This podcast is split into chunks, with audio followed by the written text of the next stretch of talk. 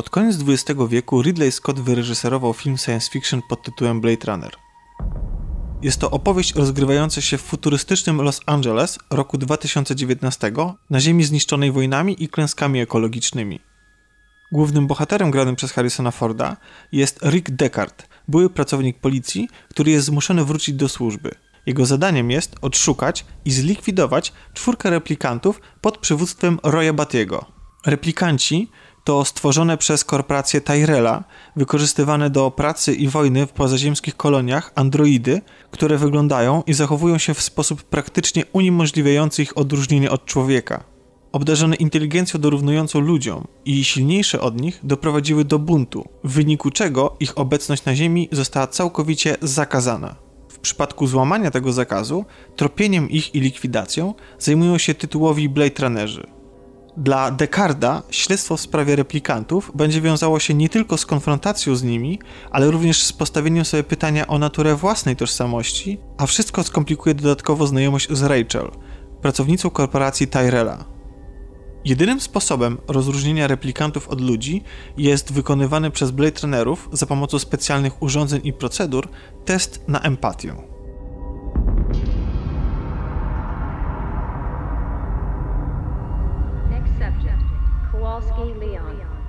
Engineer waste disposal. File section, new employee, six days. Proszę. Siadajcie.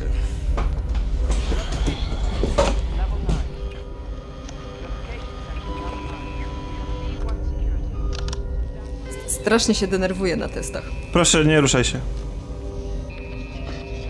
Ale ja już miałem test IQ. Czas reakcji jest ważny, więc słuchajcie uważnie. Odpowiadajcie tak szybko, jak to jest możliwe. Kodacja... To taki podcast. Co? Można tam usłyszeć, jak rozmawiamy o kulturze. Aha, i co? Fajny? Chyba tak. Czy to część testu? Nie, tylko rozgrzewka. Jesteście wypożyczalni wideo i samotnie idziecie na dział... Jakiej wypożyczalni? Pożyczalni? Pożyczalni? To nie ma znaczenia, to pytanie czysto teoretyczne. No więc jesteście wypożyczalni wideo. A, ale jak tam trafiliśmy? Nie wiem, za dużo wiśniówki, skończył się wam abonament na Netflixie, to nie ma znaczenia. Jesteście wypożyczalni wideo, idziecie samotnie na dział science fiction i bierzecie do ręki wersję kinową. Co to jest wersja kinowa? Widzieliście wersję reżyserską? No tak. No. To zupełnie coś innego. Ni- nigdy nie widziałam wersji kinowej, no ale wiem, co masz na myśli. Odpalacie wersję kinową i okazuje się, że jest zepsuta, a wy nie próbujecie jej naprawić. Jak to nie próbujemy Dlaczego? naprawić? Dlaczego? Sam sobie wymyślasz te pytania, czy ktoś ci je napisał? To tylko pytania, Aniu. Ale zaspokajając twoją ciekawość, ktoś mi je przygotował. To test mający sprowokować waszą emocjonalną reakcję na Blade Runnera. Więc jak? Możemy już kontynuować?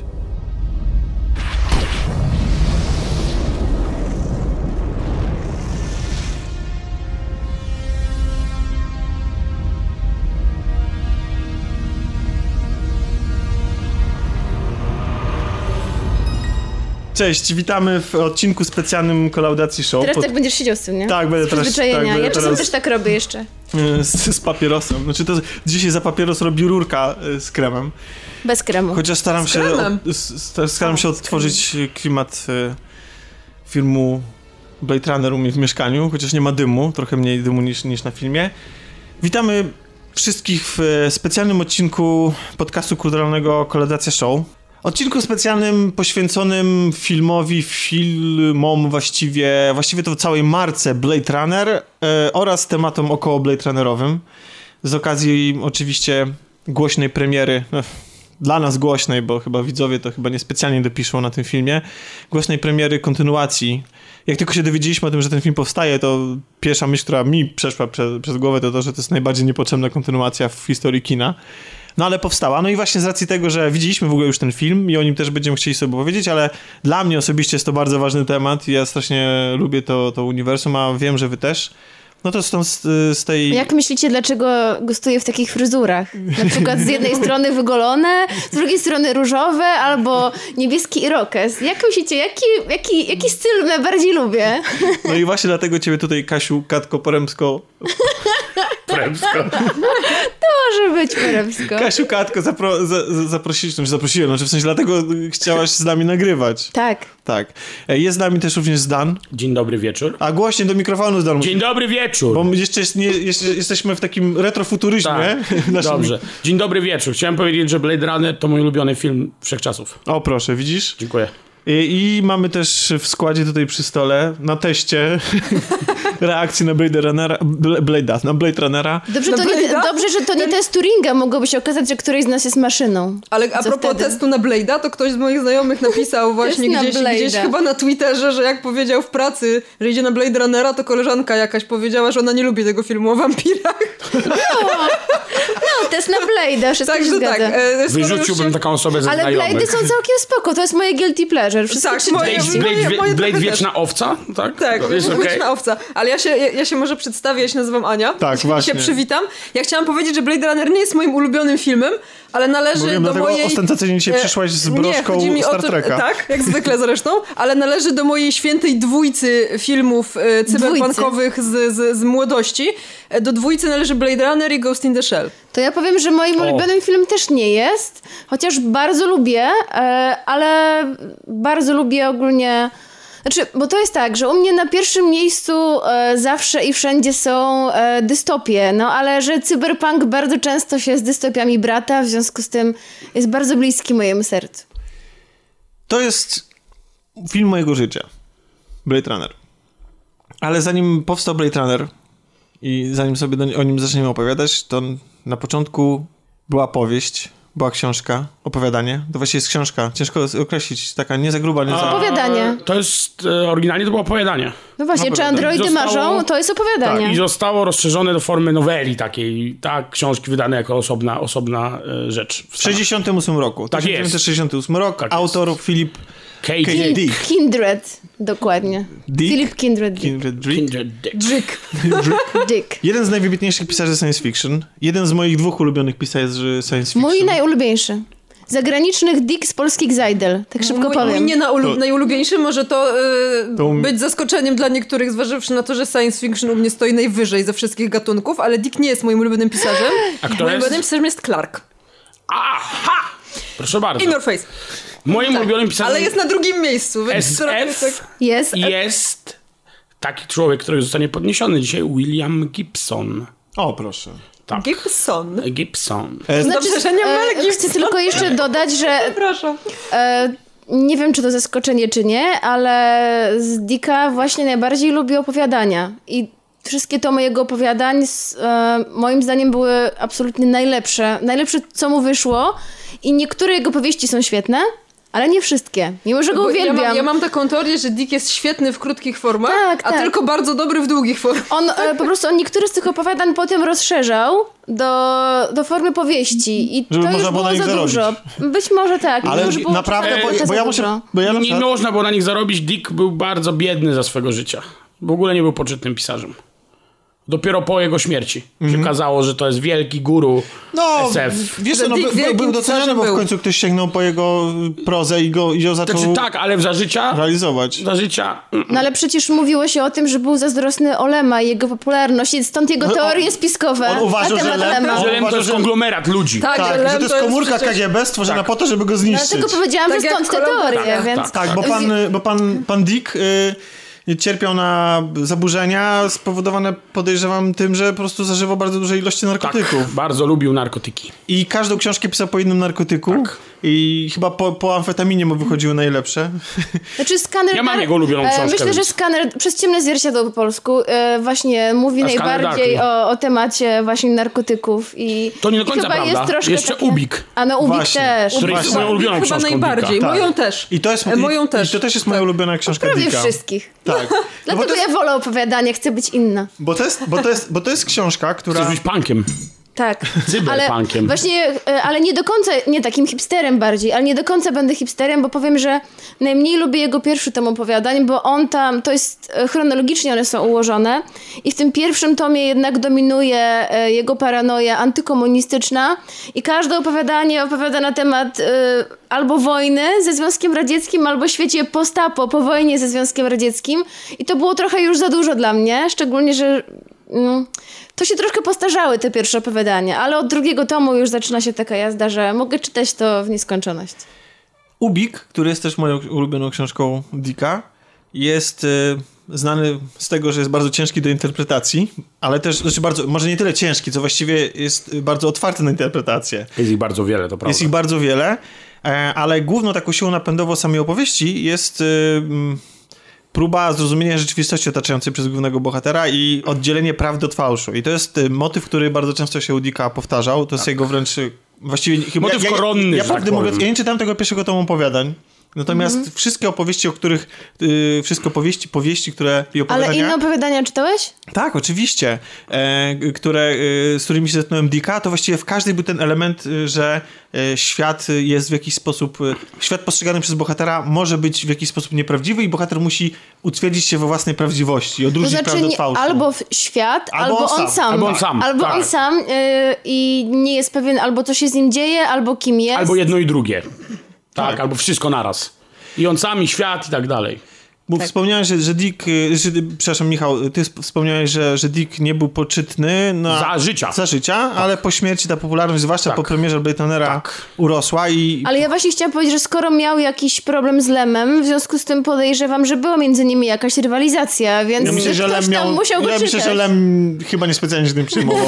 Zupełnie. Lem miał zupełnie. miał wywalone. Lem, Lem generalnie, Lem był mega poczytny za życia yy, i tłumaczony w- wszędzie, gdzie można było tylko, więc miał na to, że tak powiem, o ile wiem, Lem miał w ogóle, uznał to za mm, bełkoty maniaka naćpanego po prostu wszystkim, co można, więc to tyle. To słuszne Trudno mu poniekąd. się dziwić jakby. No, Poniekąd to słuszna jest to tak- diagnoza. No No tak. jak, jakbyście zareagowali na jego miejscu, no jakiś tutaj pisarzyna, mówię to w cudzysłowie, tego nie widać, że robię cudzysłów, ale tak, e, taki jakiś tam pisarzyna, tak naćpany, tutaj próbuje jakieś insynuacje swoje Dokładnie, wyfruwać. tworzyć. No, no Aczkolwiek, no te, te jego wizje przełożone, przelane na papier przekształcały się w fascynujące opowieści i Dick e, wyprzedzał swoje czasy, jeśli chodzi, no jak właściwie wszyscy futuryści, ale on tak e, bardzo uniwersalnie pisał o problemach, których e, od lat się zmagamy już i właściwie co w, w, każdej, w każdej jego książce można znaleźć jakiś przyczynek do tego, żeby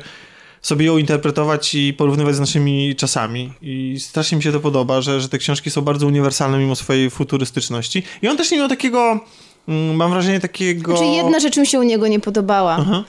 E, Stosunek do kobiet i to w jaki sposób, e, jak, jakimi one były bohaterami. Zawsze one gdzieś były gdzieś w tle, e, były drugoplanowe i bardzo wiele bohaterek w jego opowiadaniach i książkach to są sekretarki w obcisłych sweterkach z dużym biustem. tak, właśnie zawsze było podkreślane, jak te bohaterki wyglądają, a nie jak się zachowują. No i- bo to były było sekretarki. Tak, nie było takich, I to jest ładne, bohaterek. ładne tak. przejście do Czy androidy marzą o elektronicznych owcach, ponieważ tam postać Rachel jest zupełnie inna. Jest to bardzo znaczące dla opowieści. Co prawda nie jest głównym bohaterem. Czasem mu się zdarzało. Tak, ale, miał jest, ale jest to od postaci jakaś, która ma jakiś określony cel, jest bardzo zdeterminowana, o jakimś określonym charakterze, no i bardzo mocno oddziałuje na głównego bohatera. Właśnie, czy androidy marzą o elektronicznych owcach? Ci, którzy nie wiedzą, chociaż podejrzewam, że wszyscy już wiedzą, to jest właśnie książka, która zainspirowała twórców, e, znaczy może inaczej, na jej podstawie został stworzony Blade Runner. Tak jest. I ja mam wrażenie, że przy omawianiu Blade Runnera zwykle się wspomina o tej książce i się mówi, a, bo ta książka jest inna totalnie od filmu i to właściwie tyle. I to jest trochę niesprawiedliwe, bo chociaż nie wymieniłem jej tutaj jako swojej ulubionej, to uważam, że to jest naprawdę świetny kawałek tekstu, który się w ogóle nie zestarzał, który bardzo fajnie się czyta teraz i który porusza właściwie te same podobne tematy, które porusza Blade Runner i umniejszanie tej roli jako inspiracji dla Blade Runnera, tego tekstu uważam, że, mm, że jest niesprawiedliwe. Co prawda, autor scenariusza do Blade Runnera jeden z dwóch autorów głównych, przeczytał e, to, to, to, to, to opowiadanie, tą, tą No książkę. przynajmniej tyle. I mu, się nie, I mu się nie spodobała, więc właściwie w- w- jedyne co zrobił, to tylko zainspirował się postaciami, bo faktycznie to nie jest tak, że film jest przełożeniem jeden do jeden tej Zupełnie książki.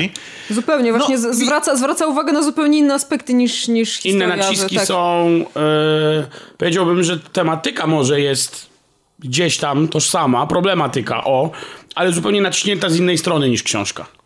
Tak. Co jest z drugiej strony też I tak to dobrze. naprawdę ciekawym podejściem, To dobrze, bo, bo inne książka, medium. Tak, gdyby książkę chcieć przełożyć jeden do jednego, obawiam się, że ona nie byłaby jakoś bardzo atrakcyjnie Próbowano to z. Ubikiem zrobić kilka razy. Tak, i, I nigdy nie- No, się nie udało. Ubik jest tak trudny do uchwycenia. Nigdy się nie udało. E, znaczy, Ale to tak samo jak e, też, e, no, trudno jest bardzo to przełożyć i rzadko, która, rzadko które opowiadanie lub powieść Dicka e, z sukcesem ląduje na dużym ekranie. Blade Runner jest w bardzo dużej wąskim mniejszości. gronie. Tak, Tak, bardzo znaczy, wąskim gronie. Mało tego, właściwie on jest, sam tworzy peleton, bo, Tak znaczy, jest. e, bo wszystkie inne łącznie z... e, Człowiekiem z Wysokiego Znaczy, Zamku. lubię raport mniejszości i lubię Ale- e, impostora, ale to nie jest ta klasa. Nie no, znaczy, impostor to w ogóle jest kilka klas niżej. No Ale, właśnie. ale Nie, to nie? myślę, że Są to czasem w porządku film, a ja bardzo lubię ten film, naprawdę. I mimo, że też to nie jest ta sama klasa, ale to nie jest zły film, a niestety pozostałe to już są złe filmy. No co, mi się Ale podobało mamy z- Scanner Scanner Darkly przecież. A Scanner A nie, Darkly jest Przepraszam, doskonałe. Jeszcze Scanner Darkly, Czyli okej. Prześcienne zwierciadło. Tak, tak. Tak, No jest, to- jest świetną ekranizacją w ogóle z, stworzoną w świetnym stylu. Ja pamiętam, że ten styl animacji w ogóle na, na tamte czasy... Bardzo drogi zresztą. tak, po pierwsze bardzo drogi, po drugie bardzo efektowny tak naprawdę, bo, bo to pięknie wyglądał ten film. Przepraszam, zapomniałam, mam ten film na DVD nawet w dwóch wersjach, a może i trzech. Ale Tomek, Tomek dobrze mówi, widzisz. ale tak naprawdę, gdyby o tym pomyśleć, to jest Blade Runner i długo, długo nic i potem cała reszta. No dobra, nie, nie dokładnie potem, bo nie możemy stawiać raportu mniejszości czy impostora obok Nie no. na przykład zapłaty, albo niedawno został stworzony taki film e, na Z Mattem Damontem. z Mattem Damonem i zrobili z tego romansidło Adjustment Bureau po angielsku. no Nie to pamiętam polskiego tytułu. Adjustment Bureau. E, o świecie, w którym świat jest na bieżąco przystosow- e, przebudowywany i coś, jakieś siły decydują o życiu ludzi i one na bieżąco decydują o naszym życiu i, i wszystko jest jakby budowane przez jakichś tam architektów. I pomysł, który w opowiadaniu był potraktowany z przymrużeniem oka, Tu został wzięty super poważnie, stworzone z tego romansidło e, o parze, która chce być razem, ale ci architekci świata im nie pozwalają. Oni wbrew przeciwnościom e, próbują być razem, chociaż oni im wymazują tam, prze, wymazują im wspomnienia, Tak, nie no, pozwalają się Czy mówiąc spotkać. krótko, są złe filmy jeszcze bardziej. Ojej, było to bardzo złe. Bardzo Znaczy, złe, ja, ja ale... chciałam powiedzieć, że jest przynajmniej w moim odczuciu coś, co teraz ma dużą szansę na to, żeby troszeczkę tak wpaść do tego kanonu fajnych rzeczy, czyli Philip K. Dick's Electric Dreams. Mhm. Tak, to jest trudno oceniać, bo na razie jest kilka odcinków. e, No i one ale, są niedostępne u nas e, tak normalnie, prawda? Tak, e, są u nas na razie niedostępne. Ja bardzo będę chciała to obejrzeć, bo jeszcze nie widziałam, ale bardzo Ja będę chciała obejrzeć, czekam. bo e, z tego co widzę po recenzjach, chociaż staram się ich za dużo nie czytać, żeby sobie nie zepsuć frajdy, to e, bardzo dobrze trzyma klimat, bardzo fajnie nawiązuje do wielu tematów, które Dick poruszał i jest stworzone z bardzo dużą dbałością właśnie o klimat i z takim dużym szacunkiem dla, dla materiałów, więc e, myślę, że tutaj może Na pewno, na pewno się nad tym coś- pochylimy w Tak, korytarzu. E, Tak. Wspom- wspomnieliście też o Człowieku z Wysokiego Zamku. To nie jest e, dokładna adaptacja, bo to jest tylko inspiracja. Tam Znowu jest samo, bardzo co- dużo zmian, ale mm, Ale jakościowo się to, jest, jakościowo to jest dość całkiem Tak. niezły serial. Po- Mi się też- całkiem mi się też podobał. podobał. On jako Tak. ekranizacja nie jest super, bo faktycznie bardzo dużo rzeczy sobie wybiera i, i wiele rzeczy po prostu pomija, zmienia też y, znaczenie Niektórych bohaterów, rolę niektórych bohaterów Tak. zmienia, aczkolwiek sam w sobie jako serial jest całkiem niezły i ma jedną z najlepszych czołówek, jakie widziałam Znaczy, w życiu. ta, można powiedzieć, na motywach jest człowieka No, z na motywach, O, to tak, jest dobre tak. ujęcie. Ale- ale serial. na- Tu się Nadal pojawia jeszcze jeden ważny temat dla Dicka, czyli różne alternatywne światy, alternatywne Tak. wersje rzeczywistości. Ta, No to ta właśnie wiadomo. z Człowieka z Wysokiego Zamku zawsze dla mnie była szczególnie atrakcyjna, bo pamiętam, że y, Japonia jako mocarstwo... Które wygrywa drugą wojnę które Wygrywa światową. drugą wojnę światową, to było dla mnie takie, co? No ale to No to twoje... ja, ba- ja bardziej... z Niemcami No Hitlerowskimi. właśnie, ja byłem bardziej tak. zaawansowany tym faktem, że Niemcy hitlerowskie wygrywają. Dobra, ale Japonia to, tak. to, I to było taki takie, Ani co? konik, więc wiesz, no to jest Trochę tak. klimaty. I Jak co? jest Japonia, to ja czytam, no. Tak, więc tych prób na przestrzeni lat y, podejścia do, do Dicka było, było całkiem sporo. Jedne mniej udane, drugie fatalne. Y, Natomiast y, ten Blade Runner e, się udało, jak wiemy, chociaż na od początku nie było to takie oczywiste, ale zanim się zajmiemy tym Blade, Runnerem, Blade Runnerem, bo znowu właśnie powiedzia- y, zrobiliśmy to, czego się obawiałem, że powiemy o tym, że film się różni od książki Na i, nie tym po- się skończy. i na czym się skończy. Różnica polega już w samej konstrukcji fabuły, bo w, y, czy androidy marzą o elektronicznych owcach, mm, Descartes ma żonę, jest y, jednym z wielu działających y, Blade Runnerów. Y, Wprawdzie punkt wyjścia jest taki sam, czyli ma za zadanie schwytać przebywających pomimo zakazu na Ziemi Nielegalnie. nielegalnie androidy, które, które trochę w swoich charakterach są podobne do tych filmowych androidów i odnajdujemy je mniej więcej w podobnych sytuacjach, ale w toku książki ta fabuła troszeczkę inaczej się rozgrywa. Na przykład kwestia tożsamości samego Dekarda, czy on jest człowiekiem, czy androidem, zostaje postawiona już w połowie i jest y, elementem y, zwrotów akcji, napięcia i tak dalej, chociaż autor nie zdaje, zdaje się, że, że dużo czasu jej nie poświęca, a bardziej skupia się na czymś innym. Bardziej skupia się na opowieści o tym, jak ludzie w świecie przyszłości próbują wszelkimi możliwymi siłami zachować własne człowieczeństwo w obliczu własnych tworów, niemalże, e, niemalże identycznych z nimi samymi, tak? I tu docieramy do motywu, docieramy do motywu, który potem będzie e, wałkowany w cyberpunku do końca świata i jeden dzień dłużej. Tak, tak. To jest ten motyw, który może Judika się nie zaczyna, ale no właściwie jak podałeś na to nacisk, to to do tego później przejdą wszyscy inni. Jako jeden z najważniejszych. Tak. Starcie człowieka z maszyną. Znaczy z maszyną, to właściwie to nie jest starcie, bo... bo W jakimś sensie bo, jest. Bo, znaczy jest tam jakieś, jest oczywiście starcie, no bo on poluje na te, na te androidy, ale tak naprawdę pokonuje je bez problemu. Bardziej wszystko się rozgrywa na, w sferze emocjonalnej i w jego głowie, bo e, on, y, główny bohater, a my razem z nim zadajemy sobie pytanie, co to znaczy być człowiekiem i czy odróżnia nas od maszyn empatia, bo to jest właśnie, na, na to nacisk jest nałożony e, w książce, tylko pytanie, co to jest empatia i w, w jakich momentach my z tej empatii korzystamy. Em, jest tutaj główny bohater marzy, tak jak większość zresztą, o, o swoim zwierzęciu e, i chce na to zwierzę zarobić. E, I, i ta, ta, to opie, ta opiekuńczość wobec zwierząt ma być to właśnie takim przejawem tej, tej ludzkości, tak? W sensie tego, tego człowieczeństwa w nim. I jednocześnie widzimy go jako wyrachowanego zabójcę i człowieka właściwie bez skrupułów wobec, e, powiedzmy w cudzysłowie, niższych form życia, tak? On nie, on, on, on nie, jest, nie jest człowiekiem, który e, refleksyjnie podchodzi do tego, do swojej pracy. No przez chwilę jest, ale tak naprawdę to tylko wtedy, kiedy może się okazać, że on sam jest y, kimś takim, takim stworzeniem, albo kiedy na przykład okazuje się, jego postępowanie też jest motywowane e, instynktem właściwie, tak? Bo, bo mamy tutaj motyw, w którym on się zakochuje w jednym z androidów. Ten motyw zresztą się później pojawia w filmie, ale tutaj jest on bardziej sprowadzony właściwie do fascynacji seksualnej. Do, do, do, do takiego wątku, który można moim zdaniem interpretować w ten sposób, że z jednej strony, na, z jednej strony jako ludzie mamy takie dzikie dążenie do tego, żeby poznać prawdę, żeby wiedzieć, co jest prawdą, a z drugiej strony bardzo łatwo ulegamy i chcemy wręcz ulegać pokusie fałszu. No bo właśnie ta jego, e, ta idealność tej Rachel, tak, to, że on z nią, to, że on, on że, chce, że chce z nią iść do łóżka, a jednocześnie ona jest jego no, pracą, tak, jest kimś, kogo on powinien wyeliminować. Więc to jest, i, i kto, kto za bardzo przypomina ludzi, tak, i że jest niegodny do tego, żeby, żeby, żeby mieszkać na ziemi no to się jakoś tam gdzieś rozmija, tak? I to też jest jakiś bardzo ciekawy wątek. No i mamy wprowadzony wątek religijny, bardzo istotny.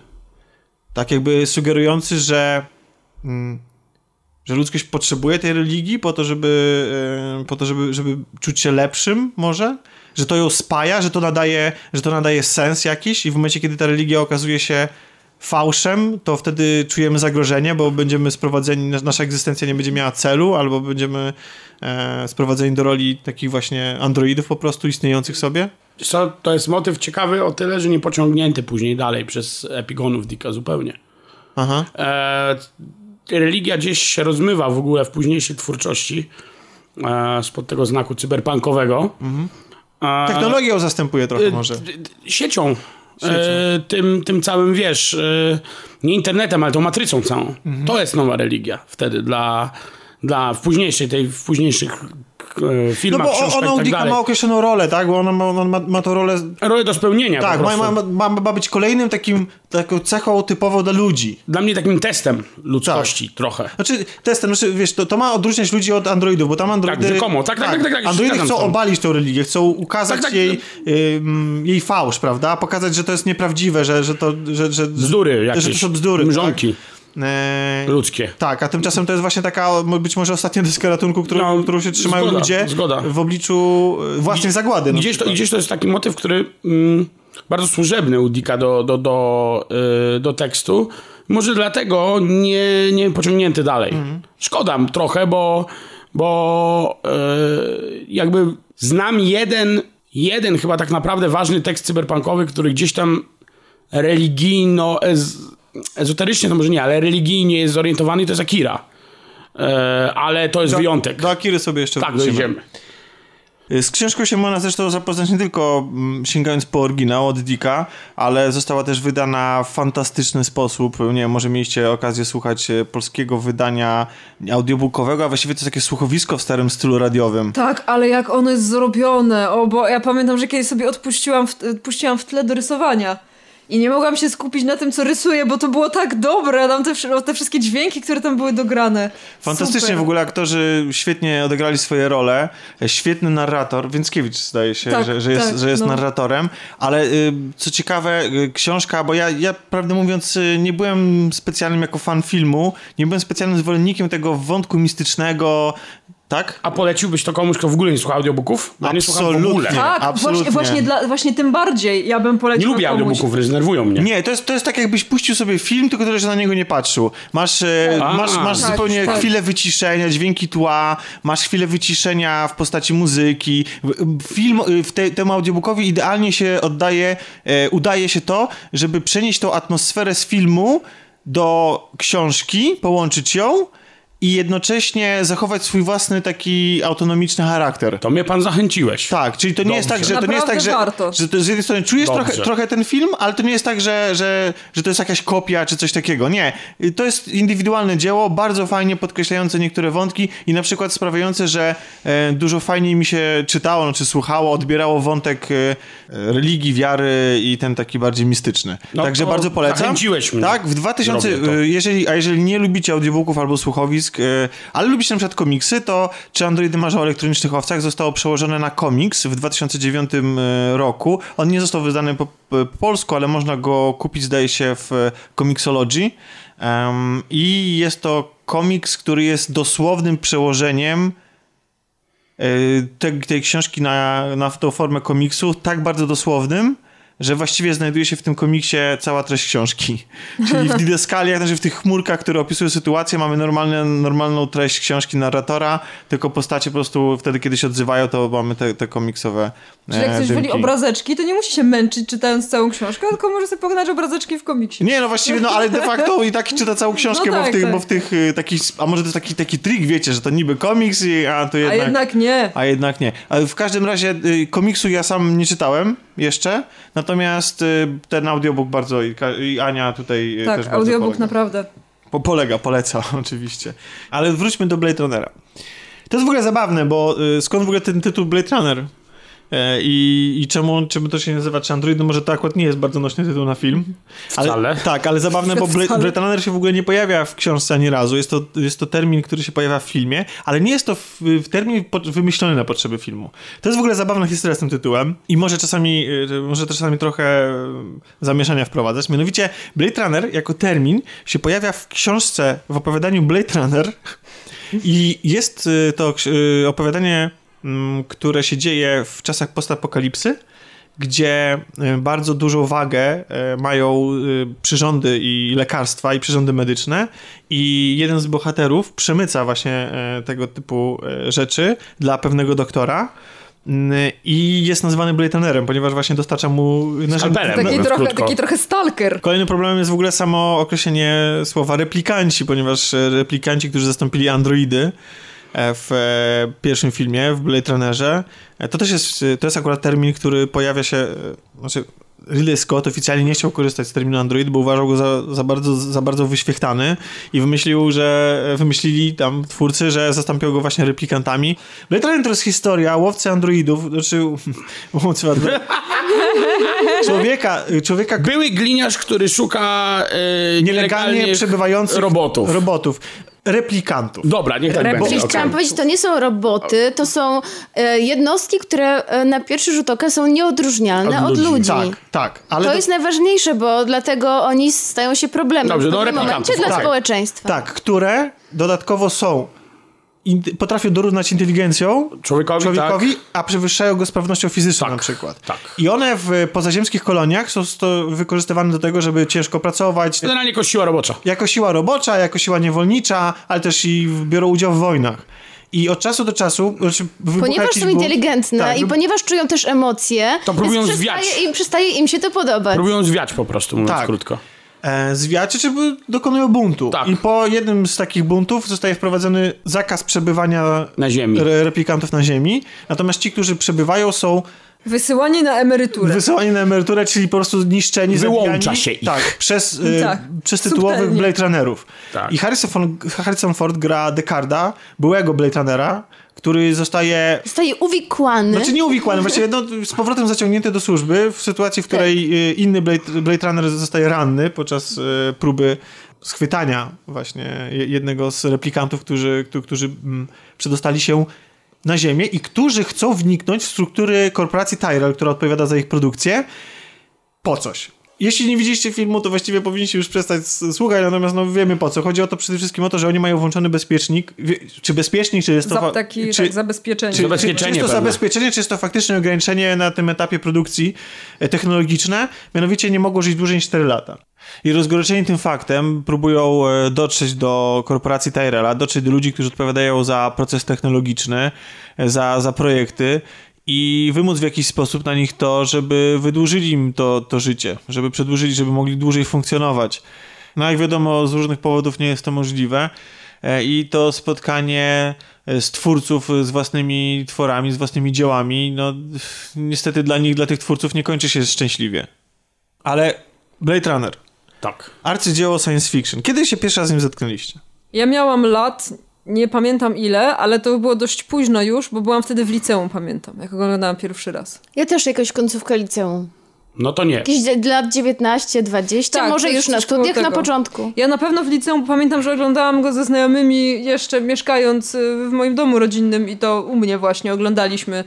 Kiedyś przy okazji jakiegoś maratonu science fiction właśnie wzięliśmy sobie na warsztat klasyki, których nie widzieliśmy, e, a takie, które trzeba znać i był na, było nam wstyd, że jeszcze ich nie znamy, więc właśnie wtedy między innymi oglądaliśmy Blade Runnera No pierwszy więc raz. ja też wstyd się przyznać, ale za, oglądałam go w czasach, kiedy e, internet umożliwiał już Kradzież. kradzież. To ja mam kradzież filmów i mam kolegę, który miał szybkie łącze, nie każdy miał takie i on, ja u niego zamawiałam sobie, kolega.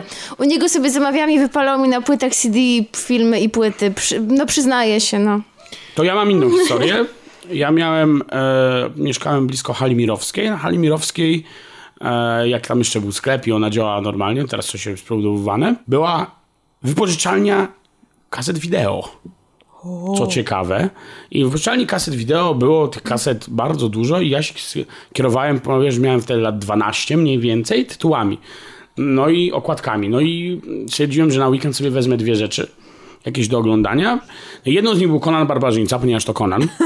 E, A drugą coś mówię, łowca androidów. Mówię, łowca androidów. To jest w ogóle O, zabawne, fuck, co o, to polski, tytuł, dobre. tak, polski tytuł, Który się absolutnie w ogóle... ma się nijak do tego, jak Tak. chciał reżyser ten film Dokładnie. widzieć, prawda? Więc mówię, łowca To androidów. nie pierwszy i nie ostatni nie wiem, czy raz. pierwszy tytuł w ogóle się nie nazywał Łowca Robotów w przypadku. E, możliwe, ale to trzeba by sprawdzić. E, Ale, ale Michał, jestem bardzo ciekawa e, twojej opinii jako dwunastolatka o tym filmie. to I ja czy jest- zrozumiałeś go? Absolutnie i... nie, natomiast bawiłem się świetnie, dlatego że e, mając już lat 12, grywałem w. To dojdziemy do tego, to Tomek, jak to Tomek lubi mówić, w taki system RPG Cyberpunk 2020. Więc przypomniał Czyli mi. już razu, grywałeś? Tak, przypomniał mi sesję, mówię, o kurde! To tak powinno wyglądać. Mówię, Bierę! bierę po prostu po maksie, więc wtedy byłem zachwycony klimatem e, przede wszystkim i to mnie kupiło.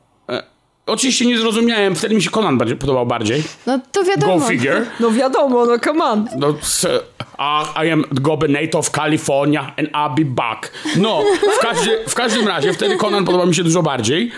Natomiast od razu mnie wizja, wizja mnie uderzyła momentalnie, bardzo, bardzo mi się podobała.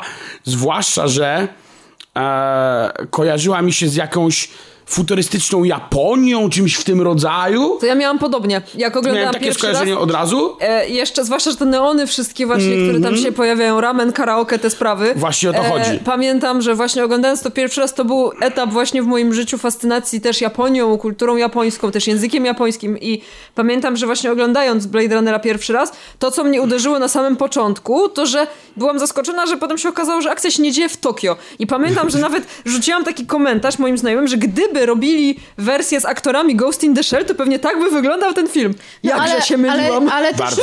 ale też nie byłaś daleka od, e, od prawdy z tą, z tą Tokio i z Japonią, bo Tak, cyberpunk tak. jest jednak bardzo związany z tym, jak Dojdziemy, wyglądają dojdziemy, azjatyckie dojdziemy, miasta. dojdziemy do tego. do tego, a przepraszam. E, natomiast Ale tak, to, Jako dwunastolatek oczywiście nie Dan się skumałem. uczy od Tomka jeszcze. Tak, nie skumałem absolutnie o co A chodzi. jaką wersję widziałeś jako pierwszą? E, pie, o ile wiem, to ona była kinowa.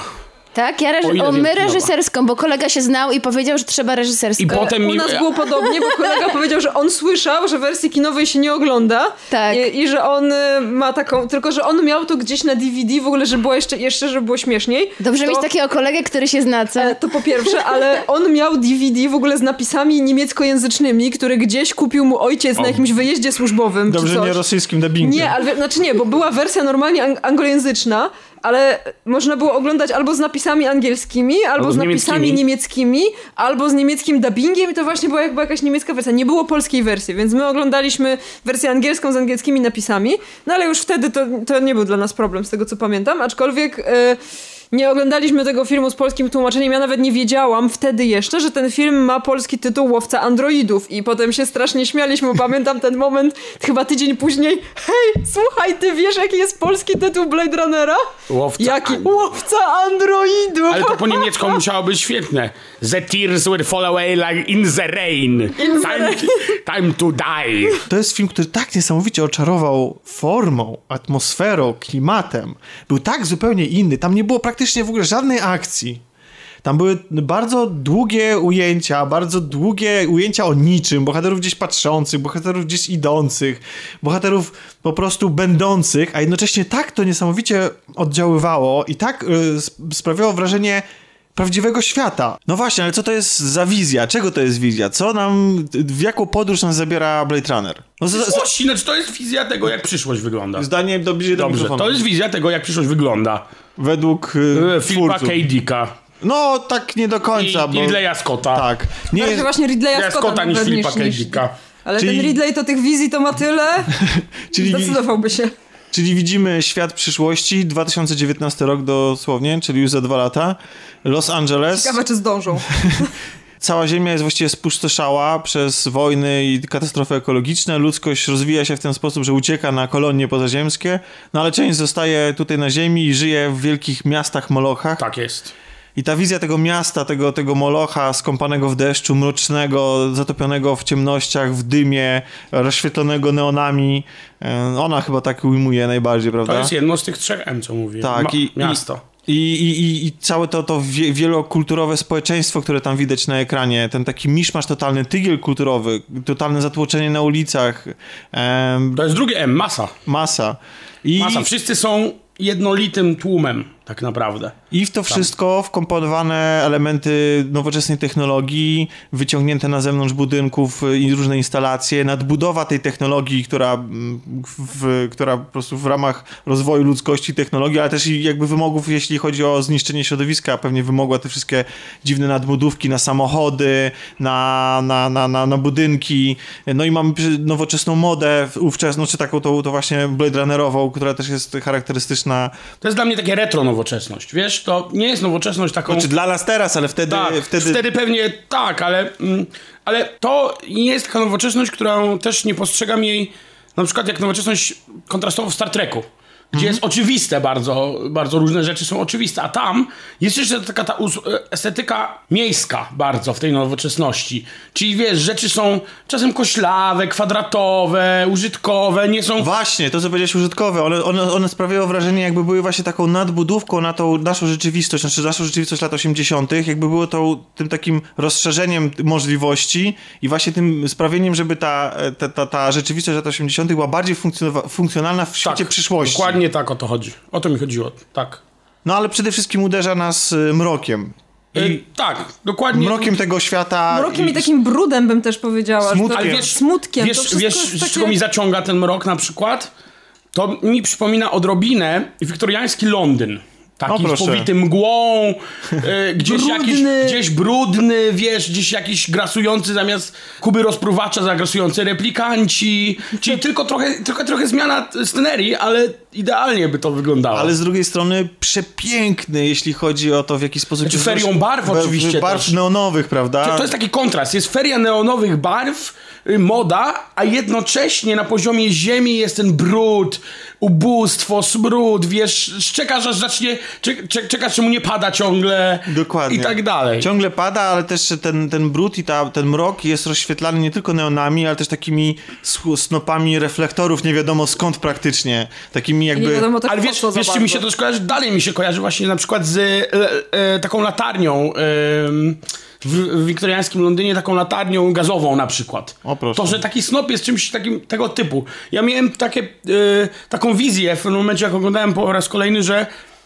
to mogłaby być opowieść tak naprawdę, gdyby ją od, od, odżyć z technologicznych rzeczy, o facecie, który poszukuje jakichś zbirów uciekinierów w wiktoriańskim Londynie.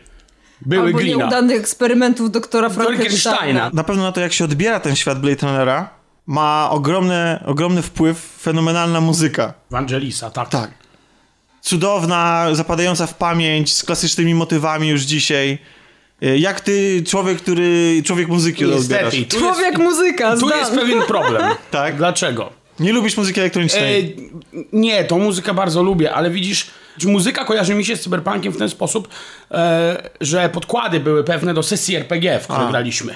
I to nie były rzeczy... E, Wangelisa. nie, to były rzeczy bardziej industrialne, ciemniejsze, mroczniejsze. Na przykład z, jakiś industria z gitarami, albo takie nawet wręcz przemysłowe odgłosy jakichś maszyn. Wiesz, dudnienie... Ale dlatego właśnie ten kontrast w muzyce Ewangelisa, który jest bardziej poetycki ona jest taki. bardzo. Tak. I, Ale- I o, zauważ, mi się strasznie podoba w głównym motywie, tytuł, t- title, Mhm, tak, tak, tak, tak. Title, ta, team. Tak, Blade title Runner theme. Y, Jest, jest, taki, jest taki motyw, że ta muzyka narasta i ona jest taka bardzo, no taka jak, ten, jak cały ten świat, jak go poznajemy z tymi rozbłyskami ognia gazowymi Mhm. i, i tym mrocznym miastem przyszłości, że ona jest taka, że ona nas wciąga w to taką pewien mrok, po czym na ułamek sekundy rozświetla ten mrok pewnym dźwiękiem i ten dźwięk daje nam na ułamek sekundy taką nadzieję, To jest, to, jest, to jest prawda. i, ale ten, ten, ten dźwięk nagle pikuje w dół i zakręca tak krzywo. To jest, to jest prawda, ale ja bym wolał na przykład, osobiście, to jest moja preferencja. Mhm. I to, to, co jak ja to widziałem zawsze, żeby soundtrack zaczął mrocznie i tylko staczał się nie, be, bez kontrastu. Rozumiem. No ale Chciałbym, żeby to bez kontrastu się działo.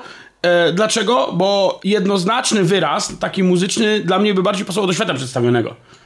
E, który nie bardzo, może ma jakieś takie rozbłyski nadziei w postaci różnych ludzi, ale ostatecznie dla mnie Blade Runner nie jest filmem optymistycznym zupełnie. Ja, jasne, że nie, ale jest też filmem poetyckim i w momencie, Zgoda. w momencie w której w momencie ja śmierci e, Roya, Roya. mamy mm, Tak, symbol mamy, ma, ma, ma, mamy ta poetyckość jest, no wiesz co, no ona jest taka Paulo Coelowa już przez samego, Właśnie. przez Ale samego... nie, wiesz co, mi się wydaje, że właśnie nie, bo to nie jest tak, że cały, cały ten film jest taki, wszystkie elementy takie są, on ma takie momenty. I przez to, że on ma takie momenty, to nie wydaje nam się, że to jest jakieś przesadnie po prostu e, patetyczne, tylko wręcz tak, taki jest trochę build-up do, tej, do tych scen i do tych właśnie fragmentów muzycznych. I ja myślę, że właśnie dlatego to jest fajne. I, i dlatego to się Ja po tak prostu lubię mroczne rzeczy. I ta, I ta wizja tego świata mrocznego przyszłości była pewnym zaskoczeniem, ponieważ e, wcześniej science fiction wyglądało trochę inaczej. Znaczy, wcześniej SF jest rzeczą utopijną. Amerykańskie SF, podstawą amerykańskiego SF jest Star Trek. Star Trek jest o tym, żeby kroczyć tam, gdzie nie kroczył wcześniej żaden człowiek. Czyli tak naprawdę dalej w głąb, dalej do przodu. Piękna tam jest wizja zresztą społeczeństwa i tak dalej. No i cyberpunk i jego taki tekst źródłowy Runner. Blade Runner jest odwrotnie, jest dystopijny. Jest maksymalnie dystopijny. I to był taki było, szok. Tak, to był mega szok. To jest też taki, e, wydaje mi się, taki kapitalizm, taki już bardzo przerysowany. Czy taki dystopia, dystopia, e, to- do granic możliwości, ale taka dystopia właśnie nie totalitarna, prawda? Nie. Tylko taka właśnie kapitalistyczna. No, Chociaż tam jest państwo prawa. No więc mamy rozwarstwienie społeczne, gdzie bogaci żyją w wysokich budynkach, reszta żyje w totalnej, na totalnym, na totalnym Slumsie. I slumsie. Cyberslamsie. I dlatego przypomina to moim zdaniem Tak. miasto japońskie, ponieważ straszliwie ogromne zagęszczenie ludności. Ja bym powiedziała, że bardziej chińskie albo, albo właśnie Może takie, chińskie i tak, mam wrażenie, to, że te budowle e, takie jakby... gigantyczne blokowi, takie bloki po prostu, gdzie mieszkanka są stłoczone Ale z jednej strony one są drugiego. super nowoczesne, a z drugiej strony pełne e, takich bud, takich Tak, po prostu tak, wręcz prowizorycznych, e, ale też jakichś takich, mam wrażenie, że też takich technologicznych bazarów, jakby takich targów, gdzie ludzie sprzedają jakieś różne części, jakichś jakich maszyn, jakieś oprogramowania i tak dalej, gdzie jakby... Mm, Ludzie próbują, tak powiedzieć o tym rozwarstwieniu, e, ludzie próbują sobie jakoś radzić, bo nie wszyscy dobrze, dobrze przędą, nie wszystkim dobrze się wiedzie i oni znajdują sobie w jakichś nielegalnych różnych działalnościach. I to jest ta część, o której mówimy punk. Właśnie. Czyli wysoka technologia, życie szumowin. I to mamy razem. Tak, I to ale oprócz- Blade Tak, tak. pokazuje całkiem nieźle. Tak, ale oprócz tego mamy właśnie, tak jak powiedziałem wcześniej, dominację rasy żółtej, czyli po prostu tak, ze względu Mhm. na to, że jest ich najwięcej, chociaż dzisiaj chyba jest najwięcej y, w Indiach ludzi, prawda? Chyba tak. Chyba tak. Ale jednak jak eks- ekspansję prowadzą właśnie Azjaci Mhm. Y, i y, mamy te miasta Molochy, mamy rządy korporacji, mamy też samotność, która jest bardzo... Samotność w tłumie. Tak, samotność w tłumie, która jest bardzo ciekawie moim zdaniem na, na, na ekranie zaprezentowana, bo za pomocą właściwie błędów scenariuszowych. Bo jakby się tak przypatrzeć temu, w jaki sposób jest skonstruowana ta historia, tam jest pełno takich nielogiczności, dziwnych skrótów myślowych. Bo na przykład y, Sebastian, inżynier, który jest kumplem właściwie szefa kor- korporacji, który grywa z nim w szachy co tydzień, który ma bez problemu może wejść do jego biura, do jego, mało, do, do jego sypialni wręcz nawet, bez żadnej ochrony, bez, bez, zatr- niezatrzymywany przez nikogo. Em, mieszka w starej ruderze. No, co prawda jest takim tak zwanym specjalem, tak? Czyli człowiekiem, to też ten film te, to pokazuje, e, czyli właśnie takie mm, choroby cywilizacyjne po prostu świata przyszłości zniszczonego wojną. I on żyje w, w strasznej, w tej starej, wielkiej, ogromnej ruderze. Sam właściwie. I, i tak, tak człowiek sobie No myśli... z lalkami. No. No z lalkami, ale, Ale to jest tak, okej, może być z jednej strony człowiekiem odludkiem, ale z drugiej strony, no właściwie y, członek korporacji to jeszcze tak ważny z punktu widzenia procesu technologicznego jest tak zaniedbywany właściwie. ale, bo, bo może to jest jego jedyna strefa komfortu. A mi się wydaje, że to, właśnie, że to właśnie pokazuje, jak bardzo samotny mimo tego statusu może być ten człowiek, że tak samo zresztą jak sam Tyrell. To też. Który, który żyje samotnie y, sam, właściwie w, w ogromnych y, pomieszczeniach i, i który, do którego można się co prawda łatwo dostać, ale, ale to jest właśnie ten kontrast tej samotności z tłumem, jaki, jaki, jaki spotyka ludzi, kiedy wychodzą na ulicę, tak? Gdzie ciągle Descartes non non stop się musi przedzierać przez jakieś morze ludzi po prostu, nie? Więc to, to, to jest dla mnie bardzo, ba- bardzo, bardzo fajnie pokazane w tym filmie. Wiesz, co mi najbardziej przypomina Blade Runner, tak naprawdę potem, jak o tym pomyślałem? Film noir. Nie, no jasne, bo to w ogóle... To, Film to, detektyw- detektywistyczny. oczywiście. Tak, bo to, bo to Oczywiście. był film właśnie, w- ta cała Rozmawialiśmy o tym z scenografia tak, i ten świat, został, cała ta historia została napisana jako historia takiego, noir. taki No filmu przecież, noir. e, przecież Harrison Ford chodzi w płaszczu. Znaczy, Harrison Ford dla mnie... płaszcz Harrison takiego Ford, detektywa filmu noir. Wiesz, to przypomina mi nawet, e, były takie shorty kiedyś Dicka Tracy'ego. No i z, z tym, y, z noir się też łączy to, w jaki sposób jest wykorzystane światło filmowe. Wcześniej mówiliśmy o tych neonach, o tych snopach świateł, reflektorów i tak dalej. To nadaje takiej dużej kontrastowości. Postacie są raczej skąpane w mroku, są gorzej oświetlone niż tło, e, które jest po prostu bardzo silne, często właśnie raczej nas tym światłem, podczas gdy postacie są dużo mroczniejsze. Więc to też ta, ta duża kontrastowość też y, się wpisuje w ten klimat opowieści noir, tych filmów czarnych kryminałów, prawda? Dekoracje, w których, w których powstało, te atelier, w którym zostało wybudowane to miasto, ten, to Los Angeles przyszłości 2019 roku, e, powstało na bazie atelier stojącego już, e, w, który był wykorzystywany przy kręceniu właśnie czarnych kryminałów w latach 50. Ale też e, postacie wyglądały, nie tylko sam, sam mm, Descartes, ale też inne postacie. Rachel, chociażby postać Rachel była mm, była, by, była wzorowana właśnie na, na postaciach z tej epoki, na aktorkach z tej epoki, jej uroda, jej, jej, jej fryzura. Fryzura. Tak. To jest film, który miał się wpasować w coś, co było jeszcze nie do końca nazwane, ale to, to miało się nazywać tech noir. Czyli właśnie połączenie science fiction, tej technologii, z klimatami noir, z tym mrocznej opowieści o trochę upadku ludzkości, o tej czarnej, ciemnej stronie ludzkości, człowieczeństwa. To jest zabawne, że Blade Runner, który czerpał właśnie tyle z przeszłości, bo on się odwoływał chociażby do malarstwa renesansowego. Dużo czerpie na pewno też z Metropolis, z Czarnego Kryminału też powiedzieliśmy. I to wszystko, to zakorzenienie w przeszłości, zabawne jest to, że jednocześnie jest takim, taką oznaką przyszłości, bo wymy- jakby konstruuje na nowo, powraca do tematu tech noir, do gatunku tech noir, czyli połączenia tego filmu noir z, e, z science fiction, który wcale nie był taki nowy. I prawdę mówiąc, to na przykład już twórca Nowej Fali. Godard? Czyli Godard, dokładnie. Alphaville? Dokładnie. Uwielbiam ten film. Tak, z 65 e, roku. A, czy, a ja Alphaville obejrzałam dopiero niedawno i chyba dobrze, bo wcześniej bym go na pewno nie zrozumiała. Nie jest to taki Ja łatwy bym się od film do odbiła, zrozumienia. gdybym ja go też. oglądała wcześniej. E, tak to- myślałam, to- że jak powiedziałeś się, tak? Nowa Fala, ja bardzo lubię w ogóle Nową Falę e, i lubię Godarda, ale dobrze, że trafiłam na ten film dopiero nie tak dawno, ale to też jest właśnie film noir, rzeczywiście mówiący o, o przyszłości. Jest Czyli- futurystyczny, chociaż tam nie ma takich e, efektów, tych wszystkich świateł, nie ma tego tak dużo. Ale jest klimat taki mocno... Jest klimat. Dystopii i Tak, świata tak. przyszłości. Takiej dystopii hardkorowej wręcz powiedziałabym. Rzeczywiście. Ale y, dlaczego ta wizja w ogóle jest taka spójna? Dlaczego, dlaczego to wszystko nas tak wszystko oczarowuje? To, dlaczego te samochody i, i otoczenie i ludzie tak wszyscy, wszyscy są ze sobą spójni?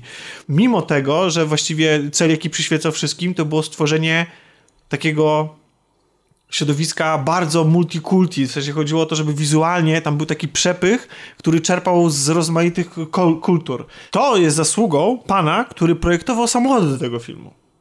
Ponieważ on dostał za zadanie zaprojektowanie samochodów, on się wcześniej za- zajmował y, wzornictwem przemysłowym i on miał, miał taki zwyczaj, że jak projektował y, przedmiot albo samochód, to nie projektował go oddzielnie na białym tle, tylko do tego dorabiał wszystko inne. Chodziło o to, że on zawsze chciał umieszczać ten przedmiot w kontekście jakimś, bo przedmioty, według- i to ma rację, nie istnieją w oderwaniu od, od otoczenia, Kontekstu. tylko, tylko pojawiają się w jakimś konkretnym kontekście, w konkretnym otoczeniu. I on po prostu zaczął dorysowywać do tych samochodów konkretne sytuacje i zaczął rysować to miasto, które się tak bardzo spodobało że Aha. Scottowi i innym, Ja to nie że za- wiedziałam nawet Ja też tym. nie wiedziałam. że zaczęto, że zaczęto to, e, to miasto mm, po prostu w ten sposób realizować. Zaskakujące jest też to, że chociaż mamy do czynienia z filmem, który jest od do, który jest rozrysowany, gdzie wszystko jest zaplanowane niemalże, to Scottowi zależało na tym, żeby stworzyć miasto, które, znaczy, bo właściwie to były też ograniczenia budżetowe. Oni mogli kręcić na kilku ulicach tego atelier, a musieli stworzyć wielkie miasto i poczucie wielkiego miasta. I zależało, im, zależało mu na tym, żeby stworzyć, wybudować to miasto i stworzyć ten świat, wykreować ten świat w taki sposób, że niezależnie od tego, gdzie zostanie postawiona kamera, w którą stronę zostanie skierowana, to zawsze będzie poczucie, że to jest prawdziwa rzeczywistość. Że to jest coś, y, co naprawdę istnieje. I to niesamowicie, to się może wydawać bez sensu, tak patrząc na to z punktu widzenia finansowego, to na pewno, ale z punktu widzenia, nie wiem, no jak, jak, jak się zastanawiasz, wymyślasz sobie konkretne ujęcia, po co budować coś, czego nikt nie dostrzeże. Na przykład Scott, Scottowi zależało na tym, żeby logotypy, które się pojawiają w e, filmie, by wyglądały w ten sposób, jakby były zaprojektowane przez różnych ludzi. Jakby lidy w gazetach, których nawet nie jesteś w stanie dostrzec na ekranie, żeby były napisane i żeby wyglądały jakby były prawdziwymi lidami. Po to, żeby ten świat żył, po to, żeby ten świat... y, Nawet, na, na Czyli przykład, taki prawdziwy perfekcjonizm. tak, w, na kasownikach, które służą do tego, do, na parkometrów, są ostrzeżenia o tym, że możecie porazić prądem, jeśli będziesz próbował ukraść jakieś tam pieniądze i tak dalej. Więc to są, to są tak drobne szczegóły tego świata, które które widać w filmie, bo dzięki temu ten film po prostu żyje. To, że ta, ta, scenografia, ta, ta forma po prostu wylewa się z tego ekranu. Wierzymy w to, co się tam dzieje, nie? I to, i, to, I to jest najlepsze jest to, że ta forma, przez to, że, że Scott y, jest tak do niej przywiązany i tak, yy, tak, pieczołowicie ją y, próbuje oddać to, co ma w głowie, że po prostu, że, w nieskończoność powtarza pewne ujęcia do nieprzytomności, to z jednej strony to skutkuje właśnie tą świetnym efektem, ale prawda jest taka, że praca z takim człowiekiem jest bardzo utrudniona. Po pierwsze, on przekracza budżety, rozwleka wszystko w czasie, zajeżdża swoją ekipę e, na śmierć. Wtedy to jest film, który w ogóle jest zrealizowany, jest jeden z ostatnich, uznawany za jeden z ostatnich filmów, jeśli nie ostatni, który jest całkowicie zrealizowany bez e, science fiction, bez pomocy komputera. Nie ma tam ani jednego ujęcia cyfrowego. Wszystko, co jest w oryginalnej wersji, jest, e, jest, było zrobione na, za pomocą makiet, trików kamerowych, prawdziwej scenografii e, i to wszystko jest analogowe. I bardzo dobrze, bo skończyłby jak Tron. Pierwszy. Być może, albo... E, Który, który został zdyskwalifikowany po nominacji do Oscara za efekty specjalne, gdyż ponieważ e, komisja orzekła, że wykorzystywanie komputera do tworzenia efektów specjalnych jest niedozwolone. O ironia. O, ironia! E, Ale też z drugiej strony takie efekty komputerowe starzeją się dużo szybciej. To prawda. No niż Tron efekty wygląda, praktyczne. Tron wygląda teraz dziado, strasznie. dziadowsko strasznie. I to, Ale nie tak jest, I to nie jest jedyny Ja taki film. Po prostu te efekty się starzeją bardzo szybko, bo Tak. technologia się rozwija szybko, co też jest związane z ja tym chciałem też wspomnieć, Blade bo- Runner się tak nie zestarzał, bo jak ja oglądałam teraz ten film, tak naprawdę po dłuższym No, czasie nie oglądania go. Znaczy, dobra, ale nie zremasterujesz wszystkiego tak, żeby, no, no trzeba było Nie się przerobić te nawet. wszystkie sceny, to zremakeować tak naprawdę, już by trzeba je było. To on naprawdę nadal wygląda bardzo dobrze i nadal się broni wizualnie, jeśli chodzi właśnie o efekty specjalne, więc ta, ta doskonała forma była oku- ku- okupiona konfliktami nie tylko na planie, ale też y, konfliktem samego Scotta i producentów, którzy po prostu chcieli z- produkcję zakończyć, e, chcieli ją wydać w jak najbardziej zrozumiałej formie, ponieważ jak się okazało, jak zostało wszystko sklecone, jest została e, stworzona e, wersja najpierw 4-godzinna, w ogóle ten film ma nakręcone 4 godziny materiału i to ja bym bardzo chciał obejrzeć kiedyś. To ja też. Można Mam nadzieję, wszystko, że, wszystko. że jest to możliwe, ale no zobaczymy, nie? W przyszłości zobaczymy. Mm, jak będą chcieli może zarobić na tej marce, to, to, to, to będą coś w tym kierunku robić. Natomiast z tego właśnie konfliktu z producentami Scotta, z tego się wzięło to, że właściwie możemy oglądać tak tyle rozmaitych różnych wersji, które w dodatkowo w różny rozmaity sposób możemy interpretować. Wiadomo, że są istnieją trzy główne wersje, bo wszyscy o nich mówią. Jest to wersja ta, ta kinowa, która weszła do, do kina i ona e, ma mm, narratora, Zofu, którego nikt nie chciał nagrywać i e, który był według Harrisona Forda i Scotta fatalnym pomysłem. Bo przecież ludziom trzeba wytłumaczyć. Bo Tak. nie zrozumieją, o co Znaczy chodzi. wiesz co, prawda jest taka, że po zmontowaniu wersji y, work printowej, to jest właśnie ta wersja, która nie jest brana pod uwagę, bo ona była wyświetlana e, na pokazach testowych tylko i ta, czasami w kilku kinach, okazało się, że nie bardzo właśnie ludzie komają ten film. I prawdę mówiąc, Scott chyba sam, do, sam do, y, y, tak y, zdawał sobie z tego sprawę, że on nakręcił coś, ale nie do końca nie wiedział właściwie, gdzie tu przyciąć i co uciąć i żeby to opowiadało o czymś konkretnym. Ja prawdę mówiąc, y, bym chciał najbardziej zobaczyć oprócz tej wersji 4-godzinnej jeszcze wersję, o której się też rzadko kiedy wspominałem. Jest to wersja nazywana San Diego. Jest to wersja, która z kolei różni się od e, innych słyszałem. tym. E, właśnie. Bo ona była puszczana właściwie na, na kilku pokazach w San Diego i ona, ona się różni od, od innych wersji tym, że ona zawiera trzy, jeżeli dobrze pamiętam, sceny, które nigdy wcześniej i nigdy później nie zostały w żadnej wersji ujęte. I jestem mega ciekawy, co to za sceny. I nikt, to nigdzie nie wyciekło, rozumiem. Nigdzie nie wyciekło, nikt nie wie, e, co to jest, e, w sensie nie, nikt, Ale nikt nie męczył Scotta o to, nie pytał go i tak dalej. Wiesz co, no podejrzewam, że Scott to, to, to w ogóle jest yy, dziwna historia, jeśli chodzi o jego stosunek do tego filmu, bo mm, okazało się, że film oczywiście na, sobie, na siebie nie zarobił, trafił szybko do telewizji kablowych, tam zdobył popularność, yy, okazało się, że po prostu jakaś banda nerdów po prostu wysiadujących i oglądających telewizję jest w stanie docenić to, to, to dzieło bardziej niż, niż publiczność kinowa. Mm, I nagle się okazało, że, bo, y, y, że y, gdzieś tam istnieje wersja nadal, ta właśnie work printowa, ta, Okej. ta, ta wersja, którą zmontował e, Scott, zanim powstała wersja kinowa, ta dłuższa z happy endem, żeby było e, śmiesznie, bo w ogóle ta wersja kinowa, która posiada happy end, nie wiem czy wiecie jak powstał w ogóle ten happy end. Nie wiem, czy chcę wiedzieć. Potrzebowano dokręcić e, sekwencję właśnie tego wyjazdu naszych bohaterów z miasta i, i jechania wśród środowiska, chociaż to trochę zaprzecza tej wizji No zniszczonego właśnie, świata. bo tam jakaś prze... tam Tak. był las. Nakręcono, Skąd ten las? nakręcono te sceny, ale się okazało, że, że są strasznie nie do użytku, ponieważ jakby pełno mgły było dookoła i, i samych chmur. W związku z tym próbowano się ratować w ten sposób, że zadzwoniono, producenci zadzwonili do Kubricka i poprosili o odrzuty z montażu e, przelotu e, nad początkiem lśnienia. Więc e, zakończenie wersji kinowej Blade Runnera to jest tak naprawdę początek e, Początek lśnienia plus głos z offu, który opowiada, co się Tak, wydarzyło. co się wydarzyło. No i ujęcie, to jest jedno uniwersum, zawsze to wiedziałam. Zresztą ujęcia... Zawsze to wiedziałam. No wiesz co, tam e, jeśli chodzi o lśnienie, to jest więcej połączeń pomiędzy Blade Runnerem a lśnieniem, bo Mm. przecież Tyrella gra e, ten sam aktor, który grał barmana w lśnieniu. No tak, znaczy jakby, tak, jakby się tak doszukiwać, no to tak, ale... Tak, więc no i myślę, że taki perfekcjonizm i przywiązanie do detali i, powtarzanie w kółko tych samych ujęć w nieskończoność to też jest jakaś taka wspólna Scotta i, Zdecydowanie. odnaleziono tą wersję workprintową i mm, poproszono o możliwość wy- wyemitowania jej i Scottowi się nie za bardzo spodobała, że ona jest w ten sposób emitowana, ponieważ to nie jest do końca jego wizja i w ten sposób y, dodano po prostu te elementy, które Scott chciał, czyli dodano sen, przede wszystkim sen z jednorożcem, który ma e, sugerować nam, że, że, że, że Descartes jest, e, sam jest e, replikantem. No właśnie chciałam powiedzieć, No. że nie powiedziałeś najważniejszego, że to ten narrator i to zakończenie to nie jest jedyne. Ten film właśnie ma całkowicie zmieniony wydźwięk i znaczenie. Czy w sensie, bo my przez cały film zastanawiamy się, czy bohater grany przez Harrisona Forda, czy jest człowiekiem, czy jest replikantem. I każdy z tych dwóch filmów przedstawia nam troszeczkę inne mm, Argumenty. argumenty. On w ogóle trochę inaczej interpretuje nawet resztę postaci. Na przykład śmierć Batiego każe mi interpretować jako, jako istoty, która w, w, w obliczu śmierci postanowiła kochać życie. Tymczasem ja go nigdy w ten sposób nie interpretowałem. Ja go interpretowałem jako człowieka, który właśnie wygłaszając ten monolog a propos tej, że, to, że te wszystkie jego wspomnienia znikną jak łzy na deszczu, który potrzebuje istoty, która potrzebuje świadectwa swojego życia. I dlatego on uratował Dekarda, nie dlatego, żeby chronić życie, tylko po to, żeby on był świadkiem, dowodem, tak, tak. jego świadkiem jego istnienia. I teraz ten narrator mi, mi mówi, co ja mam czuć, jak ja mam to Tak, interpretować. macie- i mówić, co masz myśleć, to jest Dokładnie. najgorsze chyba, co można zrobić niestety. a, a, a tymczasem, y, tymczasem właśnie wersja reżyserska i wersja Final Cut tego nie ma.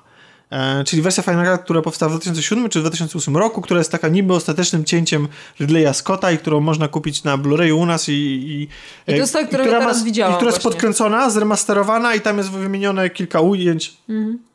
Ale przede wszystkim na szczęście zachowuje właśnie to wolność interpretacji. Tego, że do końca nie tłumaczy, kim jest Descartes, to wszystko pozostaje w sferze domysłów, kim jest Rachel em, i, i pozwala nam z tego filmu wy, y, czerpać i wynieść tyle, i na ile pozwala nasza wrażliwość, na I ile... też ile chcemy i jak to Dokładnie. zrozumiemy. Tak. I to jest dla mnie najważniejsze e, w dobrym filmie, Bo że to ja rozumiem na swój sposób, a nie ktoś mi tłumaczy, to ma być tak. nie ma jednej nie- dobrej nie- interpretacji. Nie jest tak, że ktoś ci mówi e, na końcu, no fajnie, to mam nadzieję, że podobał ci się film, a tak naprawdę to Descartes jest androidem, czy tam e, replikantem, dobranoc. E, Mówiliście cały czas o formie, o tym, jak ten film wyglądał, a ja pamiętam, że e, to, co było dla mnie dużo większym szokiem, i ja wcale na formę nie zwróciłam tak dużo uwagi, może wtedy jeszcze też tak e, nie patrzyłam na takie rzeczy.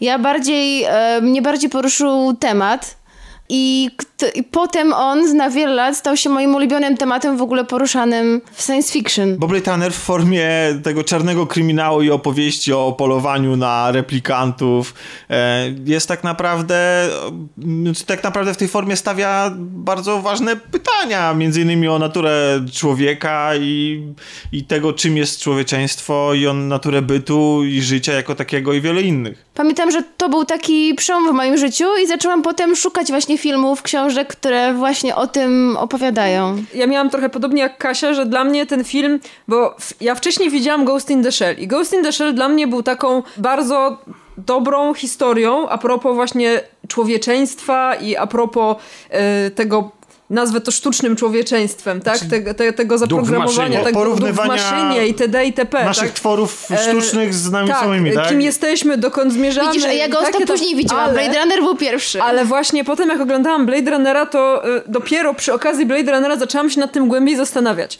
Bo właśnie po obejrzeniu tego filmu, ja pamiętam, że tak on się skończył i my tak, tak usiedliśmy i tak Nie miałeś takich moralnych bardziej rozterek? miałam właśnie... Ale bo, właściwie bo to są był... ludzie, czy nie? Czy oni No, no na szacunek? I ja się czy mają być tacy zaczęłam sami, czy nie? zastanawiać, czy, czy to nie jest tak, że ludzie bawiąc się w Boga nie robią tego dlatego, że chcą stworzyć yy, czy tam siłę roboczą, czy coś, tylko że oni bawią się w Boga na takiej zasadzie, że chcą się czuć od kogoś lepsi. że I potrzebują. Że potrzebują kogoś. E, Chcą awansować na wyższy tak, stopień. Tak, dokładnie tak. A tak naprawdę te ich twory są od nich prawdopodobnie lepsze. I ja właśnie przy Blade Runnerze zaczęłam się nad tym zastanawiać po raz pierwszy. Właśnie nie przy Ghost in the Shell, tylko przy Blade Runnerze. I pamiętam, że miałam bardzo mocne rozkminy, siedziałam przez tydzień to rozkminiałam. I wtedy właśnie sobie wypisywałam rzeczy, które muszę obejrzeć, przeczytać. I dopiero po Blade Runnerze zaczęłam się wgryzać w temat. Bo wcześniej e, przy Ghost in the Shell e, czy Akirze tak, tak bardzo jeszcze, jeszcze... Może to był też taki etap w moim życiu, że mi się nie chciało takich jeszcze robić e, rozkmin, jak teraz na przykład robię. Ale Blade Runner to był dla mnie pierwszy tytuł właśnie, od którego się zaczęły moje fil- filmowo-książkowe rozkminy w stylu muszę wiedzieć wszystko. Wiesz, Aniu, mi Tak? wcześniej science fiction się kojarzyło bardziej e, z tym, e, z czym się kojarzy o, ogł- ogłowi, czyli statki kosmiczne, Tak, ale też było inne tak, rasy, androidy czy, czy roboty to była siła, z którą ludzie walczyli.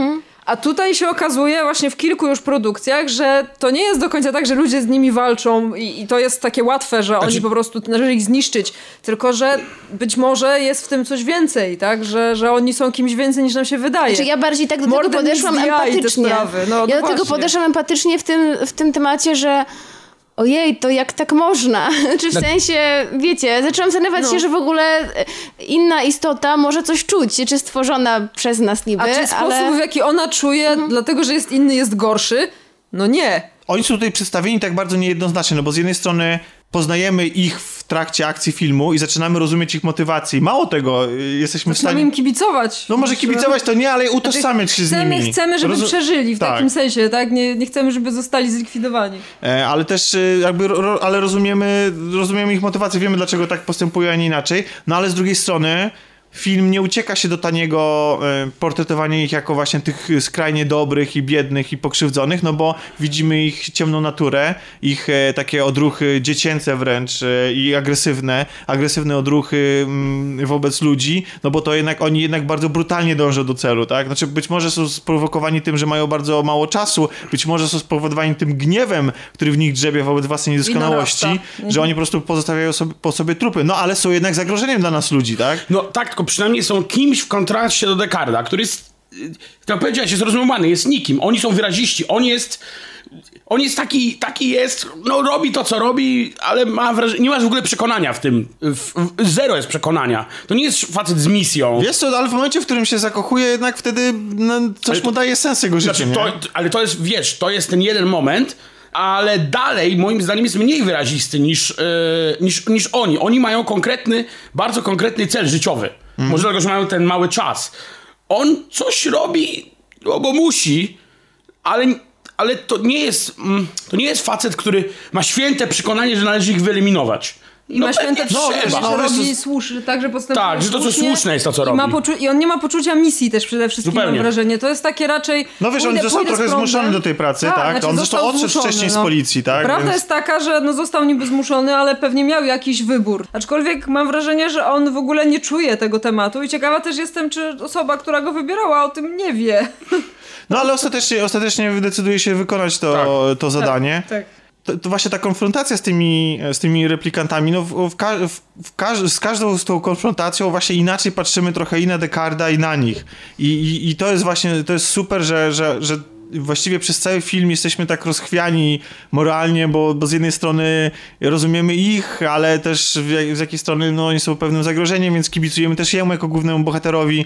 I to jest takie... Ale oni nie byliby zagrożeniem, gdyby sami nie czuli się zagrożeni. Wiesz co, tego nie, nie wiadomo, wiesz, no, Znaczy być nie, może ja- to wynika ja z ułomności pamiętam, ich natury, może- co, co też oczywiście prowadzi do kolejnej jakiejś warstwy interpretacyjnej Tak, ale właśnie filmu. ja pamiętam, że bardzo intensywnie zastanawiałam się nad tym, czy oni byliby, stanowiliby zagrożenie dla ludzi, gdyby nie zostali postawieni w takiej sytuacji, że muszą walczyć o swoje, żeby przeżyć.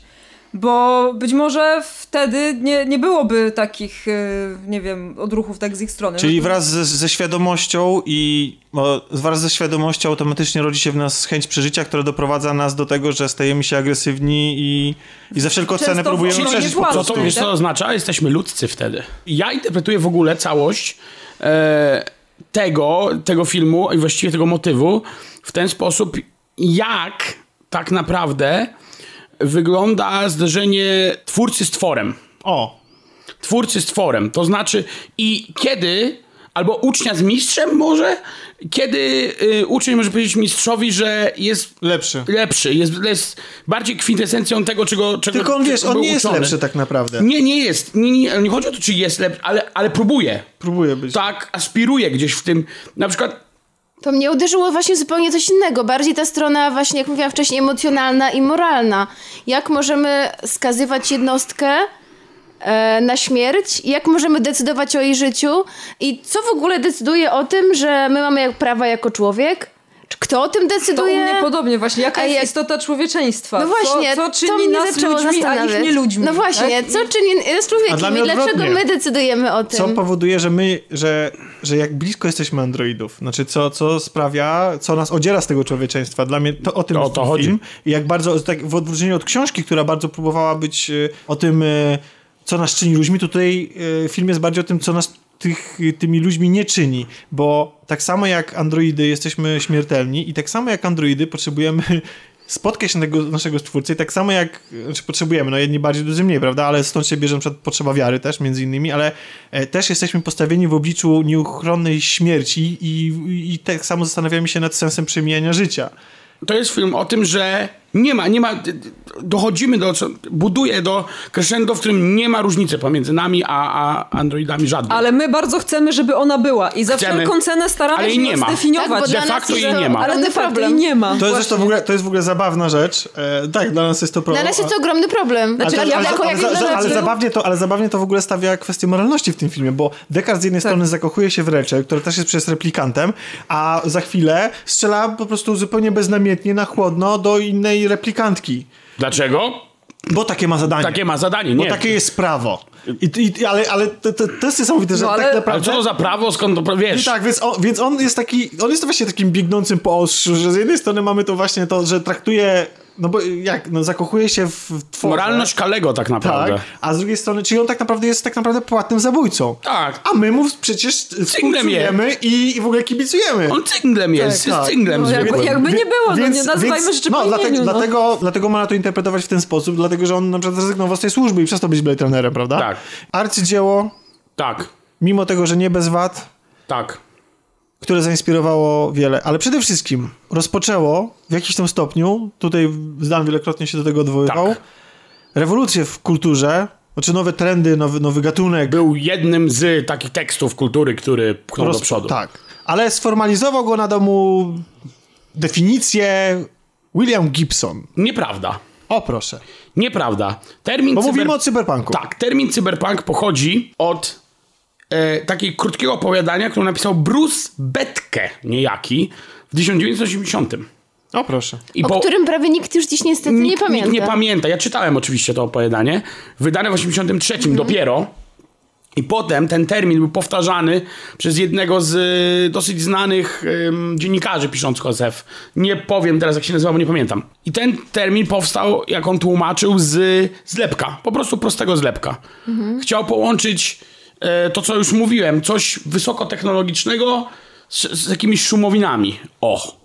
Natomiast William Gibson, którego Tomek tu wspomniał, jest chyba najwybitniejszym przedstawicielem literackim tego nurtu, tak bym powiedział chyba. Tak mi się wydaje, a przynajmniej najbardziej znanym. A jest to autor... Jest to autor, e, jak Kasia mi tutaj mówi, jest to autor e, najbardziej wszyscy znanej cyberpunkowej trylogii, czyli Neuromancer 1984, potem Count Zero, u nas chyba gra w Zero, jako gra w Zero, 86 i Mona Lisa Overdrive, 88 u nas znana jako Mona Lisa Turbo. Niestety strasznie Mona głupie. Lisa Turbo. Tak, Mona Lisa Turbo. Boże, jak dobrze, że nie... Jest to strasznie głupie tłumaczenie, nieważne.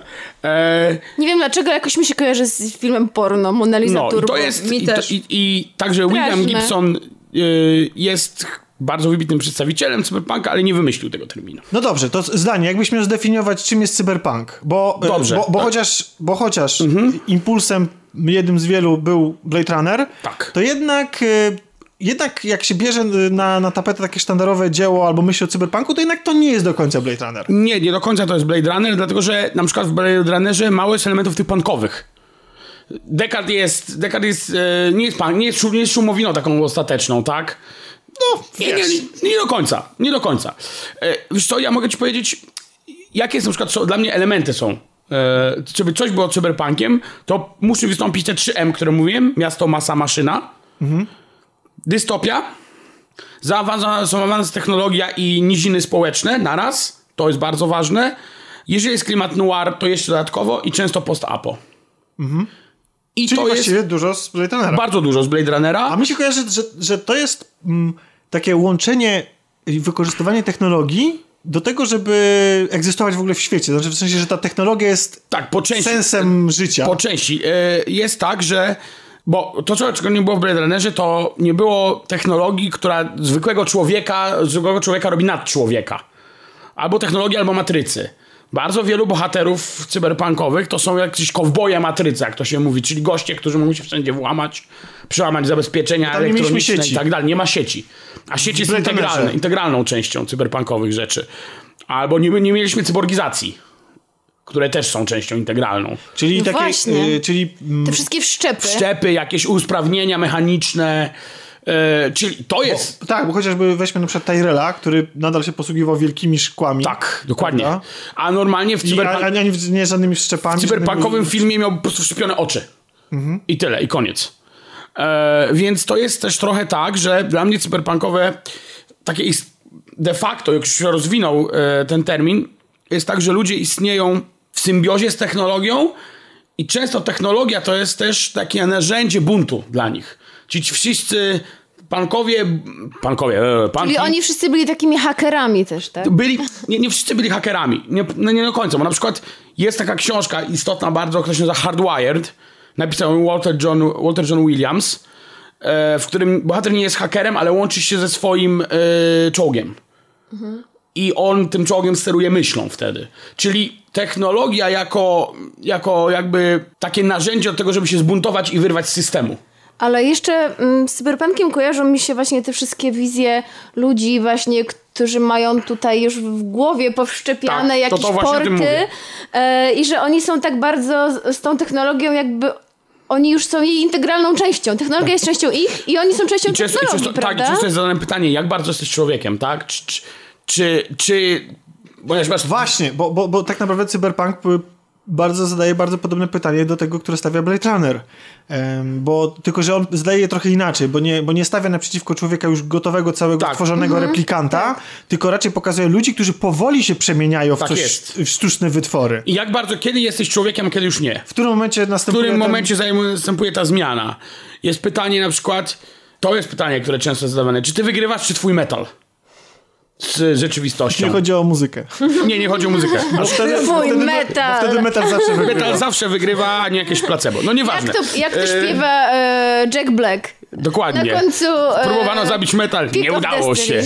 E, w każdym razie to jest cyberpunk dla mnie, to znaczy te wszystkie rzeczy plus te elementy jakby właśnie technologii jako czegoś, żeby być czymś więcej i wyrwać się z systemu. Bo oczywiście częścią zawsze jest opresyjny system, korporacje, megakorporacje i tak dalej, i tak dalej, i tak dalej. No i bohaterowie to są właśnie jeszcze bardziej niż Descartes na takim już tak, jakimś gdzieś przestępcy, panki, gangerzy, coś takiego, tak? Byli, byli jacyś wykolejeni żołnierze, takie tematy. Szumowine społeczne. Czyli ta atmosfera Blade Runnera idealnie pasuje, pasuje, pasuje At- do tego. Atmosfera pasuje idealnie i wizualizacja jest bardzo dobra, tylko brakuje tylko kilku kluczowego takiego dopieszczenia, że tak powiem. I właściwie jakbym miał podać oprócz Neuromancera, to powiedziałbym, że Waltera Johna Williamsa trzeba przeczytać, Bruce'a Sterlinga. Bruce Sterling na przykład napisał książkę Schizmatrix o jednym z kowbojów w przestrzeni Schizmatrix. Schizmatrix, 85. Yy, I Nila Stephensona koniecznie, Snow Crash. Nie wiem jaki jest, A, ja a Gibsona od czego trzeba zacząć? Bo ja, ja przyznam szczerze... Neuromancera. Ja sięgnąłem po Gibsona, ale nie sięgnąłem po Neuromancera i się trochę odbiłem. No i widzisz. Albo można zacząć od opowiadania Burning Chrome, 82 rok, w, w, w jakimś tam antologii. Ja nie wiem, jak to jest. e, Nie, nie chcę nawet cytować tłumaczeń, pewnie są tragiczne. Więc e, od tego opowiadania, bo tam się pojawia po raz pierwszy. Po raz pierwszy to, to taki, ten taki świat, który potem jest w Neuromancerze. Więc tam można. Albo od Neuromancera i przeczytać całą trylogię. Czyli Neuromancera, Grafa Zero i Mona Lisa Turbo. I to, I to jest ta trylogia, która jest najważniejsza tak naprawdę. I ona powinna dać dobre poczucie, czym jest cyberpunk. Ale czy najważniejsza jest równoznaczna tutaj z najlepsza? Ja bym powiedział, że tak. Razem z Nilem Stephensonem, Stone Crash. Jego je- pojedyncza książka, która potem ma kolejne części, ale ta jedna pierwsza jest. Te, te dwie, te, te, tych dwóch autorów. Bruce Sterling jest też bardzo ważny.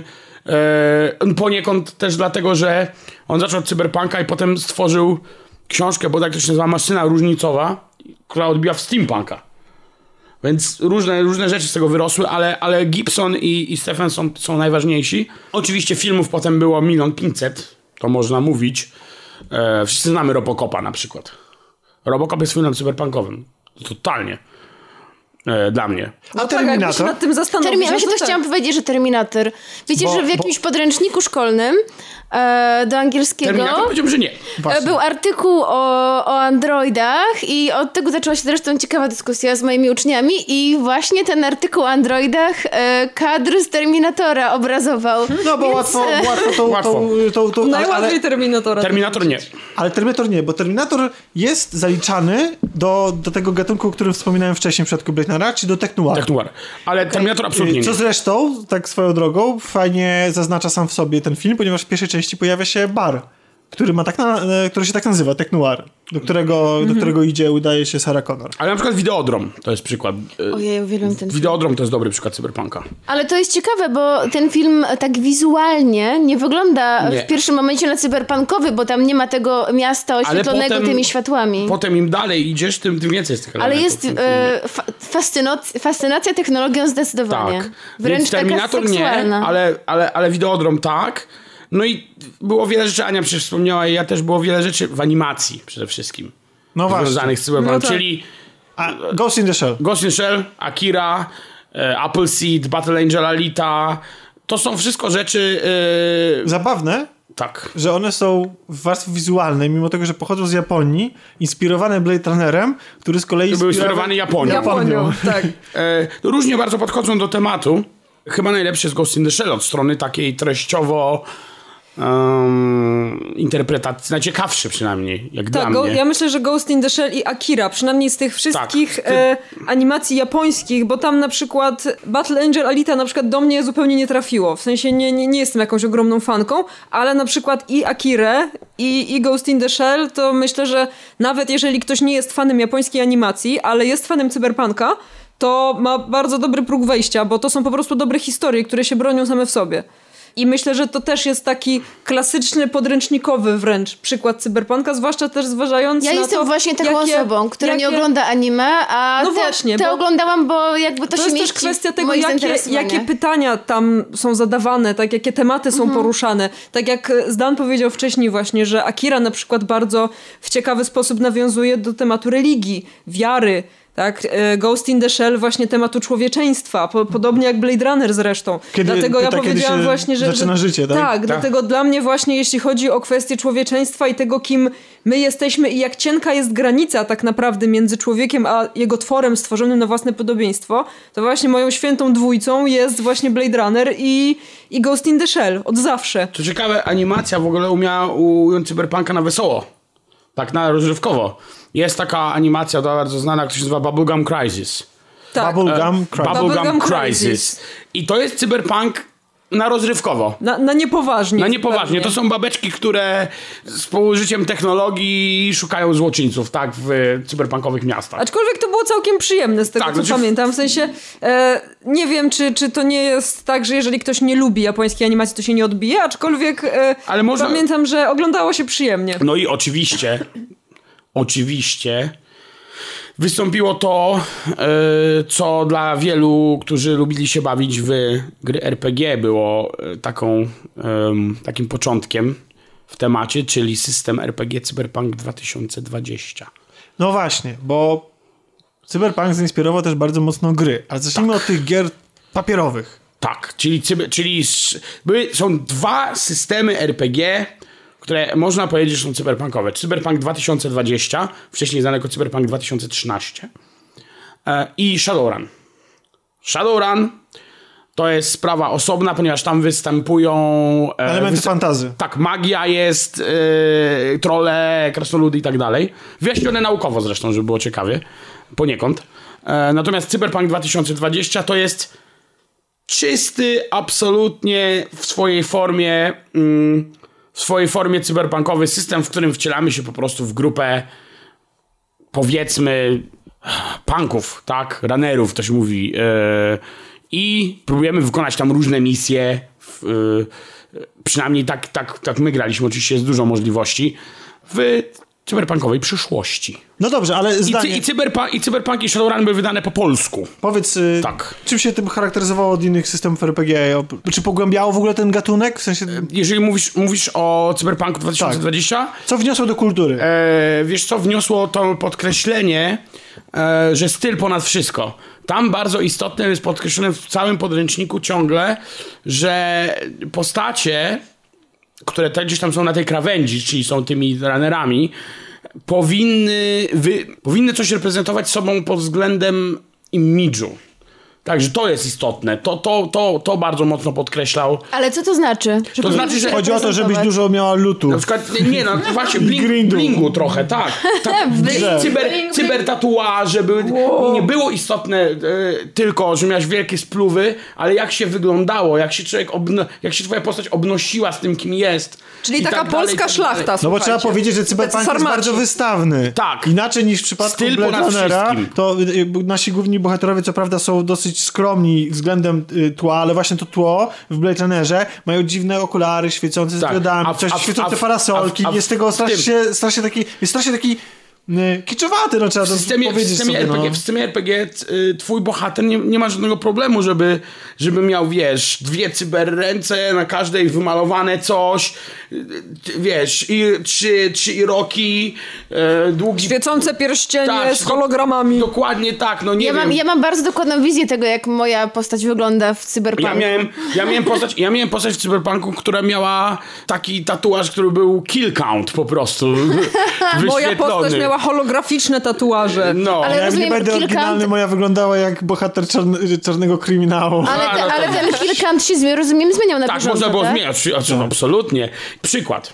Bohaterami w e, książkach byli jacyś hakerzy i tak dalej, a tutaj mogłeś grać rockerem.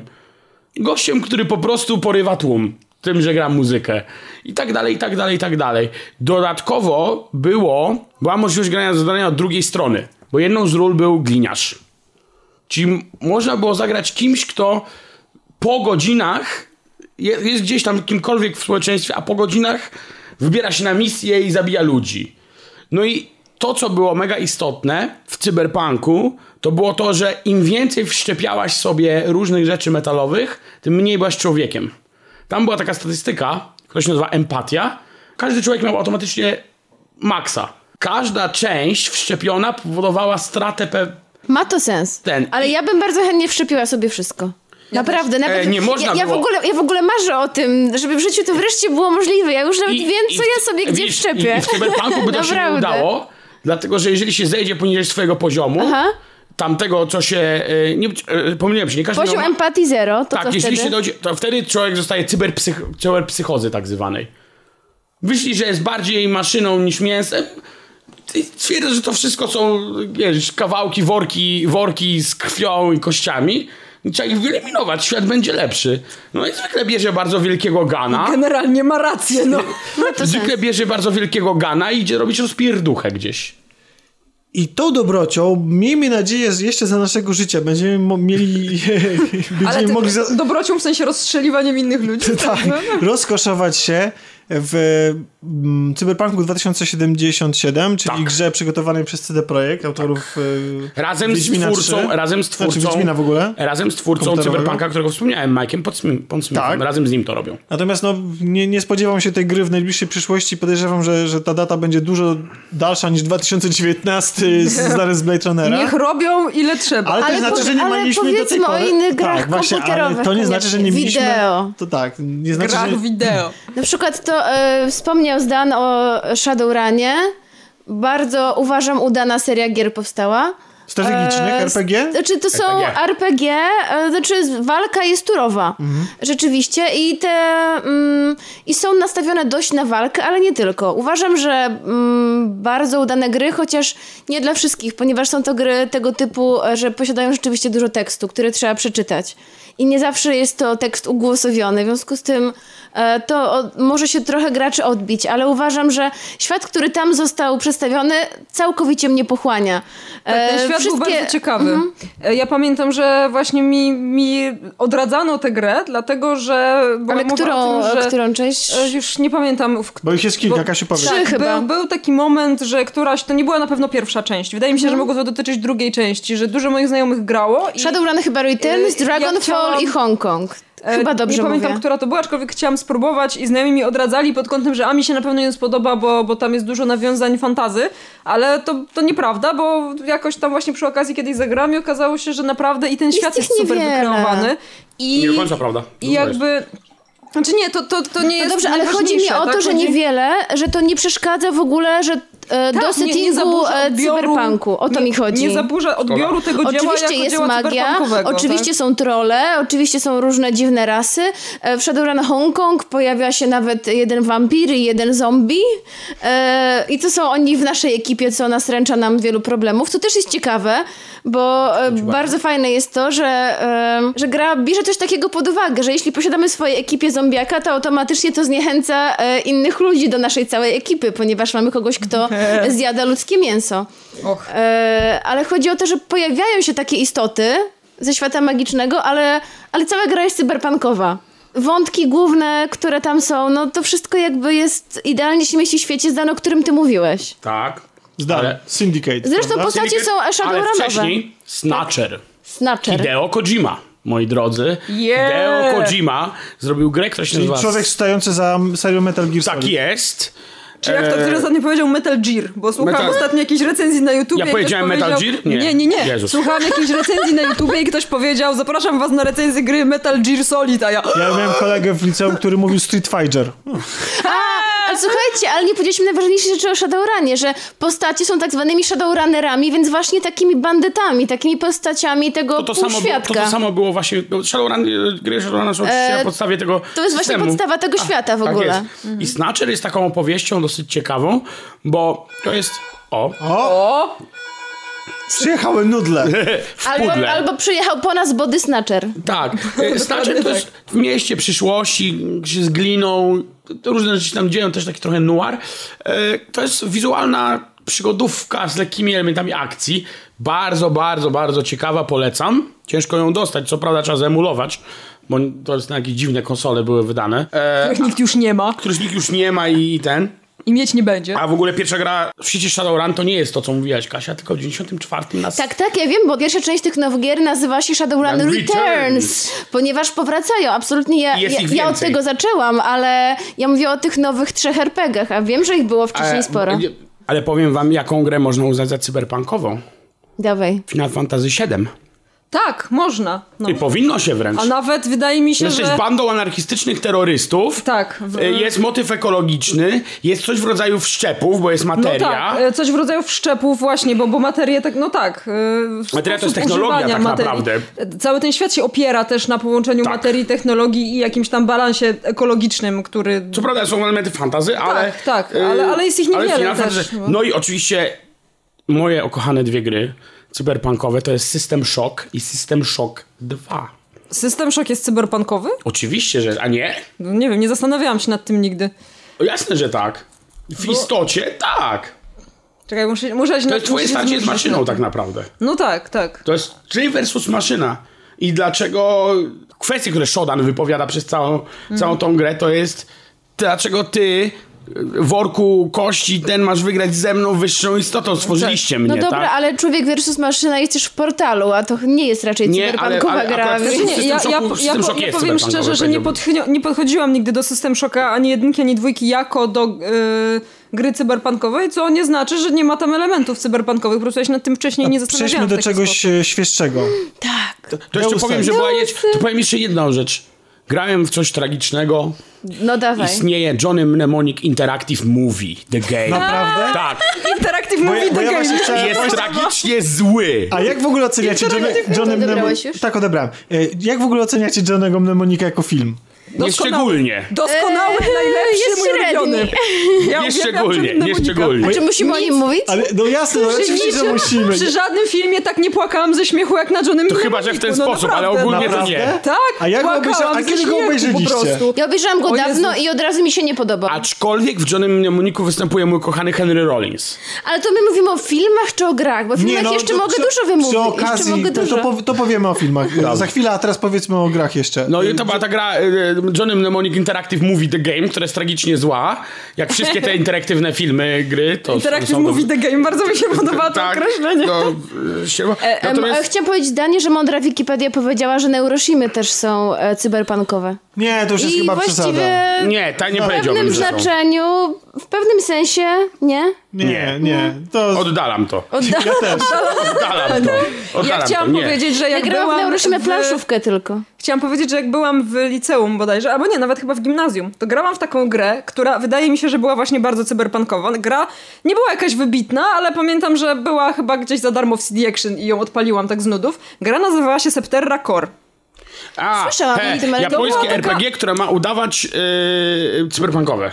Tak, to było, a czy mi się wydawało, że ono przede wszystkim miało udawać japońskie. Bo, bo to Też było prawda. Takie, tak, ona, ta gra była taka, że design postaci był taki trochę jakby mangowy, główna bohaterka trochę wyglądała jak Motoko Kusanagi, jak, o ile dobrze pamiętam. Ale ta gra miała jeden bardzo fajny element, mianowicie taki, że siedziała na siedmiu płaszczyznach świata i były takie powłoki, które się kręciły wokół jądra i można było przechodzić między tymi powłokami i każda tam się czymś innym charakteryzowała. I też tam były jakieś wszczepy, jakieś modyfikacje ciała, jedna z bohaterek w ogóle miała mechaniczne nogi, o ile dobrze pamiętam. I to było takie, wydaje mi się, że z tych gier wszystkich. Nie skończyłam tej gry niestety, chociaż ona była taka dość przyjemna. Nie była jakaś super wybitna, ale do tej pory ją pamiętam, więc coś tam w niej było fajnego i przyjemnego. A Deus Ex? A Deus Ex to zaraz, no. Deus Ex to, to osobna kategoria, nie? No właśnie, Deus Exa do. Deus Exa. też Zacznijmy lubię może, Deus grałaś Kasiu w tego te, pierwszego. Grałaś Kasiu w te, te No właśnie pierwsze? w tego pierwszego nie A, grałam. no to nie może grałam Ania. w tego To opowiedz w takim razie, czym ci pierwszy Deus Ex ujął? Pierwszy Deus Ex Jaką wizję przyszłości tym, przedstawia? Znaczy, przedstawia też bardzo dystopijną wizję przyszłości. No i przede wszystkim, tak jak wszystkie Deus Exy, jakby jest, jest mowa tutaj y, o modyfikacjach, tak o wszczepach, ale przede wszystkim Deus Ex jakby tutaj stawia też pytanie o stwórcę, tak? No i, i mówi się zresztą do tej pory, że Deus Ex to jest jedna z gier, która ma najbardziej zaskakujące zakończenia, bo tam było kilka wersji zakończeń tak, w, w pierwszej części. Z czego tak naprawdę pamiętam, że wszystkie. Byłam do, do tego stopnia zafiksowana na tej grze, że chciałam ją skończyć na różne sposoby, żeby poznać te wszystkie zakończenia. To nie był ten etap, gdzie się skończyło grę raz i później oglądało się wszystkie inne zakończenia na YouTubie. Bo te nowe Deus Exy są prequelami do tego Tak, Deus Exa. więc tak jakby. nie, Aha, okej, no to jest ważne. nie za bardzo się, się wiąże. W sensie ja liczyłam na to, że te nowe Deus Exy, które się pojawią, to będą bardziej związane jakby z tym, z, z, z tą historią i one, oczywiście są elementy, które do tego nawiązują, ale one są, jednak te gry nowe są w dość dużym oderwaniu od, od tego pierwowzoru. No i jeszcze mi był sequel, który był mocno nieudany z tego co pamiętam, bo ja odbiłam się od niego po dwóch godzinach. Czyli mówimy o grach nowych Deus- Deus Ex, czyli Deus Ex Human Revolution i Deus Tak. Ex Mankind, Mankind Divided. Divided. I o tych opowie nam Kasia. Opowie Kasia? No, bo lubisz się podobno. Bardzo lubię, bardzo lubię, bo właśnie to jest to wszystko, o czym, o czym tu opowiadaliśmy. E, wszczepy, a, no, nie, androidy. E, w nowej części Mankind Divided pojawia się właśnie temat tego rozszczepienia ludzkości i tego pojawia się temat właściwie rasizmu. Takiego te- między... technologicznego. Technologicznego, tak. Technologiczny I to, co, rasizm. i to, no ale to, co właśnie Tak powiedział Dan, że e, tak? ludzie bez wszczepów e, przestają akceptować ludzi e, z wszczepami I w drugą stronę. w drugą stronę, chociaż to, to pierwsze jest chyba bardziej bolesne, ponieważ przy władzy są ludzie bez wszczepów, przynajmniej w, w tej grze Mankind Divided. E, To jest do tego- dziwne, że przecież te wszczepy są drogie, więc powinno być zupełnie no, odwrotnie. no więc Tak. właśnie, ale... em, Bo to jest kwestia ideologiczna. no dobrze, ale wiesz. chodzi o to, że zaczyna się tak, że e, okazuje się, że te wszczepy nie do końca są bezpieczne, ponieważ tam nastąpiło coś takiego, że oni nagle, nagle zaczęli robić złe rzeczy. Nagle zaczęli mordować i coś tam nagle przejęło nad nimi kontrolę, w związku z tym ludzie boją się ich. Boją To się, że znowu tak coś takiego się wydarzy. W sensie w tym, od, od Disneya A ostatnio. jakie, jakie No na... trochę jak w Kingsmanie pierwszym, Tro- gdzie tak, przejął też to, władzę no. e, nad ludźmi ten e, koleś od sieci komórkowej. A co byście w, w tej serii w Deus Exie znaleźli z Blade Runnera? Wiesz co? E, Z nowego barwy. Znaczy, z, jeśli chodzi o ten, y, o pierwszego Blade Runnera, y, Boże, Human, Deus Exa. Deus Exa. e, E, to Human był- Revolution. E, nie, ja mówię Nie, o pierwszym Deus pierwszym, Ex, Deus Ex. pierwszym, pierwszym, Deus. Exie. To był przede wszystkim sposób prowadzenia narracji, bo ta gra była bardzo spokojna tak naprawdę. To, to nie było tak, że tam się po prostu chodziło i strzelało do wszystkiego, co się rusza. Czy można było, nie? Czy można było, tak, tylko właśnie nie o to chodziło. Chodziło o to, że tam jakby, żeby chłonąć całą tą atmosferę, co dla mnie było czymś nowym, jeśli chodzi o gry, bo nie zapominajmy, że ta gra jest stara, tak? To, to nie jest gra z 2000 roku. Jest to gra z Że jest. 2000 roku. Wydawało mi się, że 99. Jest dokładnie gra z 2000 roku. Okej. Sorry. Jest No to gra dobra, z 2000 ale roku. słuchajcie, ale to jest 17 lat Ale- temu, więc tak, to naprawdę jest to 17 gra stara. Znaczy, Jest to stara gra, ale ona, znaczy wydaje mi się, że jeśli chodzi o sposób prowadzenia narracji, to to jest gra, która się nie starzeje, właśnie przez to, że robi to w sposób podobny jak Blade Runner, bo ta narracja jest bardzo spokojna, bardzo oszczędna przede wszystkim, zostawia duże pole do interpretacji. To mi się też w pierwszym Deus Exie podobało, że to nie jest gra, która ci wy wykłada kawę na ławę, dopiero w ostatecznym jakby rozrachunku, tak, ale... Znaczy w Nowych Deusach może mniej jest tej interpretacji, ale nadal jest bardzo duże pole do wyboru, przynajmniej poprowadzenia rozgrywki. Tak, bo tam też możesz zdecydować jakby, tak, w jaki, w jaki sposób chcesz grać. Czy I też chcesz... możesz zabić wszystkich. A możesz nie A zabić. możesz nie zabijać nikogo. E, Jak to, możesz... możesz, jak to możesz nie zabijać nikogo? Wiem, że możesz, ale ja zabijałem wszystkich zawsze. Ja Ojej, a ja zawsze, ja zawsze Ale raz, ghosta. raz próbowałam i jest za trudne. No? Run zrobić. No, no. Da się podobno w Deus Exie nie zabić nikogo. No i oczywiście. Bo czemu właściwie poświęcamy tyle czasu grom? No bo one są, wydaje się, najbardziej z cyberpunkowych mediów. Bo, bo lubimy gry. Nie, no lubimy gry, ale chodzi o to, że, No, no, no tak, że no. wydaje mi się, że jak, jakie inne medium jest bliżej cyberpunku, jak nie właśnie gry wideo. To jeszcze, ale już wychodzimy z gier? Nie, właśnie chciałem powiedzieć, a co chciałem... Bo jeszcze chciałam wspomnieć właśnie o Dexie, o którym mówiliśmy w jednym z odcinków. E, Znaczy, to nie dej, nowe ci to, jest- dej ci to przejdę. e, bardzo ciekawa indie gra, której bohaterka właśnie mm, porusza się na równi w naszej rzeczywistości, jak i w cyberprzestrzeni. I e, fabuła troszkę tak się toczy dwutorowo. E, I jest też bardzo, mimo że to jest bardzo oszczędna gra, ponieważ jest to side-scroller taki lekko e, pikselowy, ale jednak bardzo widać ten klimat tego dużego miasta, tych wszystkich szumowin. Tak, twórcy gier w ogóle upodobali sobie cyberpunk. To, to jest bardzo, bardzo nośny temat dla, dla tematu gier. Ostatnio w ogóle tutaj Kasia właśnie powiedziałaś teraz o tym e, Nexie. Dexie. Deksie. Deksie, przepraszam. O Dexie. Nexie. Mieliśmy ostatnio polską premierę gry, znaczy polskiej gry Observer, Tak. w której w ogóle występuje Rutger Hauer, Tak. Hehe. czyli Roy Betty z pierwszego Blade Runnera. Tak jest. I mieliśmy... e, Podczas E3 prezentację gry The Last Night. dokładnie. Która zrobiła Night. chyba na nas wszystkich największe wrażenie Tak. z tych wszystkich gier w ogóle, a I tych na- i tak. tak No, dalej. Nie, Tak. nie, nieprawda? Nie? nie, na mnie największe wrażenie ciągle robi remake Final Fantasy VII. Tak, ale zdanie... Ale on, ale nie wiadomo, Nie czego się w temacie. dzieje. Nie, Final Fantasy VII to jest gra cyberpunkowa, Tak, więc... ustaliliśmy to już. Ja się zgadzam to. ze Zdanem, że... Ale- To jest w temacie. Jeśli, Final Fantasy jeśli nie słyszeliście, obejrzyjcie sobie zwiastuny w internecie i, i zobaczcie, jak świetny styl ma ta gra. To jest gra, która jest pikselowa, a jednocześnie trójwymiarowa. Ma po prostu tak wspaniałe cyberpunkowe barwy. To po prostu żółty, czerwony, różowy, te światła. Po prostu wygląda jak wyjęta z tego świata. Z Blade Runnera. Z Blade Tak, z Runnera. Blade Runnera. Ale, Oprócz tego gra, ale gra na- Detroit Tak, właśnie, e, z kolei Detroit. też jest e, w temacie. Czy może, może, nie Bardzo w wszyscy temacie. może nie wszyscy czekają, bo wiem, że, Ja to, jest, że to jest gra... Naiwnie e, pewnie, ale czekam. To jest gra takiego typu, który nie wszyscy lubią, czyli toczy się historia, a my tylko czasami klikamy, jaką decyzję To podejmujemy jest i to gra koniec. Davida Ka- Ka- Cage'a. Znaczy, ja Twórcy powiem tak. Jeżeli- karze, jak jeżeli to go tam tak- nazywa? Cage'a, Temat- Cage'a? Temat jaki, temat, jaki podejmuje ta gra, zapowiada się ciekawie, aczkolwiek chciałabym podchodzić do niej bardzo entuzjastycznie, ale podchodzę bardzo ostrożnie. Przez wzgląd na to- przez wcześniejsze dokonania tak, pana. Przez wcześniejsze słucha nas tego Grzegorz. Press? Tak, na pewno. Grzegorzu, jeśli nas słuchasz, to wiem, że lubisz chirurgów. Główną rolę gra tam Ja też e, lubię chirurgów, chirurgów. ja właśnie chciałam o tym powiedzieć, że on wygląda w tej grze lepiej niż w chirurgach. On podobno jest chwali. strasznie sexy, ale mi się nigdy nie podobał. nie wiem, nie rozumiem zauważyłam. Aczkolwiek tak właśnie oglądałam ten trailer, ja jeszcze o tym nie wiedziałam wtedy, że on tam jest i miałam takie... Ja znam Skąd tę ja go gębę, ale to nie do końca ta gęba, jakaś taka ładniejsza niż zwykle Ja sobie ta szybko gęba. No i to on, tak. Jest też gra, która została wydana całkiem niedawno, właściwie to zdaje się, że we wrześniu, no czy w ogóle świeżynka, więc ym, gra, która bardzo ciepło została przyjęta. Nazywa się Ruiner.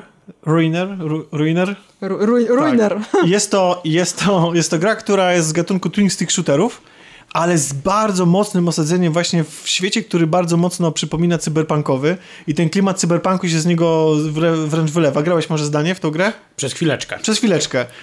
To jest gra, która wymaga na pewno dużych umiejętności, Małpiej zręczności. To nie dla mnie. ale... Ja grałam dwie godziny, ale chcę więcej grać. Tak? Bo tak, mi A się ten... ci frajdę? Tak, bar, właśnie bardzo dużą frajdę mi sprawia, bo przypomniał mi się od razu Bullet Storm i Skillshoty. Bullet Ale Storm, czy, czy twoja zręczność wystarczała? Na razie e, wystarczała, wie- więc mam nadzieję, że będzie wystarczała dalej, bo ten klimat w ogóle i to, jak to wszystko wygląda, mi się tak podoba. Ja jestem niesamowicie właśnie tą stroną wizualną. No, Tak, znaczy super. mechanika tej gry jest prosta jak konstrukcja cepa. Tak. E, natomiast sam klimat i wizualki są rewelacyjne. Jak dla mnie super. Ja mam nadzieję, jeżeli dalej, grał jeżeli dalej, Dalej. będzie tak jak tak przez te zrobię. 2-3 godziny, to, to, to, ja, to, to ja jestem kupiona. To bo tak. dla mnie to było bardzo fajne. I słuchajcie, drodzy słuchacze, teraz mamy takie znienacka ogłoszenie. Uwaga, mamy dla was niespodziankę. Zabawę, w której można zgarnąć jeden z trzech kodów na grę Rainer na komputery PC. Aby wziąć udział w zabawie, należy wejść na nasz fanpage, ale spokojnie, nie trzeba go lubić, choć będzie nam miło, jeśli to zrobicie.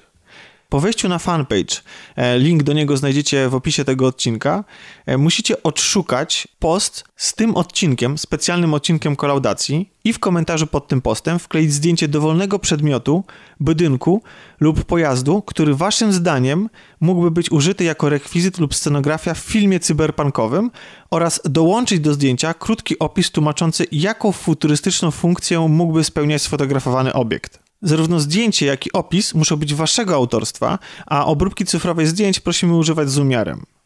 Autorów trzech, zdaniem redakcji Wszystko Gra najciekawszych prac, obdarujemy kodem na grę Rainer. Na pracę czekamy do 25 października. Oczywiście Blade Runner doczekał się swoich gier, bo doczekał się ich aż dwóch. Jedna to była wydana w czasach Commodore 64 ZX Spectrum, gra, o której, której no, nie warto za bardzo wspominać, ale odnotować fakt, że, tak, że, że taka miała miejsce warto.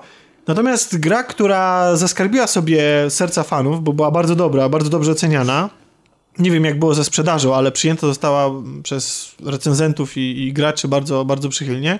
Gra o tytule Blade Runner po prostu, która była y, taką y, przygodówką point and click właściwie i która rozgrywała się w, równolegle do akcji filmu. Byli, sterowaliśmy tam, co prawda nie Descardem, ale on akurat jest gdzieś tam zawsze obecny w tej opowieści, bo co i już natra natrafiamy na ślady po nim. Jest ciekawy polski akcent. Kompozytorem muzyki do y, gry Blade Runner jest niejaki Frank Klepacki.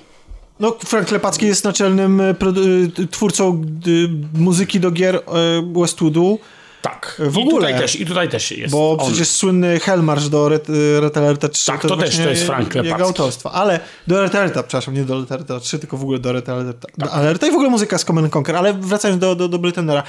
My wcielamy się w postać Roya McCoya, Blade Runnera początkującego u progu swojej kariery, który ma za zadanie wyśledzić replikantów, którzy nielegalnie przedostali się na Ziemię. I rozpoczynają swoją karierę przestępców na ziemi e, faktem wymordowania, wyrżnięcia całego sklepu ze zwierzętami. I czegoś tak bestials, bestialskiego w realiach Blade Runnera, w realiach tego świata, gdzie właśnie zwierzęta, czy to sztuczne, czy prawdziwe, są absolutnie czymś najcenniejszym i bardzo pożądanym, no to, to, to ta zbrodnia jest nawet większa niż jakby mieli em, zabić kogoś. Ale to właściwie na tym nie poprzestają, bo bardzo szybko przechodzą do polowania na kolejnych inżynierów e, i ludzi współpracujących z korporacją Tyrella, no i mają gdzieś tam na celu właśnie dotrzeć do, do, na sam szczyt i, i właściwie podobną misję do, do wypełnienia, jak to miała ekipa Roya Batego w e, filmie. Gra jest, tak jak powiedziałem, point and click, ym, czyli podróżujemy, rozwiązujemy jakieś zagadki, przypytujemy ludzi, mamy w każdej możliwości, w każdej chwili praktycznie możliwość e, przeprowadzenia testu na każdej osobie. Gra losowała w ogóle, miała taki ciekawy mechanizm, że była nieliniowa i losowała Kto e, jest kto jest replikantem, a kantem. kto nie. Więc to jest tak, że w ogóle nieliniowe prowadzenie fabuły prowadziło do jednego z 13 zakończeń. My sami zresztą podejmując pewne decyzje też Mogliśmy wpłynąć na to. na, na to, jak ta fabuła przebiegała i, czy, i po której stronie ostatecznie staniemy, a tych stron było kilka.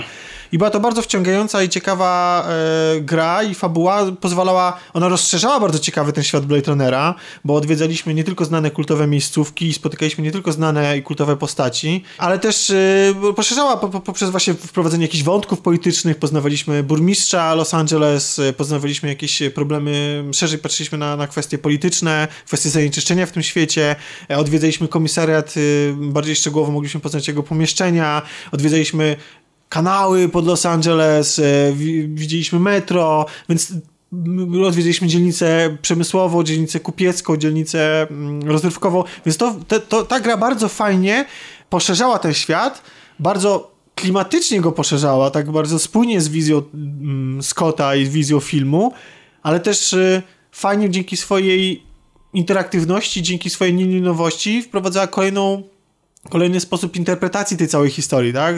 Wielka szkoda, że właściwie w tą grę nie można już właściwie zagrać, jeżeli nie posiadacie jej kopii fizycznej, ponieważ, ponieważ e, są bardzo małe szanse na to, że ona zostanie oficjalnie wydana e, w, na przykład e, na Gogu, w jakiś sposób zremasterowana, przystosowana do współczesnych systemów oficjalnie. Nawet nieoficjalnie nie można to jej... pro, pro, e, problem, z nią jest taki, że ona... co- zdobyć? m- m- Znaczy można ją kupić albo ewentualnie jakoś nielegalnie ściągnąć, natomiast y, można ją odpalić na współczesnych sprzętach, natomiast no, ona się zestarzała pod względem grafiki w ten sposób, że ona jest nadal, y, ta grafika jest nieskalowalna.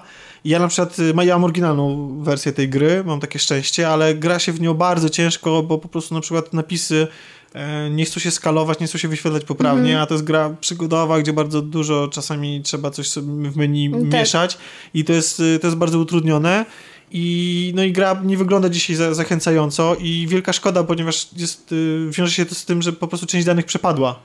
I ta gra prawdopodobnie nigdy nie zostanie. O ile ktoś jej po prostu od podstaw nie odbuduje i nie zrobi jeszcze raz, to właściwie nigdy ona nie będzie szeroko dostępna dla szerokiej publiczności. I to jest ogromna szkoda. I to jest w ogóle y, to jest ciekawe, bo to jest takie. To jest w ogóle taki motyw, gdzie y, to futurystyczne, cyberpunkowe medium przegrywa i przepada właściwie. Mm, i Bo to się- jest e, medium już w tym momencie retrofuturystyczne. Retrofuturystyczne, tak. Bo pytałeś w ogóle Tomek, jak ta gra się przyjęła. Bardzo dobrze, milion egzemplarzy sprzedanych. O, więc Bardzo, bardzo dobrze, tylko zysk, przychód bardzo mały, ponieważ bardzo duży koszt. dużo kosztowała, Był bo production pomysł value zrobienia był... sequela w ogóle. Próbowano bardzo to cisnąć, ale ponieważ ona była na czterech kompaktach. Hmm. Więc to jest przerą- przegwizdane było w ogóle jej Westwood lubiło tak takie rozbudowane Tak. produkcje z dużym production value, no niestety nie... nie Ciekawostką jest to, że na przykład jak wyszło Curse of Monkey Island, to właśnie Blade Runner sprzedał się trzy razy więcej egzemplarzy. Jest w ogóle fajny artykuł na Eurogamerze, który podejmuje ten temat, więc możecie sobie tam wejść i, i poczytać. Nie była to jedyna okazja przed sequelem, który obecnie możemy oglądać w kinach, aby wrócić do świata Blade Runnera i aby poszerzyć to uniwersum, albo na przykład y, dowiedzieć się, co się stało z głównymi bohaterami, bo słuchajcie, zostały wydane, co jest w ogóle prawie, prawie y, myślę, że niewiele osób o tym wie, zostały wydane aż trzy książki Niejaki kontynuujące. Kawu Jeter je pisał. Tak, aż trzy książki kontynuujące wydarzenia. To jest, y, to jest dziwne, bo ja tych książek nie czytałem, przyznam się, Ja też nie. ale w, z opisów ich wynika, jakby one kontynuowały jednocześnie ksi- motywy z książki Czy androidy marzą o elektronicznych owcach i z filmu. Jestem bardzo ciekawy, w jaki sposób to jest połączone. ciekawe. Też nie Natomiast nazwy własne są absolutnie zaczerpnięte z, y, z y, filmu, ponieważ tam pojawia się tam korporacja Tyrella, która się nie pojawia w ogóle w y, książce Dicka. Mm, Tak samo i rola Rachel jest zupełnie inna niż w książce Dicka, więc wydaje mi się, że jednak jest to dużo dużo bardziej sequel i kontynuacja, nie wiem, teraz to już chyba nie kanoniczna e, tego, tego, co się działo w filmie. I są, są tam e, druga, są, są aż trzy te powieści i one bardzo ciekawie rozbudowują tak naprawdę to, to, to całą historię, bo w drugiej, znaczy książce tytułowanej Blade Runner 2 powracamy do, do sprawy korporacji Tariela i się okazuje, ta książka właściwie próbuje wątkiem spisku przeciwko tej korporacji i to spisku uknutego przez ONZ próbuje załatać dziury scenariuszowe e, filmu. Na przykład, na przykład próbuje wytłumaczyć, w jaki sposób Leon był w stanie na wywiad z Holdenem przemycić broń. Em, I dlaczego właściwie, dlaczego Ty- Tyrell nie był tak strzeżony, jak, jak być powinien. Więc to są te, te rzeczy, które ja interpretuję tam po swojemu, a, a książka, książka próbowała te wszystkie rzeczy załatać, bo właśnie tłumaczyła to tym spiskiem i poznajemy tam bratanicę mm, Tyrella, czyli tą bratanicę, na podstawie której została stworzona Rachel. I która wygląda jak Rachel. Więc, e, więc to jest ten główny wątek e, drugiej części. Następna część nas zabiera na Marsa, gdzie Descartes się ukrywa i uwaga, i słuchajcie, znaczy nie ukrywa, tylko gdzie, gdzie, gdzie wylądował po wydarzeniach z e, drugiej części, znaczy z, z pierwszej książki kontynuującej Runnera. I słuchajcie, wiecie kim on jest, czym się zajmuje? Descartes na Marsie. Jest konsultantem filmowym przy filmie, który opowiada o jego losach na Ziemi. Is that? Mówiąc krótko, meta. Meta, właśnie. Bardzo meta. Można to potraktować obecnie jako ciekawostkę po prostu, w, w, jakby w świetle tego, że wyszedł oficjalny sequel, który jest, jest, jest oficjalną kontynuacją kanoniczną, chociaż jak to z tym jest, to sobie jeszcze porozmawiamy za chwilę. E, więc tak, więc warto zaznaczyć, że, że, że, te, że te książki są. W trzeciej książce z kolei na przykład y, główna bohaterka jest zupełnie nowa. Jest to um, Blade Runnerka z kolei. Główna, główną Wow. postacią jest to książka wydana w 2000 roku i tam z kolei jakby główną rolę odgrywa postać kobieca. Więc e, tak, y, ludzie mieli, do, mieli możliwość powrotu do tego świata i obcowania z nim. I chyba wydaje mi się, że nikt nie czekał na sequel. Bo to jest taka historia przecież. To jest dzieło, mówię o filmie, to jest dzieło, które. Które jest tak pełne, znaczy w swojej niepełności. Ono nie, ja nie wiem, dla mnie ono opowiada o czymś konkretnym, o czym co ja sobie wyciągnąłem z tego dzieła. Ono, Bo są takie filmy, o których mówimy, ale fajnie byłoby obejrzeć drugą część, to prawda? jest- to są film, takie. A o tym chyba bo- tak, nikt tak nie mówił, bo, bo po co tak Bo, naprawdę? bo ten sequel jest, nigdy nie był potrzebny. Jakby nie, nie, nie było konieczności domknięcia wątków, bo... Tak, tak. Znaczy wiadomo, że niektóre wątki zostały otwarte, ale to raczej była kwestia taka, że ten film jest, ma taką pozycję teraz, jest taką klasyką i jest takim dziełem, do którego się tyle osób odnosi w, taki, w różnych kontekstach, że trudno jest też pomyśleć nawet o sequelu. No. Zwłaszcza, mało tego, on po prostu ewentualnie sequel, który wykorzystuje te same postacie, które były w pierwszej części, tak naprawdę zabija trochę tą część, jakby próbuje, Tak. znaczy, znaczy, inaczej, Znaczy w narzuca założeniu. jedną z interpretacji, Z- tak. tak? Dobrze, więc tak, więc Dan y, będzie uciekał, bo Dan nie widział Blade Runnera 2049, a my sobie, Praca. a my sobie porozmawiamy A jeszcze o chciałam powiedzieć, że filmie. nie powiedzieliśmy o kilku filmach innych. O jakich filmach? Cyberpunkowych, bo od razu przyszedłeś do Blade Robocop. Runnera przez książki. Widodron, Ale Widobocop. trudno. A, Ale nie powiedzieliśmy o powiemy o tym. Będziemy musieli cię pożegnać. Tak. E, Ty jeszcze nie widziałeś tego seansu, Nie. miłego seansu. Dziękuję bardzo. Baw Jutro dobrze. idę. Tak, y, słuchajcie, i teraz od razu z tej okazji w ogóle skorzystam i od razu ogłoszę, że słuchajcie, będziemy rozmawiali o Blade Runnerze 2049 ze spoilerami. Dlatego, że uważam, że rozmowa o tym filmie bez spoilerów jest kompletnie bez sensu. To jest trzygodzinny, bardzo stonowany, bardzo powolnie opowiedziany film, który jeśli w jakikolwiek sposób interesujecie się cyberpunkiem, science fiction, czyli w jakikolwiek sposób lubicie Blade Runnera pierwszego, albo jesteście po prostu ciekawi pięknego kina, monumentalnego kina, to absolutnie powinniście zobaczyć. Niezależnie od tego, ym, jak go na końcu ocenicie, to nie wyobrażam sobie, żeby można było ten, ten film odpuścić po prostu. Tak, I, i, i, i będąc fanem science fiction. To jest tak ważne dzieło, moim zdaniem. Nawet już teraz możemy to powiedzieć, nie? Tak, ja się zgadzam. Co, Kasiu? Tak. Tak? Więc e, słuchajcie, y, Tak. absolutnie nawet teraz po prostu zachęcamy was, żebyście przerwali nasz y, specjal. I Ale żebyście... koniecznie idźcie do kina. Koniecznie idźcie Pójście do kina? kina i wysłuchajcie ciągu dalszego. Tak. Ale nawet jeśli nie, nie jesteście fanami cyberpunku i science fiction, chociaż nie wiem dlaczego wtedy słuchacie tego odcinka, ale posłuchać, nas- bo może nas lubią, Ale może no. właśnie ich zachęciliśmy. Żeby posłuchać aksamitnego głosu Kasi. no na przykład, e, ale jeśli na przykład jesteście fanami Villeneuve'a, który zrobił ten film, wyreżyserował, bo film był produkowany przez Scotta, ale na szczęście reżyserowany przez Villeneuve'a, który Na odcisnął... szczęście. Na szczęście, dlatego, że odcisnął on bardzo silne piętno, a Ridley nie do końca radzi sobie z kontynuacjami, pokazując Ridley to teraz, za przeproszeniem, alienami to chyba już sobie z niczym nie radzi. Więc... E, no i Villeneuve po prostu, ten film jest, jak inne filmy jego, jest po prostu piękny. Więc warto obejrzeć Chociażby i ponapawać się. Tak, tak. Tak. To dziękujemy, zdanie. Papa. Dziękujemy. Jedziemy z tym koksem. Jedziemy z koksem. Okej. Czyli masz jednak te narkotyki.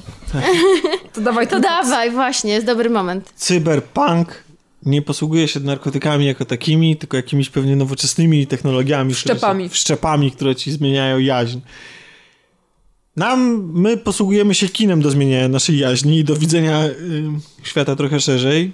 I chyba dzięki takim reżyserom jak pan, który się nazywa Denis Villeneuve. Villeneuve. Villeneuve, Villeneuve. możemy właśnie coś takiego zrobić, co? No to jest pan, który, który w momencie, w którym usłyszałem, że to on przejmuje ten projekt, delikatnie się uspokoiłem, zwłaszcza po Arrival. Delikatnie? Ja się Delikatnie. uspokoiłam bardzo Ja nie, mocno. bo ja się bałam, że Ridley Scott się wpier... e, e, dokuczy mu, w sensie, że mu namiesza, tak? Bo co z tego, że Villeneuve zrobi po swojemu, jak przyjdzie Ridley Scott i powie, mm, mm, tutaj musimy wrzucić inżynierów.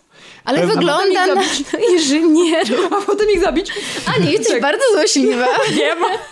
Ale wydaje mi się, że e, pan producent Scott udało mu się e, Nie spieprzyć. nie spieprzyć i nie wtrącić się Wilnewowi, przynajmniej tak to wygląda na ekranie, bo bardzo dużo stylu tego pana widać na ekranie. Ja bym powiedziała, że tak, że po prostu od samego początku do końca widać przez kogo jest zrobiony ten film. A mimo to ewidentnie jest to film z uniwersum, już można tak powiedzieć, Blade Runnera. tak. Znowu to uniwersum, już kolejne. No, nie, co, jest, nie jest oderwany. nie byłem jakby. fanem w ogóle powstawienia tej kontynu- kontynuacji. Ona nie była mi w ogóle do szczęścia potrzebna. Znaczy tak myślałem, zanim ją zobaczyłem. I wydawało mi się, że powrót do tego świata wystarczył mi coroczne oglądanie Blade Runnera na Blu-rayu, które uskuteczniam zawsze w listopadzie każdego roku. Właśnie chciałam zapytać, w jakim miesiącu. Tak, oczywiście, że w Listopad. listopadzie co roku, rok w rok, odkąd tylko jest możliwe, oglądam jakąś wersję Blade Runnera. I nie było mi też to takie do szczęścia potrzebne. Myślałem, że to wszystko zrujnuje, a tymczasem scenarzysta pierwszej części, bo teraz już tak trzeba to nazywać, pierwszej części, razem z e, nowym panem, który mu towarzyszył, napisali scenariusz, który wyreżyserował pan, który odpowiada za obecnie najbardziej cenione dzieło science fiction te, e, zeszłego roku, chyba zdaje się, tak?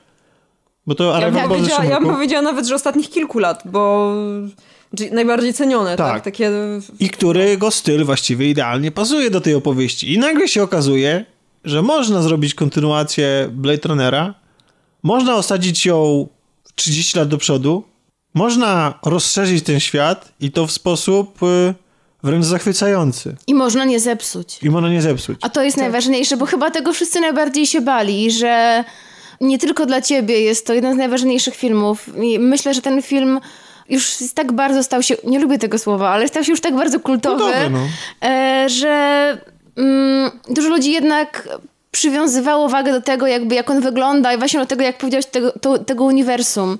I bało się, że ktoś przyjdzie z buciorami, e, wejdzie im w to i zrobi taką mm, rozpierduchę Przede zwykłą że to science fiction. ktoś, kto nie zrozumie materiału źródłowego, jak to miało na przykład... Yy, Wielokrotnie miejsce. Na przykład przy Ghost in the Shell, taka ostatnia rzecz, tak? Że przyjdzie ktoś, kto kompletnie nie rozumie materiału źródłowego. I też zrobi z cyberpunkowa, więc i też bardzo na miejscu. I, i y, widziałam wiele komentarzy mówiących pewnie będzie jak z Ghost in the Shell. I szczerze, to ja się też trochę bałam, że, że właśnie wyjdzie na to, bo moim zdaniem to też jest film, któremu sequel jest niepotrzebny, ale powstał taki sequel, który jakby właśnie tak jak Tomek powiedział, potrafił rozszerzyć ten świat, y, ale w taki sposób, że udało się zachować klimat oryginału. No właśnie, w jaki sposób nam Blade Runner 2049 rozszerza świat Blade Runnera? Rozszerzy nam kadry.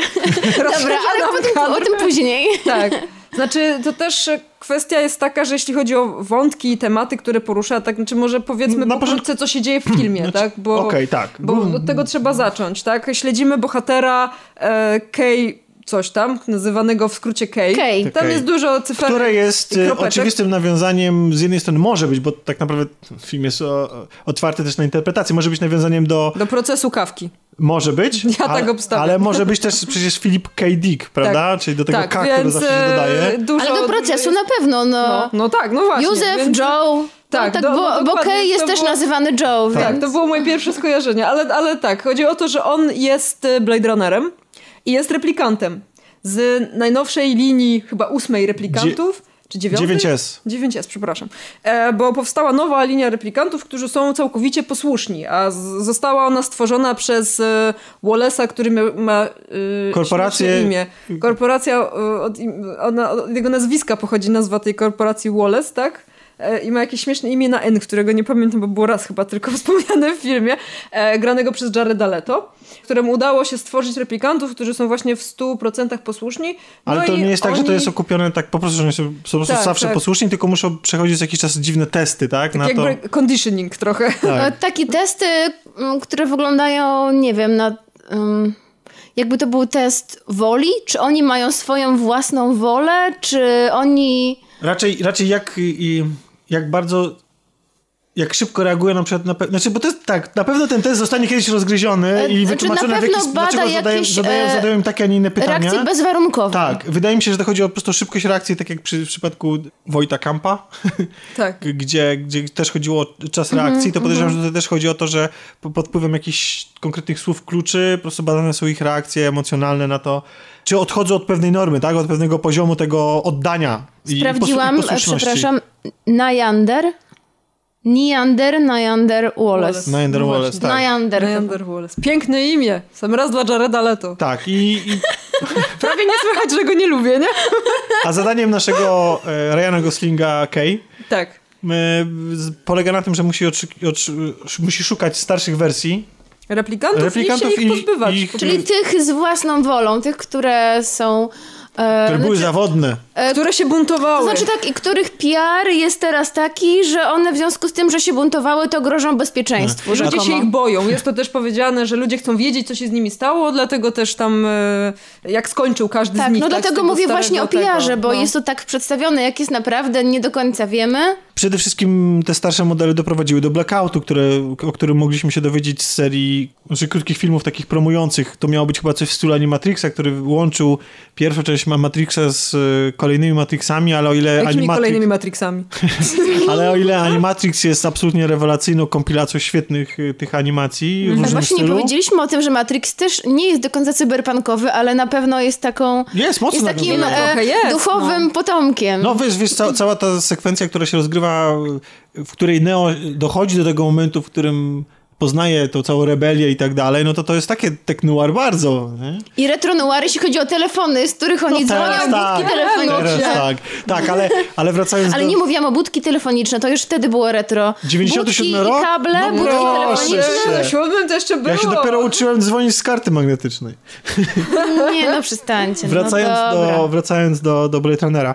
Z tych trzech y, Więc znowu mamy detektywa. Tak, ale z tych trzech krótkometrażówek mogliśmy się dowiedzieć o tym, że nastąpiło zaćmienie, znaczy blackout, czyli totalne wymazanie danych, y, które znajdowały Mhm. się na Ziemi i, na, i pewne częściowe zniszczenie danych, które się znajdowały Ale na co to był satelitach. ten blackout dokładnie i kto To- do to, tego to, dopro- był, to był atak terrorystyczny przeprowadzony przez generację, zdaje się, ósmą, który Replikantów, właśnie tak. replikantów, którzy po prostu do tego doprowadzili. Czyli coś jak taki impuls E, elektromagnetyczny? Oni wysadzili po prostu mm, A, jakiś tam. Jakiś, jakąś serwerownię. jakoś czyli, pro, czyli prościej. Tak, Prościej prościej. było to zrobić. E, ta animacja, która właśnie to pokazuje, jest stworzona przez twórcę Kołoja Bebopa. Tak, dokładnie, więc To jest piękna animacja. ogląda w się sensie świetnie. Jest, jest pięknie nie zanimowana, widziałam szkoda, że jest taka krótka. I też bo- nawiązuje bardzo fajnie też do, do Blade Runnera przez postać gimnastyczki. Tak. E, Ale y, jest, y, jest, jest, jest, jest, jest, to, jest to... mm, Warto się z tymi rzeczami zapoznać, aczkolwiek one zbytnio nie wnoszą nic wiele. No tłumaczą, że... Tłumaczą niektóre wątki, o których wiemy, że miały Tak. miejsce, ale myślę, że to... to, Znaczy, ten, to... ten, tak, ten blackout był potrzebny właściwie po to, żeby... Mam wrażenie... Żeby utrudnić dostęp do, Do danych, danych. e, z pierwszej części, tak, Tak, i że, naprawdę. żeby można było troszeczkę opowiedzieć nową historię, bez pewnych naleciałości, pewnie Tak, się odciąć tak. od niektórych konsekwencji wydarzeń, które miały wcześniej miejsce. W każdym razie ke- te, korporacja Tyrella padła, przejął ją Wallace? Wallace. Dostał Neander. pozwolenie od rządu na to, żeby kontynuować projekt replikantów. To jest właśnie w jednym z tych shortów pokazane. No i wyprodukował tych nowych, całkowicie posłusznych replikantów, którzy e, tak e, zajmują się między innymi likwidacją innych replikantów. Tak, i służył właśnie w policji jako Blade Runnerzy i Kay jest właśnie takim replikantem. To znaczy, jeszcze w pierwszych scenach też widzimy, bo to też myślę jest ważne, e, że podobnie jak w Deus Exie, o którym mówiliśmy wcześniej, widać, że ludzie są wrogo nastawieni do Tak, replikantów. ale zanim to zobaczymy, to film się zaczyna już od razu z miejsca, takim miłym, miłym mrugnięciem okiem i poechtaniem, mianowicie zaczyna się definicją Replikant. replikanta, Replikant. do której sobie jeszcze w, wrócimy, ale ta definicja jest bardzo podobna do, w sensie sposób jej ukazania, jest bardzo podobna do tej wersji work printowej, o której mówiłem wcześniej, czyli tego pierwszego montażu Scotta jeszcze przed y, planami wytwórni i, i przed montażem wytwórni, taki pokazujący jak, jak Scott chciał, żeby wyglądał pierwszy Blade Runner. Mm, I tam właśnie też się pojawiała właśnie ta, ta definicja, chociaż była, ona brzmiała zupełnie inaczej i tym, o tym sobie porozmawiamy później. Natomiast tutaj mamy, pierwsze czego się spodziewamy to oczywiście oko i mamy to oko, Tak. ale zaraz za okiem nie następuje seria wybuchów y, gazowych, tylko widzimy szaroburę połacie przepięknych terenów rolniczych. Jakichś różnych e, takich, e, widzimy tam pod, pod, pod, takim, pod taką prześwitującą płaszczyzną, że tam gdzieś, gdzieś się odbywa jakaś produkcja żywności. To znaczy, ja e, gdzieś wyczytałam, że to, są panele solarne, te, sz- te szare takie Aha. połacie, które to przykrywają, to są panele solarne, ponieważ światło słoneczne jest tak przydymione po jakiejś katastrofie, która nastąpiła, że bez tych paneli to rolnictwo w ogóle nie miałoby racji bytu. Czyli te szare połacie, które przykrywają, e, to są właśnie te panele słoneczne. No więc mamy szare połacie I mamy scenę, która wydawałaby się kompletnie nie Blade Runnerowa. Dzieje się w świetle dnia, dzieje się na wsi i nasz Kay ma za zadanie zlikwidować jakiegoś farmera. I to się wydaje z jednej strony totalnie nie Blade Runnerowe, ale z drugiej strony, nie będąc jeszcze świadomy tego, bo zupełnie o tym zapomniałem, dopiero musiałem sobie o tym przypomnieć, wydawało mi się to bardzo na miejscu i bardzo w tym klimacie. Bo nie, Ale może, rusza bo, w tym momencie też muzyka. Tak, to też, ale E, może tego nie jest wiecie. też Ale o muzyce to potem. Ale mo może tego nie wiecie, ale to jest wyciągnięty, wyciągnięta scena z niezrealizowanego scenariusza do pierwszego Blade Runnera. Ta scena miała, się, ta scena miała otwierać pierwszego Blade Runnera.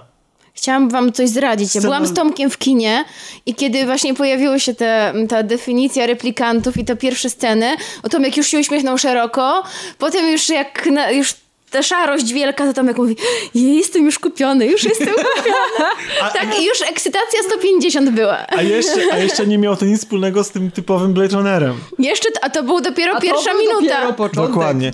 Bardzo fajnie, wydaje mi się, że bardzo fajnie ten film rozszerza to uniwersum o, o to, że wy, wyprowadza nas z e, Los Angeles. Widzimy co? Widzimy... To znaczy, to jest nazwane, że to jest Greater Los Angeles, Tak. czyli to są nadal te tereny, które należą do Los Angeles, ale jednak pod miastem. Nie są to tylko wieżowce. Tak, ale oprócz tego odwiedzamy Las Vegas, e, odwiedzamy e, Tak. wysypisko śmieci, e, czyli wys- tak, wysypisko, obecnie wysypisko śmieci, ale też Wychodzimy poza miasto tak naprawdę. Co... No i teren, kto, czego nie było w tamtej części, czyli teren, na którym od jakieś, nastąpiła jakaś apokalipsa, jakaś wojna, jak- jakiś wybuch. Tak. Pokryty cały takim pomarańczowym pyłem, zburzone budynki, to właśnie w tym Las Vegas. I, no, Tak. I non stop mamy takie wrażenie, że właściwie o ile co jakiś czas wracamy do tego mrocznego, ciemnego, właściwie nie deszczowego, tylko właściwie takiego zaśnieżonego, bo akcja się dzieje taka bardziej, nie? Tak, tak, bardziej tak, jest zimno. sporo, no. Tak jakby bliżej świąt. A, no i jeszcze kluczowym elementem jest jeszcze jakaś taka tama, zapora. Mur. Mur, e, który chroni przed miasto przed zalaniem. Prawdopodobnie katastrofa ekologiczna nastąpiła, poziom mórz się podniósł, e, no i musiano zbudować jakąś taką ochronę. Z jakim językiem i z jaką inną niż biała rasą się wam kojarzy Blade- Blade Runner? Z japońskim. I to dlatego, że nawet w jednym momencie ta, ta maszyna, która jest używana do sekwencjonowania DNA, tam komunikaty mówi po japońsku. No dobra, ale to jest w tym filmie jeszcze jest pełno rosyjskiego. No właśnie, no, to, to, to jest ciekawe Rosyjsko. rozszerzenie. Okej. E, Pierwszy począ- czy początek filmu, pierwsza scena, namioty, rosyjski. Co chwilę słyszymy język rosyjski w mieście. Jak przelatuje nad miastem E, też. pada też nazwa ZSRR na jakimś, widziałam na jakimś napisie. Znaczy oczywiście w języku Nie, to, angielskim. to jest, to jest y, hologram reklamujący, Hologram, tak, tak. nie wiem czy szkołę baletową, ale coś i generalnie, czy baletnicę w ogóle. Ale z ZSRR, nie Rosja. jest właśnie, że, że tak, że to jest produkt wysokiej jakości Tak. z ZSRR, CCCP. Po pierwsze to jest nawiązanie do samego Dicka, no bo... Tak jak o tym mówiłam, jego początkowy właśnie e, lęk, zimna wojna, ZSRR, e, trzecia wojna światowa. I że to jest jednak jakieś równoległe uniwersum, y, tak jak w którym zwi- tak Związek Radziecki i Stany Zjednoczone nadal istnieją i jest, i, i tylko, że one mają tutaj jakiś duży wpływ w ten Związek Radziecki w tym No świecie. właśnie, czyli wynika na to, że może wcale nie było wojny, albo jeśli była, to już nastąpiły czasy pokoju. To jest ciekawe. Ale to jest fantastyczne, bo ja się w ogóle nie spodziewałem tego i to jest właśnie ten kolejny przykład tego, znaczy kolejny, ale tak. Bo w no, naszych kolejny czasach przykład. mało powstaje takich rzeczy, które jeszcze wracają do ZSRR i, i, i pokazują rosyjskie wpływy. Raczej chińskie się pokazuje, prawda? Ale ma się wrażenie właśnie obcowania w tym świecie i że to tak jakby, mimo tego, że to nie jest wyciągnięte z pierwszego Blade Runnera, to bardzo zostaje w tym klimacie i go uwiarygadnia, ten, ten nowy świat. I tak to jest właśnie ciekawy przykład na to, kolejny, jak e, nie, nie żerując na, na, na pomysłach e, pierwszej części, można wprowadzić coś nowego, a jednocześnie bardzo mocno pozostać w tym klimacie. No zdecydowanie e, część. bardzo ujął e, mnie ten cały retrofuturyzm, jeśli chodzi o sprzęty, którymi się oni posługują. Właśnie wspomniany przez ciebie, Aniu, ten komputer do DNA, to wszystko Tak. jest takie bardzo retro. Ale to jest taki, właśnie, to jest taki dziwny retrofuturyzm, bo to jest retrofuturyzm postępowy. Ja sobie Postępowy, tak, sobie tak tak. wymyśliłem, bo, bo w świecie zaszła ta 30-letnia, mm, za- ten 30-letni okres, tak? W sensie, Postęp nastąpił dzieje. jakiś. Więc postęp nastąpił, ale jednocześnie w ramach tej technologii, Mhm. która jest znana w latach 80. i która się wtedy miała wydawać science fiction. tak, czyli to, nadal falloutowe monitorki. Znaczy te CRT, ale nie wszystkie i niektóre mają taką, nawet jeśli są, nie są CRT, czyli kineskopowe, tylko takie mm, kin, y, ciekłokrystaliczne, to i tak trochę mają taki posmak tej, tej, tej kineskopowości. I kolejny bardzo ciekawy ym, przykład na to, jak, jak, jak świetnie wprowadzić swój własny styl i, swój, i coś nowego, jednocześnie będąc w klimacie, mianowicie cały Blade Runner pierwszy był bardzo duszny, bardzo skąpany w dymie, w mroku, bardzo ciemny przede wszystkim, mroczny, czarny, rozświetlony tylko neonami, a tymczasem tutaj mamy dużo? Mamy dużo światła, ale to zależy też od, e, od fragmentu filmu, ale na początku jest dużo bardzo chłodnego światła. To nie jest takie miłe światło słoneczne zdecydowanie, właśnie takie przydymione, a potem w sekwencji tej bardziej postapo w części Las Vegas bardzo pomarańczowy, przypominający mi film Hardware. Nie wiem, czy, czy kojarzycie ten film. Drugi tytuł to był Mark coś tam. Taki film beklasowy, właśnie postapokaliptyczny. E, Mężczyzna znajduje na pustyni głowę jakiegoś robota i potem oczywiście ta głowa sieje wielkie zniszczenie. Ale chodzi o to, że ten film, to nie była opona? Chodzi o to, że e, bardzo ten, ten film był taki strasznie pomarańczowy, że mi to aż, wiecie, ut- utkwiło w no głowie. tak. Czerwień i, i pomarańcz tego świata.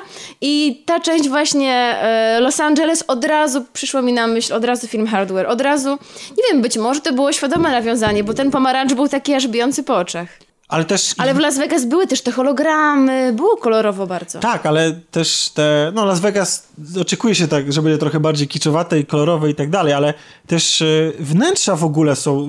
To jak wygląda komisariat policji, którego, który możemy akurat zwiedzić dosyć dokładnie, bo widzimy e, kilka jego pomieszczeń. Zobaczcie, jak wygląda, jak wygląda mm, biuro pani komendant. Komisarz komendant? No, w każdym razie przełożonej naszego Kay. Zobaczcie, jak one wyglądają. No, tam, tam dominują biele, tam mamy kostnice, no kostnice, no, laboratorium, gdzie też dominują biele i bardzo dużo jest tej jasności. I o ile mieszkanie samego Kay faktycznie jest duszne, chociaż nie aż tak bardzo jak Dekarda, no to, e, to, to, to, to masy tych pomieszczeń jest właśnie rozświetlonych, jest jasnych i to w ogóle nam nie przeszkadza. To w ogóle, w ogóle brak tego dymu, brak tego, tej ciemnoty. Ale to jest Ciemnoty? takie... Ciemnoty. To jest takie, mam wrażenie, takie chłodne, sztuczne światło i że właśnie ono takie ma być też, żeby podkreślić tą taką sztuczną atmosferę może, tak? Bo, bo za każdym razem to jest oświetlenie za pomocą jakichś tam żarówek. To, to, to tak jak właśnie mówiłeś o tym y, gabinecie tej przełożonej właśnie naszego Keja, to, to tak jest właśnie, że y, to jest takie chłodne, sztuczne światło. Plus, Nie, nie próbuję imitować na przykład światła To słonecznego. znaczy czy coś. niekoniecznie tylko chłodne, bo jeszcze e, wszystkie pomieszczenia tych firmy Wallace'a z kolei są bardzo, A, no to tak. bardzo to złoto-żółto ciepłe i są ogromne wnętrza, e, bardzo rozświetlone I tym żółtym fale, i światłem. wszystko. I one, są, I one nawiązują z tymi kolorami trochę do tego, jak wyglądała korporacja Tyrella od środka. Też ona taka była złoto-ciepła. Ale z drugiej strony korporacja Tyrella mi się kojarzyła właśnie z taką oświeceniową sztuką, z takimi jakimiś y, zdobieniami. Tam były świece nawet. Mieliśmy przecież Tak, w, tak. w komnacie Tyrella. Natomiast tutaj właściwie mm, ten świat w, w korporacji ta architektura, to, to jak są te wnętrza wykonane, on jest taki, taki bardzo modernistyczny. Czy tak jak nawet y, Tomasz y, Dziel y, raczył użyć takiego sformułowania, że dekonstrukcyjny, że te, te formy są niesamowicie proste, takie oparte bardzo na, na, na, na, na prostych figurach geometrycznych, na, na bardzo takich ciosanych niemalże ostrych kątach, na, na trójkątach, że tam nie ma żadnej finezji, ale jest taka estetyka prostoty. Niesamowita. Czyli to, do czego się dąży teraz tak naprawdę, tak minimalizm w designie i te sprawy, więc... Yy... a jednocześnie to zachowuje tego ducha. Tak, tej tego, tej pewnej pewno. duszności, tej pewnej tajemnicy, tej pewnej takiego izolacji, takiej samotności pustki wewnętrznej jakby, takie, takiego chłodu. Ma, mamy, mamy, to, mamy to pomieszczenie, w którym znajduje się nasz y, Wallace, tak, który przyjmuje swoich gości, które jest wypełnione wodą i te, te falujące właśnie te, te rozbłyski świetne. To jest, to jest w ogóle ciekawe, bo jak y, mamy tą komnatę, w której przyjmuje z kolei Rachel i Tyler Decarda w Blade Runnerze, to tam z kolei e, mamy bardzo podobne refleksy świetlne na ścianach, ale co ciekawe nie ma źródła tych refleksów. I fa- fajnie jak, jak Ridley Scott w ogóle poprosił o te refleksy i powiedział, że słuchajcie, a jakby tutaj coś falowało, a ci ludzie od oświetlenia mówią, no dobrze, ale to ma być od wody, no skąd ma być to? Że, nie, nie, to ma, mają być po prostu takie szlaczki na ścianach, nie?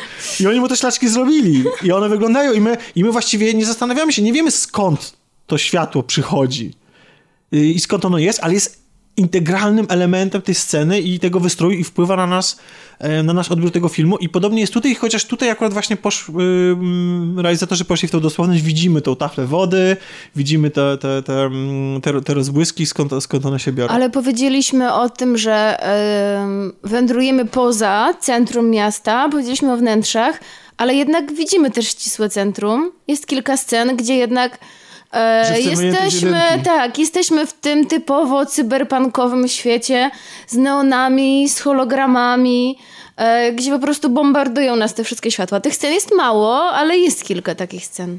Jest, y, no, co, tam też pojawiają się elementy rosyjskie, tak jak powiedziałaś, ale mamy te elementy azjatyckie jak najbardziej, neony i azjatyckie litery.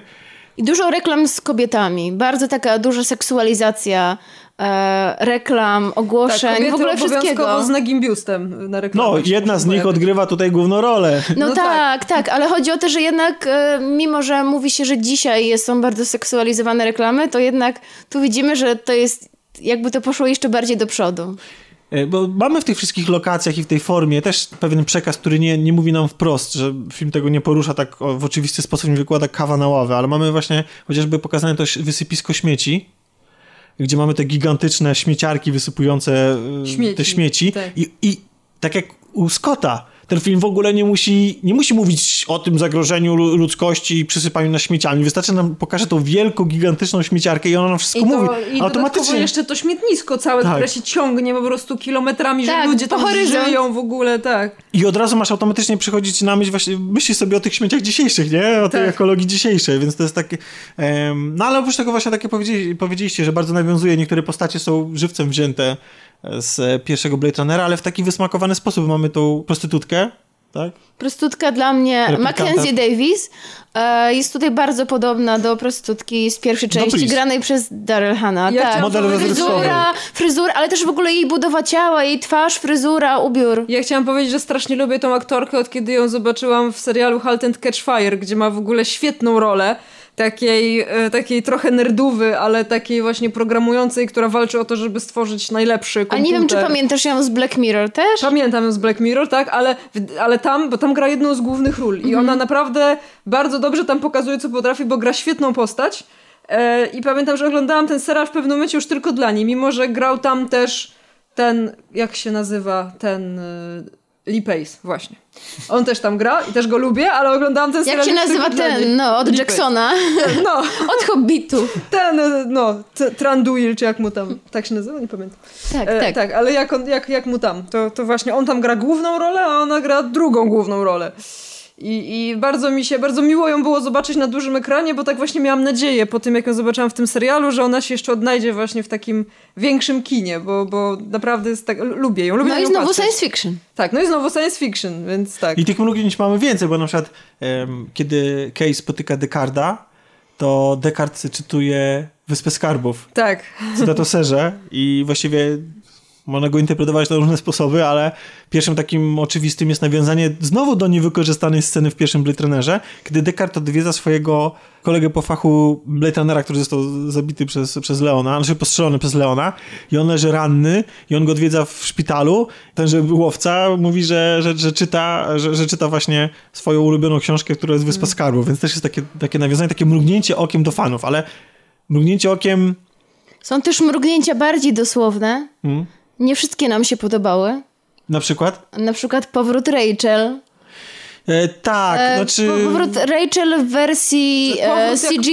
powrót, No tak. E, ponieważ mogła ona powrócić w troszeczkę dyskretniejszy sposób i nie musiała być to akurat postać utworzona całkowicie komputerowo, bo uważam, że jeszcze jesteśmy jeden krok przed tą rewolucją i jeszcze to nie No ale wiesz, wyglądało może, może 100% właśnie trzeba, może trzeba jednak, że, może dlatego trzeba wrzucać w te filmy te postaci cyfrowe, żeby, żeby te renderowane postaci się zwracały i żeby za którymś momentem w końcu... Żeby to poszło I tak jest przodu. lepiej, i tak jest, chociaż no, no, no tutaj nie robi nic specjalnego tak naprawdę. Ona zresztą była bardzo sztuczna, taka miała być e, w Blade Runnerze, więc, te, więc ta pewna sztuczność gdzieś tam się tutaj jest... Znaczy, no, oczywiście jest jest akurat do wpisane. wybaczenia. ale tak jest lepiej niż pewnie, Tarkin w ale- Gwiezdnych Wojnach. Tak. I, em, I lepiej niż Jeff Bridges w drugim tronie. To na, to na pewno. No to minęły lata świetne w technologii. Ale znaczy wtedy pamiętam, momentu. że miałam takie wow, a potem obejrzałam sobie gdzieś kiedyś na DVD ten film, o nie. Ale w ogóle, ale byłoby super, właśnie bardziej wymowne byłoby dla, mnie- dla mnie, gdyby ona pozostała w tym cieniu, gdybyśmy widzieli z Gdyby jej oddala... nawet nie pokazali. Tak, właśnie gdybyśmy z to oddala, z oddali widzieli jakąś ciemną, ciemną sylwetkę, podchodzi do niej Deckard. widzieli reakcję Dekarda, tak? Dokładnie. I, ona, i on znaczy, mówi o tych zanim oczach. jeszcze, zanim jeszcze widzimy ją w, w całej e, okazałości, to jeszcze wcześniej Kay em, przychodzi e, do właśnie firmy Wallace'a i widzi fragment rozmowy. Z, tą kulkę mu pokazuje, kulkę tych wspomnień, czy jak to się tam nazywa. Tak w Harry E, Ta dyrektor generalna, prawda? I widzimy wtedy fragment rozmowy z pierwszej No części. tak, ale to są, to są super, to są w ogóle elementy, w których od, od razu drży bardziej serce i w ogóle się, się od razu Człowiek się podnieca. od razu cieszy. Tak, tak, no bo to jest, znaczy, Ale wiesz, no właśnie Znaczy, takie, na takie elementy się reaguje właśnie bardziej pozytywnie niż kiedy widzisz e, całkowicie komputerowo stworzoną postać. tak, ale też widzisz, że to jest po coś, że to nie jest, że to nie jest wciśnięte tam tylko po to, czy może Żeby nawet była, jest, tak. ale reżyser robi to z gracją i z gracją przemyca swój własny styl, te pełne szarości, bo te, te biele, te przepiękne właśnie proste konstrukty, bo on uwielbia jakiś taki prosty obły kształt zawieszony gdzieś w przestrzeni. Tak, i bardzo, bardzo szerokie Ten kadry. Modernizm, czy, czy neonmodernizm. Tak, ale też takie długie sceny, na które niektórzy, zauważyłam, bardzo narzekają. E, że tak naprawdę, mimo że w filmie dużo się dzieje, e, to te rzeczy dzieją się powoli i, i Bo- bohaterowie czasami rzeczywiście idą, zastanawiają się, ale wiecie co, mi podczas seansu to zupełnie nie przeszkadzało. Mi też nie. Ja tylko sobie Ja myślałam, tak Boże, żeby czułam. ten film się nie skończył jeszcze. Żeby, żeby oni Ja jeszcze czułam, pochodzili trochę. Ale wyobraźcie sobie, że niektórzy właśnie narzekają na to, że, że za długo idą, że za długo myślą. Znaczy ja rozumiem, że ludziom to może przeszkadzać, jeśli na przykład nie jest to ich konwencja i nie trafia do nich ogólnie cały zamysł takiego filmu, bo nie każdy musi być fanem tego, jak Villeneuve robi swoje filmy, tak? Mi się to podobało we wszystkich jego filmach, poczynając od Prisoners, kończąc na y, właśnie Arrivalu? nowym Blade Runnerze. Na, na nowym Blade Runnerze A, nawet, już na Blade Runnerze. Lubię, lubię u niego to, że on pozwala tym scenom jakby, ja to się śmiałam, Wybrzmieć, kiedyś to, tak, kiedyś to nazwałam tak, że przez to te sceny nabierają mocy urzędowej. Ale oczywiście Bo to jest coś takiego, że wybrzmieć. tak, y, on buduje napięcie, znaczy nawet niekoniecznie napięcie, on buduje klimat takimi scenami, bo to nie chodzi o to, żebyśmy my śledzili scenę za sceną w napięciu, czekając aż coś się wydarzy, tylko żebyśmy my mieli wrażenie, że my jesteśmy członkami tych wydarzeń, jakby, że jesteśmy tam. I ja nie mogę się wczuć w klimat, jak ja mam sceny, które zmieniają się po prostu co, co 30 sekund, bo trzeba... Nie, no tak, to wszystko zależy od tempa samej opowieści. Ale to tak? pasowało też do ale tej też historii od tego, jakie kto ma preferencje. Ja mówię o tym, jak, Oczywiście. jak ja to odbieram, tak? Mi się jest zdecydowanie łatwiej wczuć w taką historię i ja na przykład bardzo się wczułam właśnie w całą tą opowieść. Co więcej, po raz pierwszy podobała mi się postać grana przez Ryana Goslinga, którego nie znoszę szczerze i mówiłam o tym już przy La La Landzie. Naprawdę byłam w stanie się wczuć w ten klimat i tą jego postać polubić. I tak jakby poczuć pewną, powiedzmy, zgodność e, Czyli udało, ci się, czyli udało ci się wyjść na chwilę poza to, że to jest Gosling, tak? Dokładnie to tak. Udało no, mi się bohater. wyjść poza to, że to jest Gosling i udało mi się jakby traktować go tylko pod kątem bohatera, którego gra, który to bohater jak dla mnie był w ogóle bardzo fajny, bar- bardzo ciekawym protagonistą, bo to nie jest taki typ protagonisty typowy, który widzimy w filmach. Tak? No, no, Znaczy, no jest, bo to jest, to, to jest, Znaczy, to nie jest wiem, pe- jeszcze no, chyba nie pewna wiem, wersja nie wiem, takiego... bo, bo on jest, wiesz, chodzi mi o to, Nie że... wiem, czy już mówimy o nim, czy może jeszcze wrócimy do Tak, tego. bo czy to jest Mi dobry- chodzi dobry o, moment, jeszcze o żeby- budowanie klimatu, tak, że mówię o tym dlatego, nie dlatego, że jakby, może to źle ujęłam, chodzi mi po prostu o to, że najczęściej my wiemy dokładnie, co myśli główny bohater w filmie. Jakoś tak e, w filmach, które mają inną konstrukcję, bardzo widzimy jego podejście do świata, a tutaj widzimy to stopniowo, właśnie te wszystkie sceny nam pokazują, jak on To widzi znaczy, tu świat, akurat tak? ja mam małe ale, ale to jeszcze, jeszcze też może mam potem kilka powiem. ale, ale, aczkolwiek, ale pamiętam, że wiesz. Tomek powiedział e, po filmie, że jedna scena ci się wydała jednak zbyt przeciągnięta. Mówiłeś o starciu, e, pierwszym spotkaniu Dekarda z Kay. Tak, znaczy ono, ono się musi zakończyć w oczywisty sposób. Żaden, ża- żadnego, żaden... Mm, Że ani- za długo się układali. że będą się długo okładali, ale to jest, co jest bezsensowne. I, I prawdę mówiąc, ona się kończy w taki idiotyczny sposób, że przed chwilą się okładali i nagle pod wpływem piosenki Descartes Tak stwierdza, mówi, Dobra, to chodźmy się chodź, napić. chodźmy się napić. El, Elvis śpiewa, a my się Dokładnie. I napijemy Jak Elvis śpiewa, to czy pokój na świecie. I, wyda- I oczywiście zobaczenie tych hologramów i, i, i cała ca, ca, ta, ta scena jest nawet zabawna i to jest y, przepiękna piosenka Elvisa Presleya i, i to, to, ma, mm, to ma wizualny rozmach i, i, i wizualne piękno przede wszystkim, ale jest tak scenariuszowo i, i nie- Niepotrzebne. Nie, niepotrzebna moim zdaniem, tak? To mogło, to mogło się odbyć naprawdę dużo szybciej, zwłaszcza, że to tak naprawdę nie wnosi wiele do budowy tych postaci, no po prostu sprały się po mordach i, Do nie- i rozmawiają. Ale nie doprowadziło to do Tak. niczego nadzwyczajnego, jakby Tak. można było po prostu porozmawiać. Tak. Ale inne sceny uważam, że w wielu z nich jest to całkiem e, uzasadnione. Na przykład bardzo podoba mi się początek filmu, kiedy Kay wchodzi do namiotu i czeka, aż wejdzie ten replikant. Jeszcze nie Siedzi tam Siedzi i i jeszcze czeka, nie wiemy, tak. co on ma zrobić. Czy domyślamy się, ale jeszcze nie do końca. Tamten wchodzi, zupa się gotuje i tak naprawdę... E, ja nie czułam się zniecierpliwiona, mimo że jestem bardzo niecierpliwą osobą. E, właśnie to wzmacniało we mnie to poczucie ciekawości, co się zaraz wydarzy, co będzie. I tak jak mówiłaś, to pomaga budować te postacie, bo e, mimo, że e, postać grana przez. Jak się nazywa ten pan od Drexa? Dave Bautista. O, postać grana przez Batistę e, pojawia się tylko w tej jednej scenie, ale jednak e, ja zapamiętałam, zapamiętałam go. niestety. Tak, zapamiętałam go do końca filmu.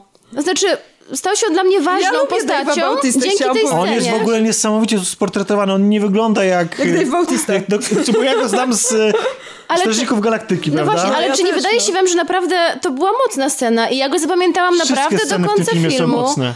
Te wszystkie Prawda. sceny przez to właśnie wydłużenie ma się wrażenie, że każda z tych scen jest bardzo ważna i ona jest ważna. I jest ważna. I i ja w ogóle przez ani sekundy, ja ten film widziałem trzy razy, przez ani sekundę, A jest niedziela. Film miał premierę Tak. w piątek, chciałam zaznaczyć. ani przez sekundę, Ale byliśmy w czwartek, więc już tak, Tak. nie, No, nie ja, ja byłam wczoraj. przez ani sekundę każdy, na każdym tych, z tych seansów się nie nudziłem. Nie uważam, że jest tutaj nic wyciągnięte poza tą sceną, która jest w ogóle niepotrzebna po prostu, ale tak naprawdę reszta, ona mi pozwala napawać się tym światem. To jest to, co było mocno stroną Blade Runnera pierwszego. Opowiadanie poprzez świat, op- przez długie sceny. Moja serdeczna przyjaciółka, Kasia. jedna z moich serdecznych przyjaciółek, Karolina tym razem, Tak myślałam, że powiesz, Karolinie. Poz- Pozdrawiamy. pozwoliła sobie nazwać ten film, że to jest film o, o człowieku, który wchodzi po schodach. Mówię o Blade Runnerze pierwszym, bo ona tego jeszcze nie widziała. I faktycznie scena, która rozgrywająca się w hotelu, w którym mieszkał em, Sebastian Broadbury, czy Rodbury, słynnym, słynna lokacja w Los Angeles, w którą, która bardzo często się pojawia zresztą w, e, w filmach. I ona faktycznie była mega wydłużona, mega powolna. Dla, to jest to, to była ta wartość dodana dla mnie tego filmu. widzisz, Obcowanie w tym świecie, e, dlatego- bycie w nim, chłonięcie tego. Te wszystkie szczegóły, którymi, którymi twórcy nas y, rzucają nam w oczy niemalże. No dzięki temu możemy to docenić. No. Ale, to, ale to, czym ja słuchajcie, mówiłam, tak, skoro, że- e, skoro dzisiaj jedna osoba napisała e, na Facebooku, moja znajoma, że to jest film o tym, że bohaterowie idą, a Ryan Gosling się zastanawia, czyli to ma... W takim razie, skoro twoja przyjaciółka podobną myśl wyraziła o pierwszej części, czyli w takim razie to świadczy o tym, że to jest idealna kontynuacja. Duchowy Tam wchodzą po schodach, a tutaj też idą dalej, już weszli i dalej idą. Ja bym sobie życzył, żeby ten film trwał 6 godzin. Ej, ale ja też. Ja wam powiem, że ja w ogóle nie czułam tego, że on trwał trzy godziny. Ja też nie. Ja siedziałam w kinie. Spojrzałaś na zegarek? Słuchajcie, Bo ja nie. Nie, ani razu. I najlepsze jest to, że ja w tym filmie, w tym roku, przepraszam, miałam tak w kinie tylko raz. I to było właśnie teraz na Blade Runnerze. Że siedziałam na tym filmie, A nie, to ja jednak częściej, ale... ale ja nie oglądam tylu filmów, co, co wy. Ja jednak chodzę rzadziej do kina, nie mam karty Unlimited, mam daleko do Cinema City. Nie reklamujmy tego kina, bo nie płaci nam za Unlimited. Chciałam powiedzieć, że e, wybieram jednak, e, w sensie chodzę, chodzę w sumie na mało filmów, chciałabym chodzić na więcej.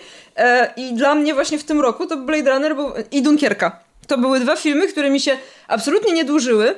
E, I na Blade Runnerze teraz właśnie siedziałam w kinie tak, że tak czułam, tak chłonęłam te wszystkie sceny i myślałam sobie, kurczę, tylko niech ten film się jeszcze nie kończy. Bo to jak jest taki było film- kilka takich momentów, że myślałam sobie, Boże, to pewnie jak znam Villeneuve, to on zaraz walnie zakończenie. Nie, jeszcze nie, jeszcze nie chcę. Bo to jeszcze. jest taki film, że właśnie e, tak jak ty mówiłaś o pierwszej części, że chcesz jeszcze pozostać, nie do końca tam żyć, bo to jest jednak świat mroczny i nieprzyjazny, Ale to, ale na chwilę dzieje. jeszcze tam zostać i dokładnie jak była scena na schodach, to ja myślałam, będzie koniec, będzie koniec. Już oddalała się kamera, ja o nie, no jeszcze chciałam przez chwilę, więc rzeczywiście... Ale jak Podobnie. chciałam powiedzieć a propos końca, bez, bez żadnego spoilera oczywiście, że jak już miał być Ale koniec... można spoilerować. Że jak już miał być, to jeszcze nie, ten, w sensie chodzi mi o to, że jak już w tym nowym Blade Runnerze miał być koniec, to pomyślałam sobie, no dobra, to teraz może być koniec. w sensie to nie to, że już chciałam, żeby Jasne, się skończył, tylko jasne. pomyślałam On się sobie, kończy że odpowiednio. Już, tak, ko- tyle emocji. Ja chciałam pozdrowić koleżankę, która siedziała obok mnie w kinie, nie wiem kim była, pamiętam, że miała niebieskie włosy i tak samo jak ja płakała na końcówce. To znaczy, e, ja nie mówię oczywiście, że zakończenie mi się nie podobało, tylko że chciałam zostać tam dłużej, bo bardzo Tak. dobrze, że zostało ucięte w momencie, w którym zostało ucięte, bo inaczej byśmy by oglądali wcześniej. bardzo sentymentalną scenę, której nie chciałabym oglądać. Na ekranie. Ale okej, re- ale okej, i jeszcze, ale okej, jeszcze możemy coś powiedzieć więcej? Jasne. Co byś chciała Tak? powiedzieć? No bo był mm, spoko, chciałam powiedzieć. Czego, czego się nie spodziewałam. chciałam powiedzieć, że mm, bardzo podobało mi się to, o czym rozmawialiśmy po filmie zresztą, e, jak został rozwiązany motyw e, tej postaci. To znaczy, reżyser czy scenarzysta każe nam uwierzyć, że on jest kimś wyjątkowym, bo tak są prowadzone fabuły we wszystkich filmach. Ja się właśnie bałam, Główny że tak bohater. Szaraczek okazuje się wybrańcem, okazuje się Neo, czy The One, czy okazuje się tym kimś wyjątkowym, zbawicielem. No i nasz bohater zaczyna w to wierzyć. Wspierany jest przez e, swoją komputerową e, żonę, czy partnerkę Joy, Wirtualną. wirtualną, wirtualną żonę, przypominającą mi e, e, Scarlett Johansson z A filmu nie Hair. przybylską trochę z twarzy. A z twarzy, tak, ale chodzi mi o Pa, postać pamiętam, że jak ona się pojawiła na, na scenie, to mówię do Alka, patrz, przybylska tu gra. I on w to wierzy. No i potem niestety wraca na ziemię. I tak strasznie mi zrobiło się go żal. Mi się też go ale, zrobiło ale żal, bardzo, ale, ale bardzo podobał mi się ten motyw. Tak, bo ja naprawdę miałam taką obawę, jak, pier- jak ta, ta właśnie jego Joy powiedziała mu, że ja zawsze ci mówiłam, że to jest wyjątkowe, to sobie myślę, o ja pierdzielę, pewnie się okaże, że on jest tym dzieckiem i, i to w ogóle już i, i Czy tyle. to, było, to byłoby z, już zbyt proste i to byłoby Dlatego takie hollywoodzkie. Obawiałam się tego trochę, ale Mhm. cieszę się, że tak się nie stało. W sensie cieszę się, że trochę jednak w innym kierunku potem skręciła ta fabuła, bo e, aczkolwiek to była taka smutna scena, jak, jak ta właśnie kobieta potem mówi mu, co myślałeś, że to ty, no wszyscy byśmy chcieli. Tak? No ale właśnie Tomek powiedziałeś wtedy, jak o tym rozmawialiśmy, coś ciekawego a, na temat e, odniesienia tego do prozy Dicka. Tak, bo tak jak mówiliśmy wcześniej, Dick bardzo często kazał swoim bohaterom wątpić w rzeczywistość otaczającego ich świata i oni szukali swojej tożsamości, potwierdzenia własnej tożsamości, że oni są prawdziwi, że to wszystko, co ich spotyka jest prawdziwe, że to nie jest tak, że oni są w jakiś sposób manipulowani. Tymczasem tutaj następuje właśnie dziwny taki kontrast stosunku do... Odwrócenie tego. Tak, bo nasz bohater, je, będąc replikantem, nagle dowiaduje się, że no, jest, Być może że jest dzieckiem jest. zrodzonym z replikanta i właściwie to w nim rodzi pewne przerażenie, no bo on nagle się okazuje, że po pierwsze, no on jest Przerażenie, ale z drugiej strony problemu. jakąś taką dumę, że e, No. jest kimś innym. Tak. O czym zawsze, chci- bo on zawsze chciał się, jakby mam wrażenie, to nie jest powiedziane wprost, wyrwać z tego szarego mieszkania, z tej roli policjanta. Ja właśnie nie wiem, czy... Znaczy, wiesz, on jest... On, to on, on, znaczy on, znaczy on Ja myślę, że on zaczyna... nawet nie myślał o Tak, tym, że ma dokładnie. taką możliwość, a jak Znaczy, się nie my- okazało, tak, że, właśnie. że może być kimś więcej, To nagle nabrał to nagle nadziei. się okazało, że może jednak to jest jakaś opcja. A I... potem okazuje się, że. I on, na, ale na nie. początku to jest tym przerażony. Przecież jak on idzie do, do, tego, żeby, do tego pieca, żeby e, sprawdzić prawdziwość swojego snu, to mam wrażenie, znaczy ja sobie widzi, widzi Boi się, że znajdzie tą Właśnie, zabawkę. właśnie to jest fajne, bo film nam nie mówi, co on, co on Tak, myśli. Ja to sobie to, fajne. inter, interpretuję w ten sposób, swoją projekcję przy- jakby nakładam na to, że dla mnie to było właśnie, że on za bardzo chyba nie chciał, bo to by zburzyło jego porządek świata, porządek rzeczy. On zresztą sam jak e, twierdzi, to nie jest możliwe, bo y, jak, będąc narodzonym zyskuje się duszę. Tak, czy on tak to tłumaczy, na co jego y, szefowa odpowiada, że chociaż nie ma duszy, to i tak To sobie radzi. sobie radzi całkiem nieźle. No dobra, ale potem on zaczyna wierzyć w to i mam wrażenie, że zaczyna mu się to podobać. Bo z kolei No w jasne, końcowej no. sceny no, mamy... Spotyka Dekarda swojego ojca, tak? A Tak, mamy Ojca. potem, mamy potem No, wielkie rozczarowanie w momencie, kiedy widzi hologram wielki Joy, e, gdzie jest napisane, że powiem ci wszystko, co chcesz usłyszeć. To, to co teraz, to co, to jest dla mnie w ogóle przez niektórych y, bardzo zmi- skrytykowany i zmieszany wątek, mianowicie tego jego relacji z Joy.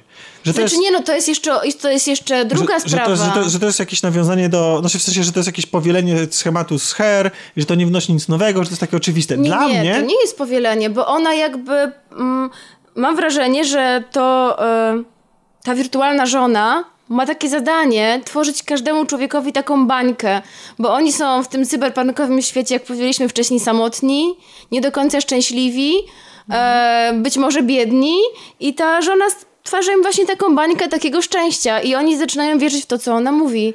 I tak samo jak nasz główny bohater. I to jest w ogóle dla mnie, ten motyw tej żony, to jest w ogóle najważniejszy wątek w całym tym filmie.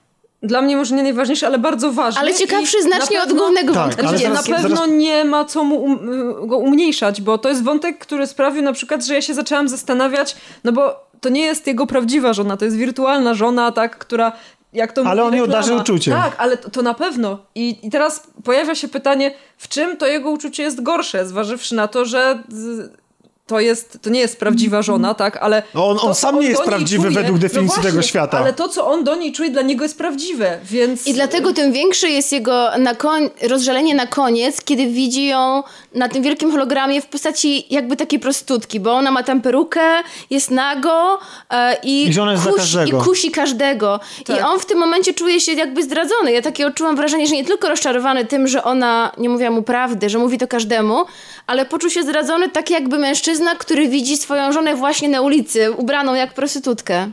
To Wiesz co, to jest bardzo ciekawa interpretacja, bo ja ten wątek widzę totalnie inaczej. Zupełnie, a ja- inaczej. ja właśnie tak to zrozumiałam. I, jeszcze mam, dokładam do niego jedno, jedną warstwę. Dla mnie, gdyby w filmie nie było w ogóle żadnych Mhm. innych wątków, tylko był ten wątek jego, jego z żoną, to jego przemiana i wyzwolenie się i zerwanie więzów i y, taka postanowienie ostatecznego buntu byłby właśnie możliwy dzięki temu wątkowi z żoną. Mi się wydaje, że ja tak interpretuję, i to jest świetne, że, że, bo ludzie się zastanawiają nad tą sceną ostatnio, kiedy on spotyka Joy jako hologram, kiedy on już ją traci, po tym jak ona powiedział mu, że go kocha, po tym jak mu się przez cały film była dla niego idealna, ubierała się tak jak chce, zachowała się tak jak chce, podejmowała ważne decyzje takie jak on chce, poświęcała się dla niego, rezygnowała z pewnych rzeczy, mówiła mu to, co mówi reklama. Będę dla ciebie wyglądała i powiem ci to, co chcesz No to, co usłyszeć. chcesz słyszeć, tak. I on widząc ten hologram na samym końcu, sobie uświadamia, moim zdaniem, ja tak to interpretuję, że de facto, po pierwsze, że on został oszukany, to znaczy ktoś mu wmówił, jakby zaprogramował y, to, to jego życie, że to jego uczucie nie było prawdziwe, znaczy jego, jego do niej, można to tak interpretować, ale, to, ale ważniejsze nawet, że on sam się stał tak jak ludzie wobec niego, że on oczekiwał wobec tej swojej żony pewnych zachowań, pewnej posłuszności, że ona zrezygnuje z własnego bytu, że po pierwsze, że go będzie kochała, po drugie, że, mm, że ona zrezygnuje, bo on niezależnie od sytuacji, ta żona zawsze robiła to, co on, bo takie, tak była zaprogramowana, to, co on chciał. Jak on był zagrożony i musiał opuścić swoje miejsce zamieszkania, swój, swoje miejsce zamieszkania, to jest jakiś termin z PRL-u w ogóle, jest swoje, swoje, mm, swoje mieszkanie, to ona podejmuje decyzję, jadę z tobą. Mówi mu, kocham cię, wtedy, kiedy powinna mu powiedzieć. Jest idealna dokładnie w każdej sekundzie taka, jak powinna być. Pomaga mu, wspiera go. Jest dokładnie tym, czym on jest dla ludzi. I ja to interpretuję w ten sposób, że on widzi, rozumiem. że on ją zaczął, że, o, że, że widzi swoje, swoje niewolnictwo w niej. Że ona jest dla niego takim niewolnikiem, mimo tego, że on ją bardzo kochał. I ci ludzie mogą go szanować, na przykład jego przełożona i tak dalej, co nie zmienia faktu, że on jest po to, żeby wykonać jakąś robotę. Ona jest po to, żeby... Tak jak ona była dla niego, Tak. to on jest dla innych, dla to- ludzi. Tak. I Ja, ja, to, trochę zmierzałam właśnie do tego, co ty powiedziałeś, w sensie, bo, bo wyszłam od tego właśnie, że on na pewno jakby, jemu się wydaje, że to uczucie, którym on ją darzy jest prawdziwe, tak, że, że i on ją kocha i ona jego kocha i, i jakby to, to wygląda tak, jak powinno wyglądać, a właśnie w ostatecznym rozrachunku, jak on widzi ten hologram, to właśnie on się czuje podwójnie oszukany przez to, że, że właśnie ona dla niego tak naprawdę była tym, czym dla każdego, tak? I, I że on to- być może sam nie był fair wobec Tak, tej i że, jego i że miłości. on jakby zamiast y, też nie, nie do końca myślał o niej, tylko i tak w tym ostatecznym rozrachunku myślał o sobie. Zresztą ten wątek też jest takim no, dosyć banalnym, ale jednak pytaniem o to, czym jest prawdziwa miłość. Czym jest taka nieskalana, czy, czy nie, nieskalana prawdziwa miłość jest pełnym oddaniem i pytaniem, kto komu ma się oddawać. I tutaj na przykład dochodzi właśnie y, taki kontrast do tego, co ty powiedziałeś a propos tego interpretacji, że widzisz swoją kobietę jako prostytutkę na ulicy, to ja to czytuję jako taki e, przekaz feministyczny, że to jest żona idealna. Siedzi w domu, poznaje świat dzięki mężowi, on jej na to pozwala, w nagrodę ją zabiera, kupuje jej prezenty, pokazuje jej świat, uczy ją tego świata. Ona jest taka, wiecie, niewinna, siedząca w domu, jest idealna. To jest ten słynny trop, który ostatnio Tak, i się ona może pojawia, wychodzić z domu tak. tylko wtedy, kiedy on wychodzi, tylko z Dokładnie. nim i wtedy, kiedy on I jej on pozwoli. uczy i, i po, tak, pokazuje jej świat i w ogóle. Więc dla mnie to jest takie, i tak. takie, taki, na takim podwójnym dnie ten wątek taki feministyczny, że każdy mężczyzna e, patriarchalnie patrzący na świat i w tym naszym patriarchalnym społeczeństwie, gdzie pewni, pewni mężczyźni do swoich kobiet nadal są, podejrzewam, rodziny tak skonstruowane, w ten sposób wyglądają, e, że, żeby on się, żeby, żeby, żeby ci ludzie się w tym przejrzeli i mogli odnaleźć jakieś, że, że traktują swoje żony jak niewolnictwo. A jak jesteśmy przy niewolnictwie, to jest to bardzo istotny wątek w tym filmie. Nie? Tak. No tak, jest. No Bo tak, raz, no. że sami replikanci są traktowani jak, jak niewolnicy, są porównywani do tego i w ogóle są w zastępstwie niewolnictwa, ale też, bo Wallace mówi takie zdanie, że e, obecnie świat nie, nie przyjmuje do wiadomości, że niewolnictwo istnieje. Ja sobie tak na początku pomyślałem, że metafora replikantów jako niewolników to jest taki już trochę wytarty banał w naszych czasach i właściwie to nie jest takie potrzebne, no bo faktycznie zgadzam się z Wallace'em, że niewolnictwo zostało zlikwidowane. Po czym film mi brutalnie kopie w między oczy, mówi nie, nieprawda, że niewolnictwo nie zostało zlikwidowane, bo niewolnictwo istnieje, tylko ty, wygodny człowieku z świata zachodniego, jego nie widzisz. Pokazuje nam, co nawet nie jest żadną wydumaną metaforą, jest chamskim pokazaniem prosto mi w twarz. Znaczy chamskim, no dosadnym. Takim, żebym przypadkiem się do tego nie uciekł. Stary, niewolnictwo istnieje. W Indiach, w Azji, dzieciaki wykonują niewolniczą robotę i robią, produkują twój świat. Tak jak tutaj cie, te dzieci... e, Tak, tam- które rozkładają części komputerów i jakie, jakąś tam Tak, na tym elektronikę. Nikiel wydobywają po to, żeby budować statki dla, dla kolonistów. I, i to, jest, to jest bardzo bezpośrednie, bardzo niemetaforyczne, ale dla, moim zdaniem właśnie przypominające mi to, że niewolnictwo nadal istnieje i że, e, że warto o tym mówić. Że warto... A wiecie, co mi przypomniała ta scena? E, filmy lub w ogóle powieści e, Dickensa i sceny takie jak, jak z Olivera Twista. Wiecie, taki jakiś... E, Sierociniec, o, o, sierociniec tak. albo nie tylko sierociniec, jakiś obdartus, który ma gang swoich dzieciaków, one coś tam dla niego robią, muszą tam dłubać i są takie biedne, nieumyte, nikt o nie nie dba. On ma swoją wielką książkę i każdemu może sprzedać dzieciaka za jakąś tam kasę, kto będzie chciał. To mi się No wydało, jakby ta historia zatoczyła koło. Jakbyśmy wrócili do tego XVIII czy XIX wieku. I to, się, to dla mnie było takie dołujące i smutne strasznie. Nie wiem, jakoś ta, ta scena z dziećmi... em, Właśnie z tego powodu wydała mi się naj, najstraszniejsza, że one są właśnie takim towarem, które można sprzedawać. Tak, ona, ona była bardzo smutna, zwłaszcza, że ten, ten człowiek, który zajmował się tymi dziećmi, zakłada od razu na dzień dobry, że Kay przyjechał tam do niego, żeby sobie takie dziecko kupić, tak? I, i zaczyna opowiadać, jeszcze mu grozić, że ważniejsi od ciebie tutaj. I zwróć uwagę, E, jak te dzieci się przy tak. nim zachowują, Tak, jak tak, drżą, no. nie mogą podnieść oczu, a on e, w pewnym momencie coś, któremuś dziecku coś, coś tam się wydarzyło. I on miał je ukarać, ale przy gościu tego Mhm. Ale nie się- robi. tak, ale się I te dzieci już tam wszystkie zadrżały. I no to była dla mnie mocna Tak, scena. to była, to, to była taka scena mocno niepokojąca. Ja się tak niefajnie poczułam po- podczas tej sceny. I rzeczywiście Tomek ma rację, że tak naprawdę nawiązuje do tego, co tak naprawdę się dzieje. No, Dokładnie. niewolnictwo istnieje nadal, mimo że nam się wydaje, że nie. Co prawda zmieniła się jego definicja, ale to nie znaczy, że zniknęło. No i czas się chyba zająć na najpoważniejszym wątkiem. Na, najważniejszym. Czyli głównym. Trochę mi do, nie, do czyli tego nie głównym- śpieszno, bo szczerze mówiąc, y, no, ale dobra, to powiedzcie o czym, o Tak. czym jest może, bo to nie jest y, dla mnie najmocniejsza strona tego filmu. Bo głównu, głównym wątku a okazuje się, że pamiętna Rachel z pierwszej części była wyjątkowym okazem. To zresztą w ogóle jest, to jest w ogóle dziwne, bo mm, reżyser twierdzi, że mm, on bardzo lubi wersję kinową. Tą, tą, z tym z pozytywnym zako- zakończeniem, w którym Descartes mówi, że Rachel faktycznie była wyjątkowym okazem, e, wy- wyjątkowym modelem po prostu, chociaż tam chodziło o, o przedłużenie życia o tym, że ona ma dłuższy czas życia niż, e, niż, niż te 4 lata. No i faktycznie tutaj nie mieliśmy akurat możliwości sprawdzenia tego, bo zmarła przy porodzie, ale okazała się właśnie wyjątkowym modelem, ponieważ modelem 8, tak? 8S chyba, czy 8, Nexus 8, który, Samsung 8, tak, iPhone S. który okazał się zdolny do spłodzenia dziecka. I dochodzimy do pewnego ważnego momentu w ocenie tego filmu, w ocenie całego Blade Runnera, bo to, o czym chciałem teraz powiedzieć, nie tylko wpływa na interpretację naszą, ale inter- y, tego filmu 2049, ale wpływa na interpretację całości serii i może być potraktowane dwojako, jako wielka wada albo jako wielki plus. Mianowicie, czym właściwie są replikanci? Jeżeli weźmiemy pod uwagę tylko pierwszą część, i właściwie tak jak dzisiaj tutaj rozmawialiśmy, dlatego tego nie prostowałem. Bo często padały słowa robot, android, no bo to się bierze przede wszystkim od pierwowzoru samego Dicka, czy androidy może o elektronicznych owcach. E, ale też i pierwszy film sprawił wrażenie, jakby replikanci to byli, to było połączenie robota, androida z żywym organizmem, jaki cybernetyczny organizm, który jest, który, którego umysł jest skonstruowany na zasadzie właśnie jakichś komputerów, tak? E, którego umysł jest cyfrowy, na przykład ciało jest w jakiś sposób organiczne i wspomagane jakimiś cybernetycznymi ulepszeniami, dzięki temu oni są silniejsi, odporniejsi, wytrzymalsi. No i wiecie, jest wiele tropów, które nam pozwalają to, e, to oceniać w ten sposób, dlatego że em, w tej wersji Workprint, o której mówiłem, która, która, e, która była tym pierwszym montażem Ridleya, e, pojawia się definicja No właśnie chciałam zapytać Tak. cię o tę definicję i z ta- pierwszej części. I ta definicja brzmi inaczej niż definicja, która się pojawia w, teraz w e, 2049. Mianowicie ta definicja z wersji Workprint brzmi replikant, see also robot, czyli zobacz też robot, android, nexus, syntetyczny człowiek e, z parafizycznymi możliwościami. I ta definicja zniknęła w wersji kinowej i późniejszych innych, pojawiła się inna definicja.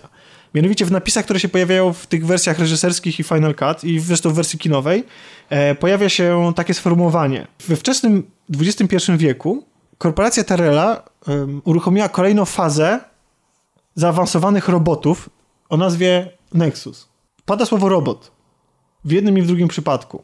Wiemy też, że została nienakręcona scena śmierci yy, Tyrella, w której yy, jest niszczona ta głowa ta za, 20 za 20 tysięcy, o której wspominałem. I yy, z tej głowy miały wystawać elementy hardware'u po prostu, jakiejś elektroniki, co by sugerowało, że replikanci to są androidy. Nie została ona nakręcona, Tyrell się był człowiekiem. Kolejny jakby taki wskazówka na to, że to są jednak androidy takie, wiecie, skonstruowane tak, jakie sobie wyobrażamy, ci replikanci, to jest chociażby śmierć Pris, gdzie Descartes strzela do Pris i jej ciało reaguje jakby było tam jakieś zwarcie, ona się tak nagle rzuca, zaczyna się rzucać, to, jest bardzo, to jest okropna, bardzo intensywna scena, e, ale ona to nie, tak się nie zachowuje, nie wiem, nie strzelałem z blastera energetycznego do, do replikanta, ale zakładam, Ani że, do człowieka. ale zakładam, że tak, że tak może wyglądać właśnie s- y, uszkodzenie organizmu elektrycznego. Podobnie zresztą zachowuje się e, Roy Betty, który przybija sobie niczym Chrystus e, gwoździem e, dłoń, która mu zaczyna szwankować, po to, żeby ją zmusić, wiecie, do, podejrzewam, że jakieś tam mechanizmy w środku musiały pracować. Ja odbierałem całe swoje życie, że to jest cyberpunkowa opowieść o replikantach, którzy są androidami. Tymczasem w nowej wersji, znaczy w 2049 definicja replikantów się zmieniła, bo na filmie pojawia się napis w, de, w tej definicji, że to jest bioengineering human, czyli człowiek stworzony za pomocą bioinżynierii. Ale jednak human. No, istota ludzka podejrzewam, że o No to dobra, chodziło, ale tak. już nie ma nic o robocie. Nie ma nic o robocie. I to jest pewien taki dysonans, bo teraz nie wiem w takim razie... Taka trochę niekonsekwencja. Ale bo... z, ale z drugiej strony, po tym co powiedziałeś e, i po tej zmianie, większy sens ma motyw w ogóle całego zapłodnienia i urodzenia dziecka. Jedyny no bo sens. jak robot miałby stworzyć dziecko? Czy nawet jeśli zawiera w sobie e, organy, Organy. wszystkie ludzkie, to prawdopodobnie on nie jest stworzony do rozmnażania, więc prawdopodobnie mu tych części rozrodczych w ogóle tam nie zainstalowano. Tak Chyba, że naprawdę. zainstalowano je Rachel na przykład, bo, bo ona była wyjątkowa, w Wyjątkowa. jakiś tam sposób. Tak? Ale to nie jest tak, że ten motyw się pojawia pierwszy raz w ogóle w popkulturze, bo filmy czasami, albo gry, y, na przykład Binary, Binary Domain, odwołują się do tego, że androidy mogą mieć y, dzieci. Ja nie kupuję tego, jako, że to są, jeżeli to są androidy, ja nie kupuję tego pomysłu, on do mnie nie trafia, on mi się nie podoba. Znaczy, przyjmuję go, jeżeli okej, no nie podoba mi się po prostu ten pomysł. Bo to Znaczy, by wyglądało... Jeśli jest to człowiek stworzony, e, to znaczy, jeśli jest to człowiek stworzony przez e, bioinżynierię, to jest to możliwe, że wszystkie elementy tego człowieka są całkowicie tkanką Organiczną. organiczną. Nie ma tam żadnych hardware'ów, nie ma tam żadnych przewodów, śrubek i tak dalej. I w tym wypadku byłoby teoretycznie możliwe rozmnażanie. Tak, tylko że wtedy takie założenie sprawia, że dla mnie w ogóle nie ma żadnej dyskusji, jeśli chodzi o człowieczeństwo replikantów. No tak. To sprawia, że... Oni się różnią tylko tym, jak przyszli na świat. Tak Dokładnie. naprawdę. Znaczy, no, różnią się jakimiś funkcjami psychicznymi, tak? Mhm. Bo mogą być w jakiś sposób poś- upośledzeni, tak jak e, to, jeżeli założymy, że replikanci w pierwszej części też byli całkowicie e, skonstruowani za pomocą mm, Mhm. bioinżynierii, tak? Czyli to były organizmy żyjące, bez elementów e, nieorganicznych. to sprawia dla mnie, że to automatycznie właściwie ja, nie mam żadnych wątpliwości co, co jakby natury tego, tego, tego bytu. To jest człowiek, koniec. To sprawia wrażenie, że, No w, tak. że w żadnym wypadku ludzkość nie ma absolutnie żadnego, nawet najmniejszego jakiegoś y, dla mnie y, e- elementu sympatii z mojej strony, jeżeli traktuje w ten sposób swoje własne twory. To, jest, to nie ma dyskusji, tu nie ma żadnego pola do zastanawiania się, i, i czym się różni y, życie y, elektroniczne, syntetyczne od życia prawdziwego, bo to jest prawdziwe życie. Wiesz, Tomek, ale myślę, że jest to możliwe, żeby ludzie tak traktowali twory, także A, ludzkie. To za chwilę, to za chwilę... Skoro niektórzy ludzie mają problem z dziećmi z próbówki i naprawdę autentycznie znam osoby, które mają z tym problem, mimo że to jest tak samo człowiek, tylko po prostu po, powstał już poprzez sztuczne zapłodnienie, to rozumiem, że tak samo dobrze mogą, albo nawet bardziej, mieć coś przeciwko Tak, e, ja, ja osobie też, urodzonej ja w laboratorium. Jestem zaskoczona. Wiesz dlaczego? Ludzie są perfidni wobec siebie nawzajem, wiedząc, że są istotami ludzkimi, potrafią się wyżynać i zabijać. To tak w wobec stosunku- innej rasy, prawda? Tak, to co w stosunku do ich tworów, które w ich oczach są niedoskonałe, bo zostały przez nich stworzone, A nie przez Boga. bo, bo tak, no właśnie, bo, bo może tutaj jest też ta kwestia, że Znaczy, to nie ogóle są, nie mają duszy, bo są stworzone, więc O, są gorsze. Tak, Właśnie. właśnie, nie mają duszy. No właśnie, właśnie, właśnie tutaj... tutaj Tylko czym jest dusza no w właśnie. takim wypadku? Czym no? jest tej To 21 wracamy do gram? Ghost in the Shell. Ale to, to tutaj, W pancerzu. tutaj wracamy, tak, to, to jest podejmowany wątek tego, czym jest, e, czym jest człowieczeństwo, ale już właśnie nie w kontekście tego, e, tego syntetycznego życia cyfrowego, Tak, nie w kontekście tego, z czego się ten tak? e, replikant składa. tylko, w jaki sposób przychodzi na świat. Tak. Masz I tu rację. przychodzi Jezus Jared Leto. Tak, ale, no, nie, ale, ale, ma, I ma, ma, mówi, jestem stwórcą. ale on... Jest- Jestem Jaredem ślepy, Leto. jestem ślepy, dotknę cię. Ale wcale nie Jak zachowuje się, jakbym cię był ślepy. Ale spoko, będę ślepy. No, to jest taki twórca zadający jednak cierpienie. No on jest bo, twórcą, Tak. no on jest trochę, on, e, tylko że bardziej, mimo że nie lubimy trochę tego filmu, ale już bardziej mi się podobał stwórca Fassbender w Obcym niż stwórca Jared Leto. E, Tak, ja, ja jest- też muszę to przyznać, chociaż No. wszyscy wiedzą, jaki jest, Jest mój stosunek do. Mimo, że jest- grał na flecie, jest sam ze sobą. Jest skrajnie pretensjonalny, mówię o Jarecie Leto. Skrajnie. E, i, I jeszcze nie pom- Przeszarżował to po Przesze- prostu, nie przeszarżował, ale też no. nie pomogła temu cała ta jego otoczka, którą budował, Tak. o tym, że jak on się stawał ślepy i Że przygotowywał on się tak do... do przygotowywał się do roli, on Wrzucała, nie widział. wrzucałam wam na grupę, że rzekomo reżyser powiedział, że to było jakby jak Jezus chodzący po wodzie, stał się cud, a ja w tym momencie tam już się skręcałam Jared, ze weź, śmiechu. przestań. Ja mam prośbę do Jareda Leto, Jared zaniechaj. Bo, znaczy nie grania w filmach, jak chcesz to se graj, tylko może nie w takich Ale on jeszcze też śpiewa, to może sobie O, na Marsie na śpiewać. przykład 30 na sekund od Marsie. Marsa tak, ja, może ja, ja, właśnie, właśnie tak jak ja, żartow, ja żartowałem, że, że się re- reżyser nie pokusił o ujęcie e, jakiejś siedziby korporacji na Marsie Jareda Leto. Tak. o rany. I jak wysyła tam jakiś transport i pojawia się komentarz, że za 30 sekund będziemy na Marsie.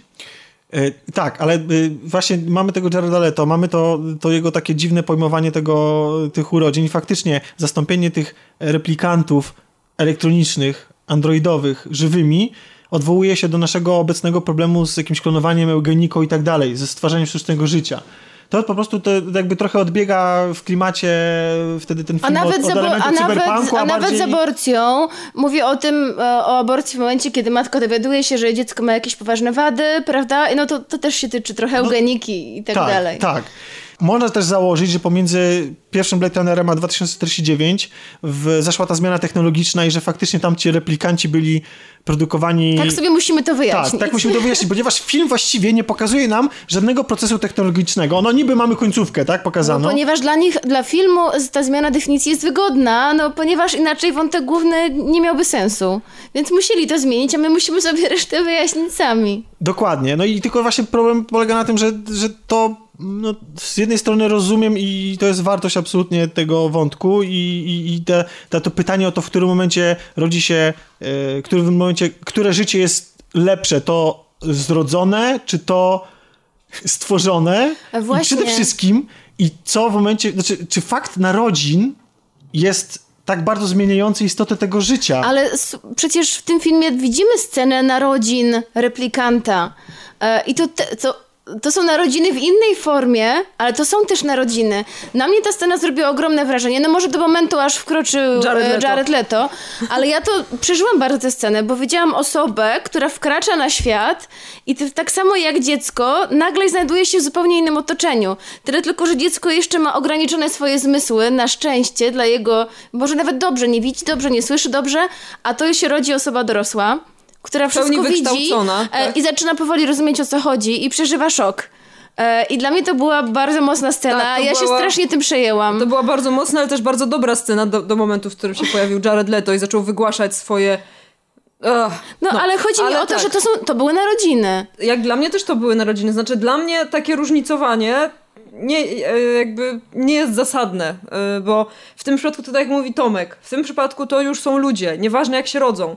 Ale patrząc na to, co się dzieje na świecie, tak jak ty, Kasiu, powiedziałeś, że są ludzie, którzy potrafią twierdzić, że dziecko narodzone jest in vitro, to nie jest dziecko, bo ma jakąś bruzdę, coś tam było gdzieś. Tak, są jakieś dziwne teorie, już Tak, spiskowe. nie ma co mówić. To, to ja zupełnie nie jestem zaskoczona, że ludzie jakby są w stanie też nienawidzić replikantów, którzy są stworzeni, mimo że jakby fizycznie niczym się od nich nie różnią. W- Biologicznie e, też. Na drzwiach napisano mu Skinner?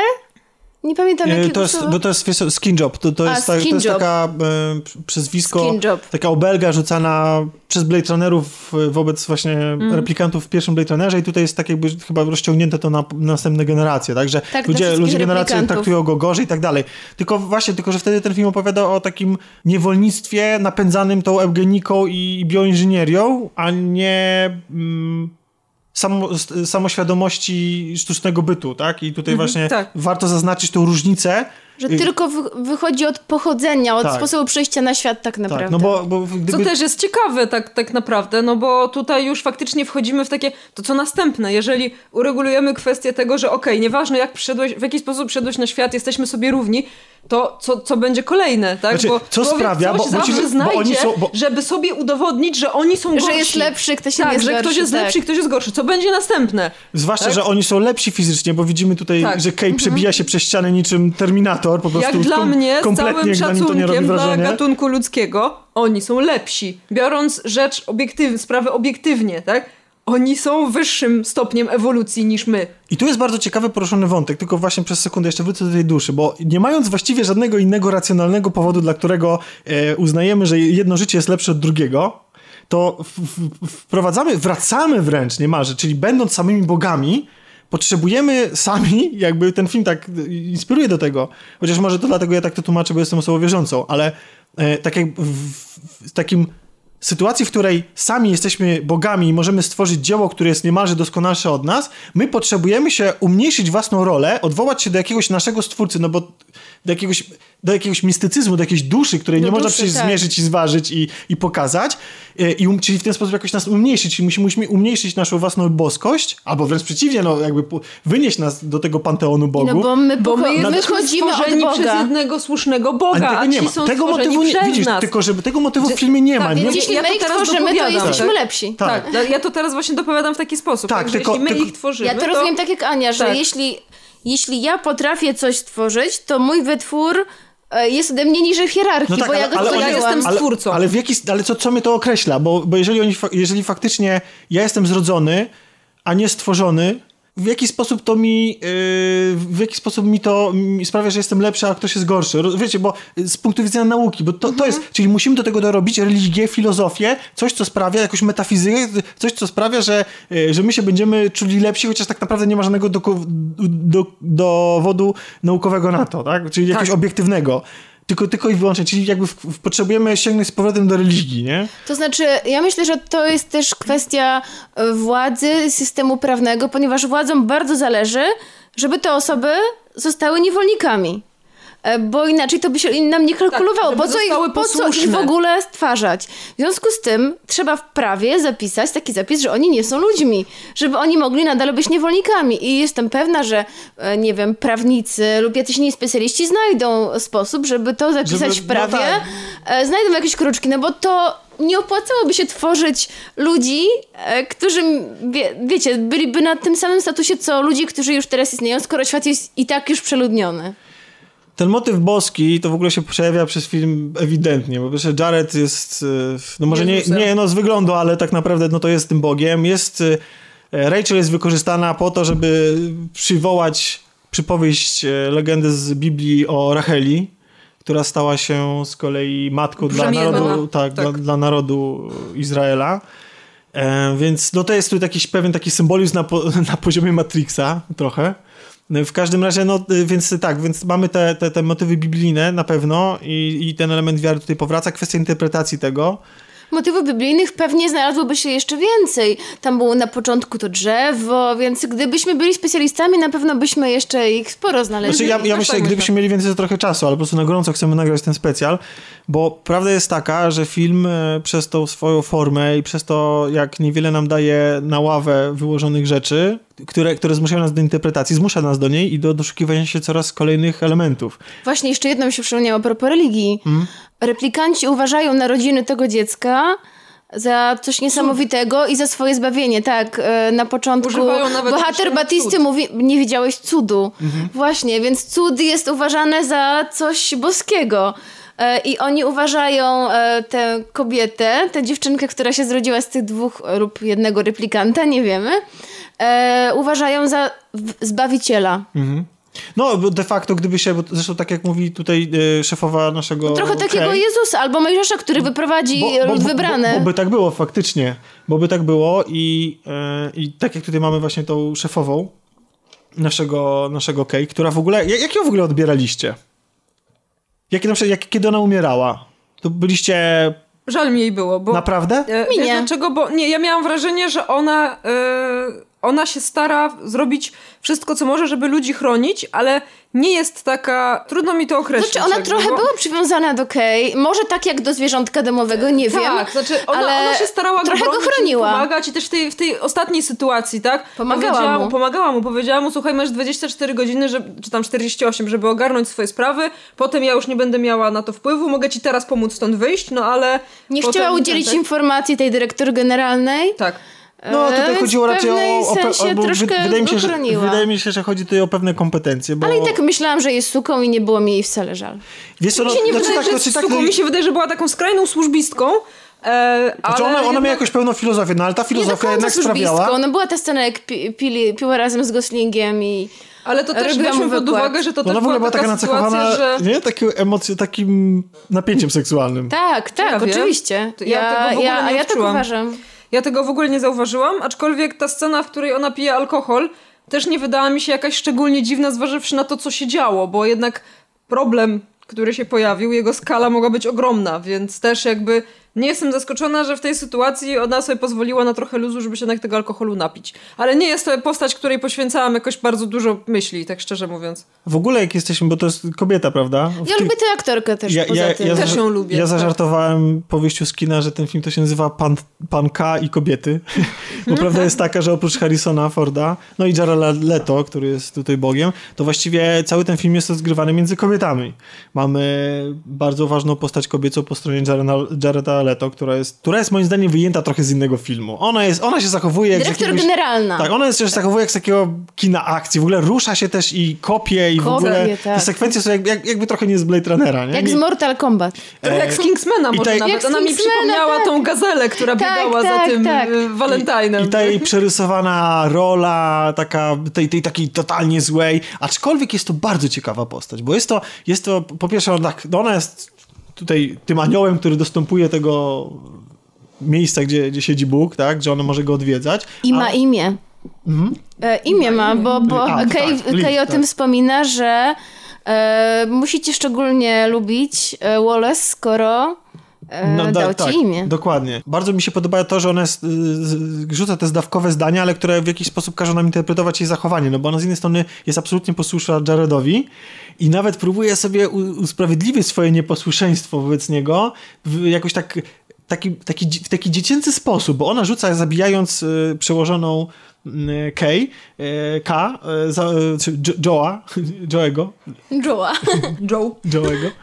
E, Goslinga. Tak, Goslinga. Ona, on- ona rzuca y, takie hasło, że a, bo my nie umiemy kłamać, a może ja powiem y, Jaredowi Wallace'owi. Że ty do mnie strzelałeś, tak, musiałam Tak jakby to miało jakiekolwiek znaczenie. To czy w sensie takim, że takie mam wrażenie, i to jest akurat, to jest mój zarzut trochę wobec scenariusza tego filmu, że on z jednej strony kreśli em, państwo prawa, w którym trzeba przestrzegać, że replikanci jedni, drudzy i tak dalej, że tutaj nie możesz wkraczać, tutaj tracisz jakieś pewne właściwości obywatela i tak dalej, wszystko jest takie podporządkowane, jest ta policja.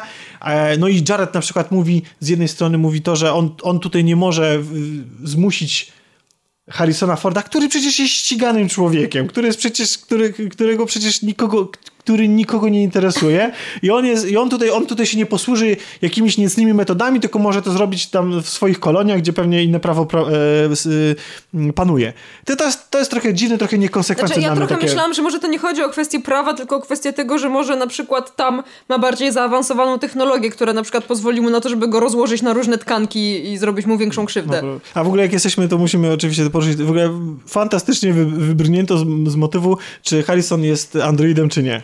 Czy dalej nie wiadomo. Dalej nie wiadomo, bo, bo i, i, i wiesz co, i to by... To by Dlatego powiedziałam, że to jest córka replikantów lub Tak. replikanta. Dlatego, dlatego mi się wydaje, że e, dlatego mi się wydaje, że w ogóle ta definicja, że to są jednak mm, s- nie, m- bardziej ludzie, a mniej androidy. W przypadku Harrisona Forda też znajduje uzasadnienie, no bo po pierwsze on się zestarzał, okej, to jeszcze mogłoby w przypadku organizmu cybernetycznego mieć miejsce, no ale wyobrażacie sobie, gdyby to były androidy, że jakby androidowa sperma zapładnia androidową komórkę, rozumiecie? W sensie, tak jakby Rachel musiała mieć w swojej macicy, nie wiem, cokolwiek, taką małą maszynę, małą fabrykę, która buduje człowieka, który jeszcze po y, wydaleniu go na świat sam sobie roz, rozbudowuje mózg w ramach y, tego, jak, jak wzrasta. I No tak, bo jest mega- replikanci od razu powstawali jako dorośli w pełni rozwinięci ludzie.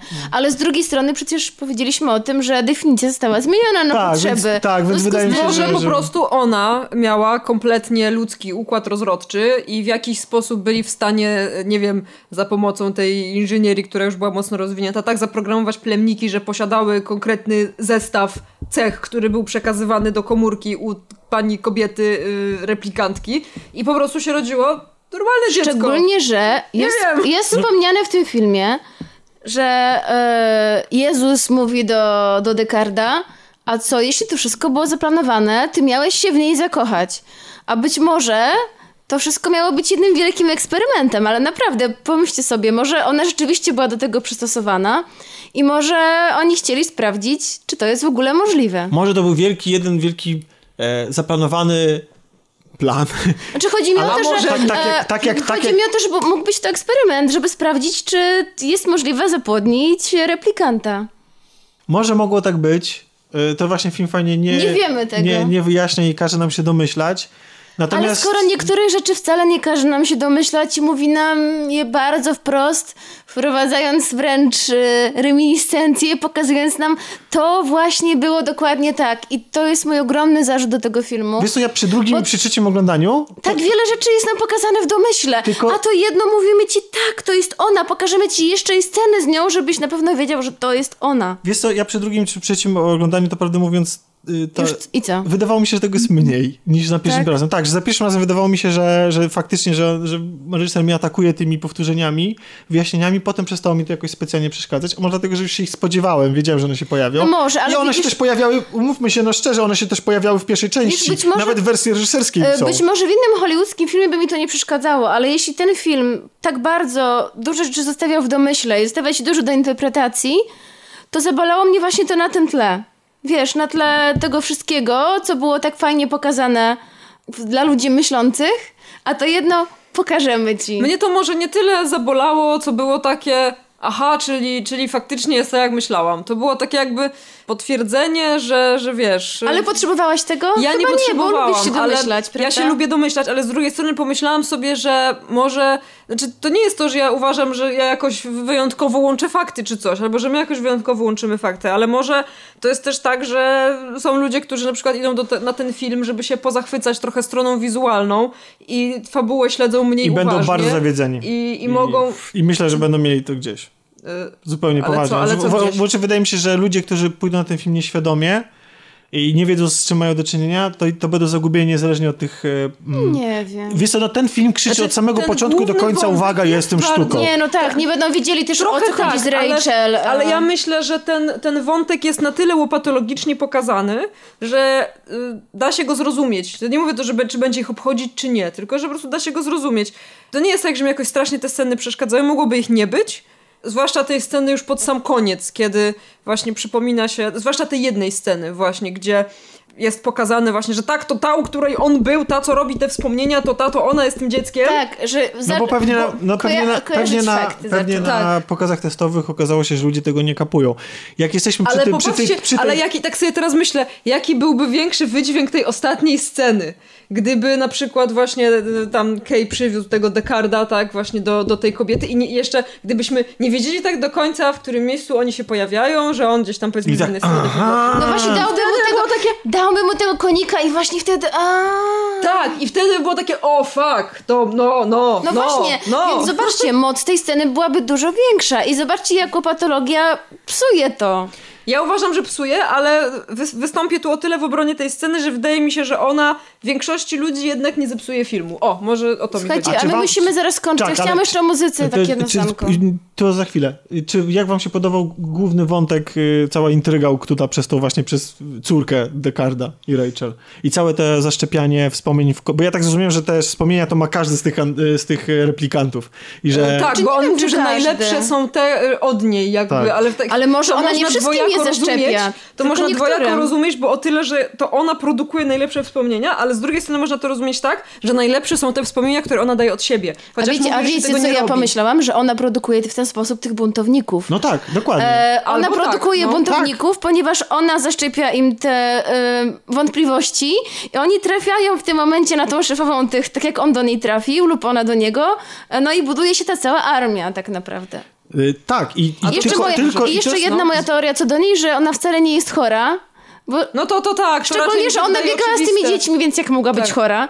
Znaczy, biegała po było, tym ośrodku. Ale tam było mówione, I nie że ma tych to- tej alergii. Że jej się dopiero w którymś tam wieku to Aha. ujawniło. W sensie Ale ona myślę, tak że ona jest tak. schowana za tym szkłem tylko po to, żeby nikt jej nie, z, A to też tak nie poznał, myślę. że ona jest A replikantem. jak jesteśmy przy tym, tylko taki krótki powrót do tego motywu, że tak doskonale kopiuje Blade Runner, znaczy kopiuje, w sensie wpisuje się w klimat poprze- y, 2049 doskonale się y, wkomponuje w klimat poprzedniej części, że nawet kopiuje niejako to, że y, wielkie firmy y, posługują się mniejszymi podwykonawcami, którzy mają swoje gdzieś tam jakieś mniejsze oddziały, których nie poznajemy kompletnie, żadnych ochrony ani nic, po prostu dzień dobry, bohater wchodzi bezpośrednio na tą, na tą postać, nie widzimy żadnej recepcji, ochrona nigdzie nie istnieje, e, ta e, nasza, e, nasz, nasza, zła, e, nasza zła bohaterka od Jareta po prostu wchodzi sobie na komisariat, najpierw e, zabija e, tego koronera, tak? Tak, pakuje kości, I wychodzi. pakuje kości, zabija go, w ogóle nikt nie Zabija widzi, nie ma tam żadnych porucznik. kamer, to oczywiście tak, to oczywiście są jakieś tam dziury.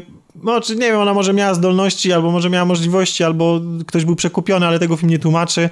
Ale tak naprawdę to są, to są błędy. To To są są- błędy, tak. tylko z drugiej strony one mi nie przesłaniają tego, że ja na przykład właśnie w tej scenie zabójstwa naszej komendant y, policji, to dla mnie ciekawsze było to, niż to, jak ona tam weszła, to było dla mnie ciekawsze, i że, że nikt jej nie widział, bo na kamerze została nagrana, to dla mnie ciekawsze było to, że ona, y, co ona powiedziała do niej, że jak ona się ustosunkowała do jej śmierci, do własnego takiego aktu własnej woli wobec Jareda, prawda? Do, No właśnie, więc tutaj a propos własnej woli, mam do was pytanie.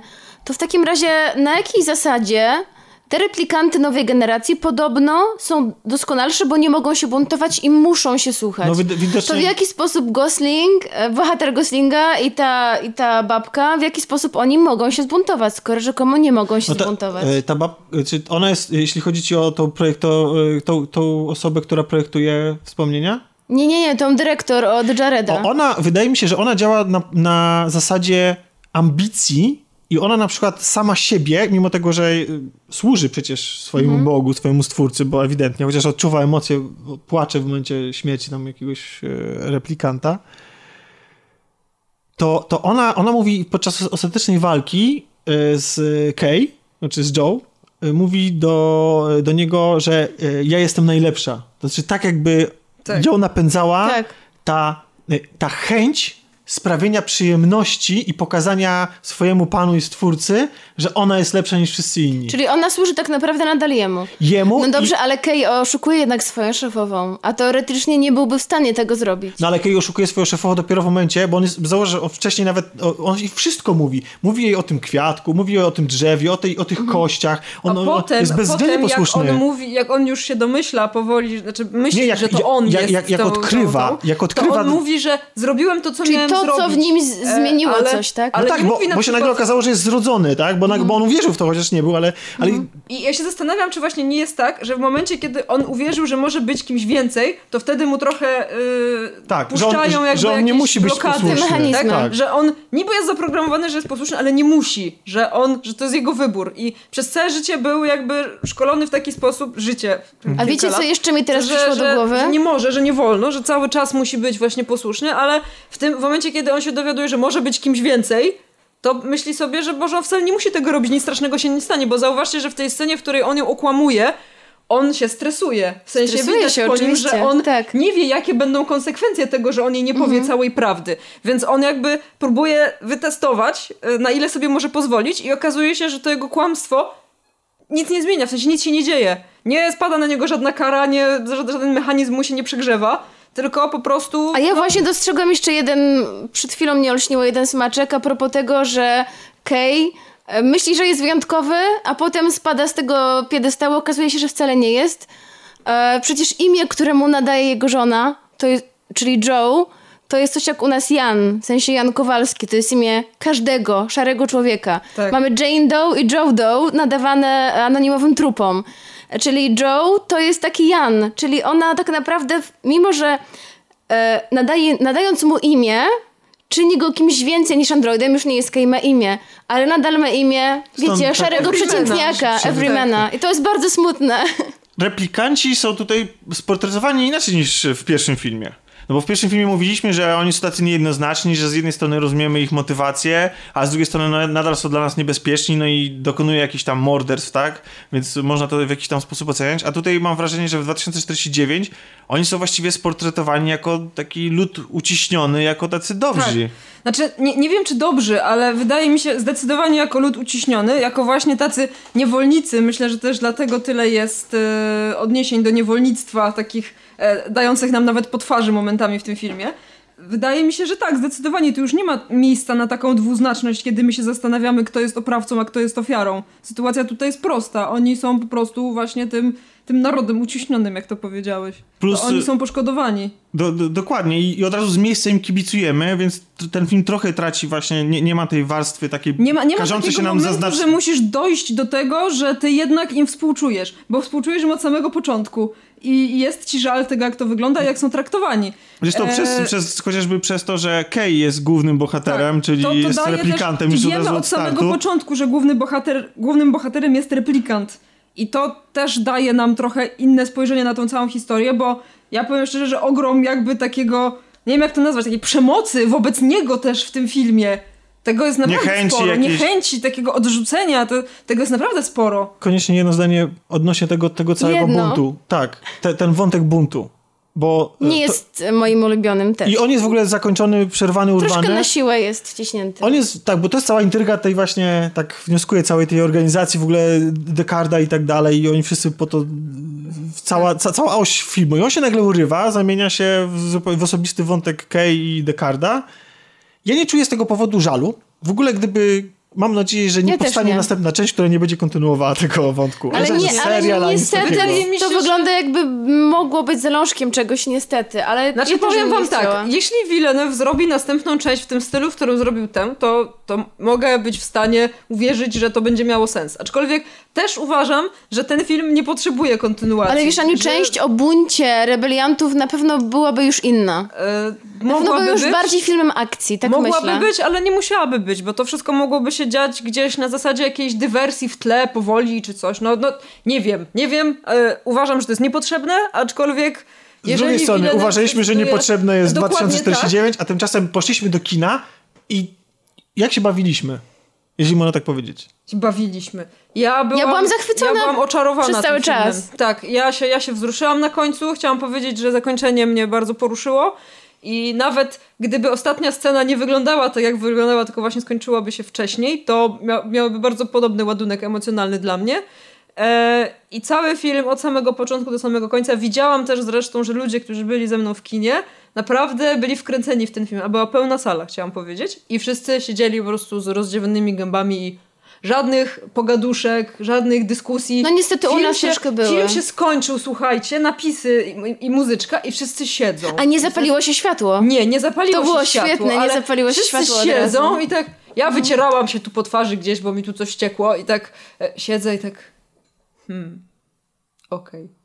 Mogę jeszcze zdanko szybko o tej muzyce, bo chciałam Jasne, powiedzieć, no że właśnie- właśnie chciałem powiedzieć, co e, ci się podobało i nie ja podobało. I, i Tomasz Dziel jesteśmy d- fanami Johanna Johanssona, który tworzył muzykę e, do innych filmów e, Chciałam powiedzieć, że mi już i nie uciekał autobus, tylko. więc nie muszę się spieszyć. Następny mam za pół godziny. E, do filmu Villeneuve i nie tylko, bo on też tworzy nie tylko muzykę filmową, strasznie lubię jego twórczość i, i e, czuć było jego rękę w tym soundtracku, ale niestety, no jeszcze go dziś troszkę posłuchałam i z kolei nie jestem fanką Cimmera, bo uważam, że jest on, ostatnio stał się już dużym megalomanem, bardzo się powtarza i, i stosuje ciągle te same motywy, te same chwyty. I e, tak jak zaskoczyła mnie na plus e, jego ścieżka dźwiękowa do Dunkierki, tak tutaj znowu słyszałam te same motywy, a jednak Bo on, wiesz, był dodany w ostatniej chwili i to było tak, że powiedzieli mu, ej stary, słuchaj, tu masz ten materiał źródłowy tego, tego ziomka, zrób tak, że dodasz tam na końcu coś od siebie, wiesz, jakieś drony, jakieś, No nie więc wiem, troszeczkę- no więc- zrób to na szybko, dodaj cokolwiek. No więc trochę było tego patosu dla mnie za dużo, e, bo Johansson jest znany z tego, że jego ścieżki są właśnie takie, jak mówiliśmy przy Arrivalu, takie ambientowe, bardzo w tle. Mhm. Mamy te drony, to burczenie lekkie i to nam gdzieś tam delikatnie płynie.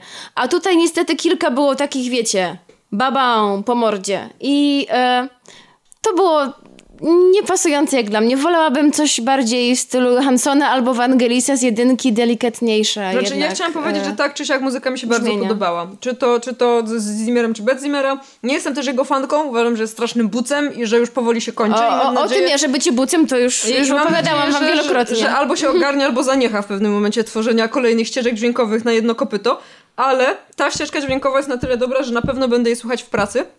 Będę sobie jej słuchać w tle i, i będę to robić z przyjemnością, więc mi się podoba. Ale przesłuchajcie sobie jednego dnia jego soundtracków od Incepcji w górę. Incepcja, Interstellar, Myślę, Dunkierka to i naprawdę one wszystkie są bardzo podobne i Znaczy już tak, tak- są, dlatego ja ich nie słucham. I Już- to, już to idzie nie po są prostu takie na jedno ścieżki dźwiękowe, których chce ci się słuchać po wyjściu z kina, ale w Blade Runnerze była ścieżka dźwiękowa, mimo tego, że maczał tam swoje paluchy wstrętne Hans Zimmer, której będzie mi się chciało słuchać. Hans Zimmer.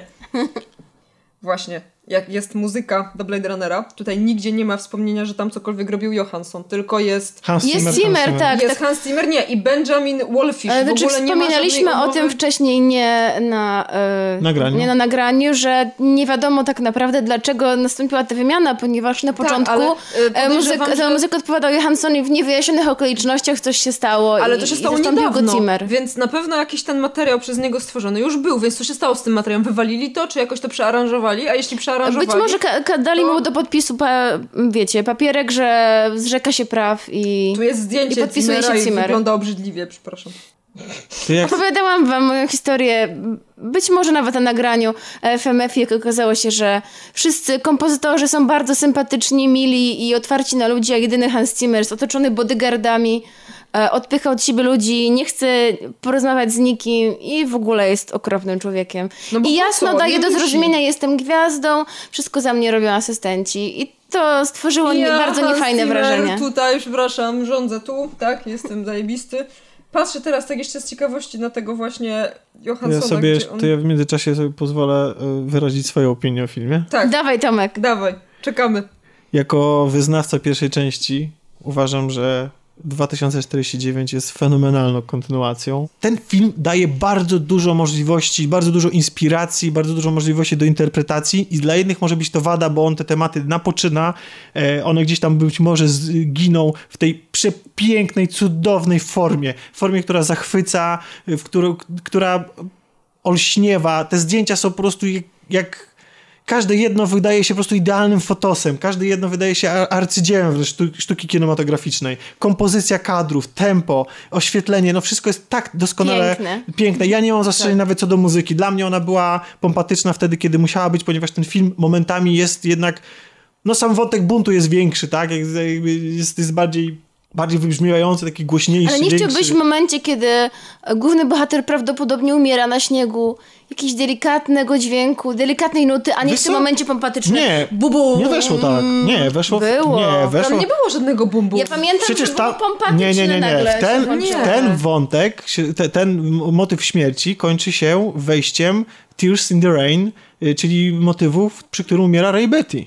Jesteś pewny? Mam Mi się miliard wydawało, że w momencie mnie walnęła ja jakaś muzyka. Mnie walnęły moje łzy. E, Mnie też i ja właśnie w tym momencie miałam, bo mi się Ray Betty przypomniał Więc- i właśnie też, bo też mnie ta jego scena właśnie śmierci bardzo wzruszyła, jak oglądałam pierwszą część, więc y, to było takie, takie ładne domknięcie tego wszystkiego. Więc, więc dla mnie y, te wady tego filmu, które powinienem wymienić jako wady, i je wymieniam tutaj, uczciwie przyznaję, wcale wadami dla mnie osobiście nie są, wręcz przeciwnie.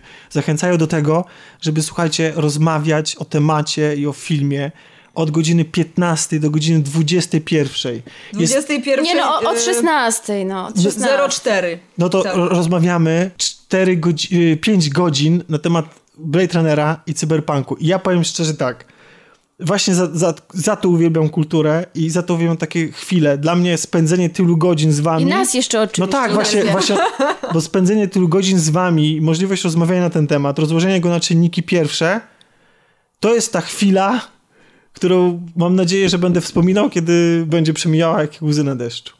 O, wzruszyłam ja chciałam dodać, że mam nadzieję, że wielu z was, którzy obejrzycie ten film, właśnie też, też wam to jakby doda tej takiej chęci, żeby o tym rozmawiać, żeby te tematy omawiać, bo to jest, ja nie wiem, ja tak mam i pewnie wielu z was tak ma, że przychodzi się na imprezę i mówi, słuchajcie, ale ten wątek w tym nowym Blade Runnerze to ja pierdzielę. I później jest dyskusja na 4 godziny, więc życzę wam, żeby ten film, jeśli jeszcze go nie widzieliście, właśnie wam pozwolił na to, żeby takie dyskusje rozpocząć i żeby z nich może coś ciekawego wynieść, a najlepiej to jeszcze w ogóle, żeby się z nami tym podzielić, bo co prawda my już pewnie kończymy, ale jeszcze chętnie porozmawiamy w komentarzach. y, Jasne, na pewno, bardziej na pewno zmęczeni całą dyskusją też ominęliśmy jakieś wątki, nie zwróciliśmy na pewne rzeczy uwagi, e, na które wy zwróciliście, więc oczywiście was zachęcamy do, do komentowania. Tylko komentujcie, bardzo, jesteśmy, jest mi bardzo miło, że, że piszecie do nas prywatnie i to jest w ogóle super.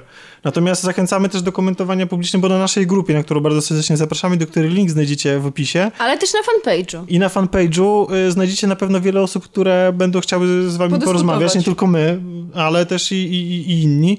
Więc was bardzo serdecznie do tego zapraszamy. Dziękujemy wszystkim za... I zapraszamy też do kolaudacji. Do, zapraszamy do kolaudacji. Mam nadzieję, że w tym tygodniu się ukaże.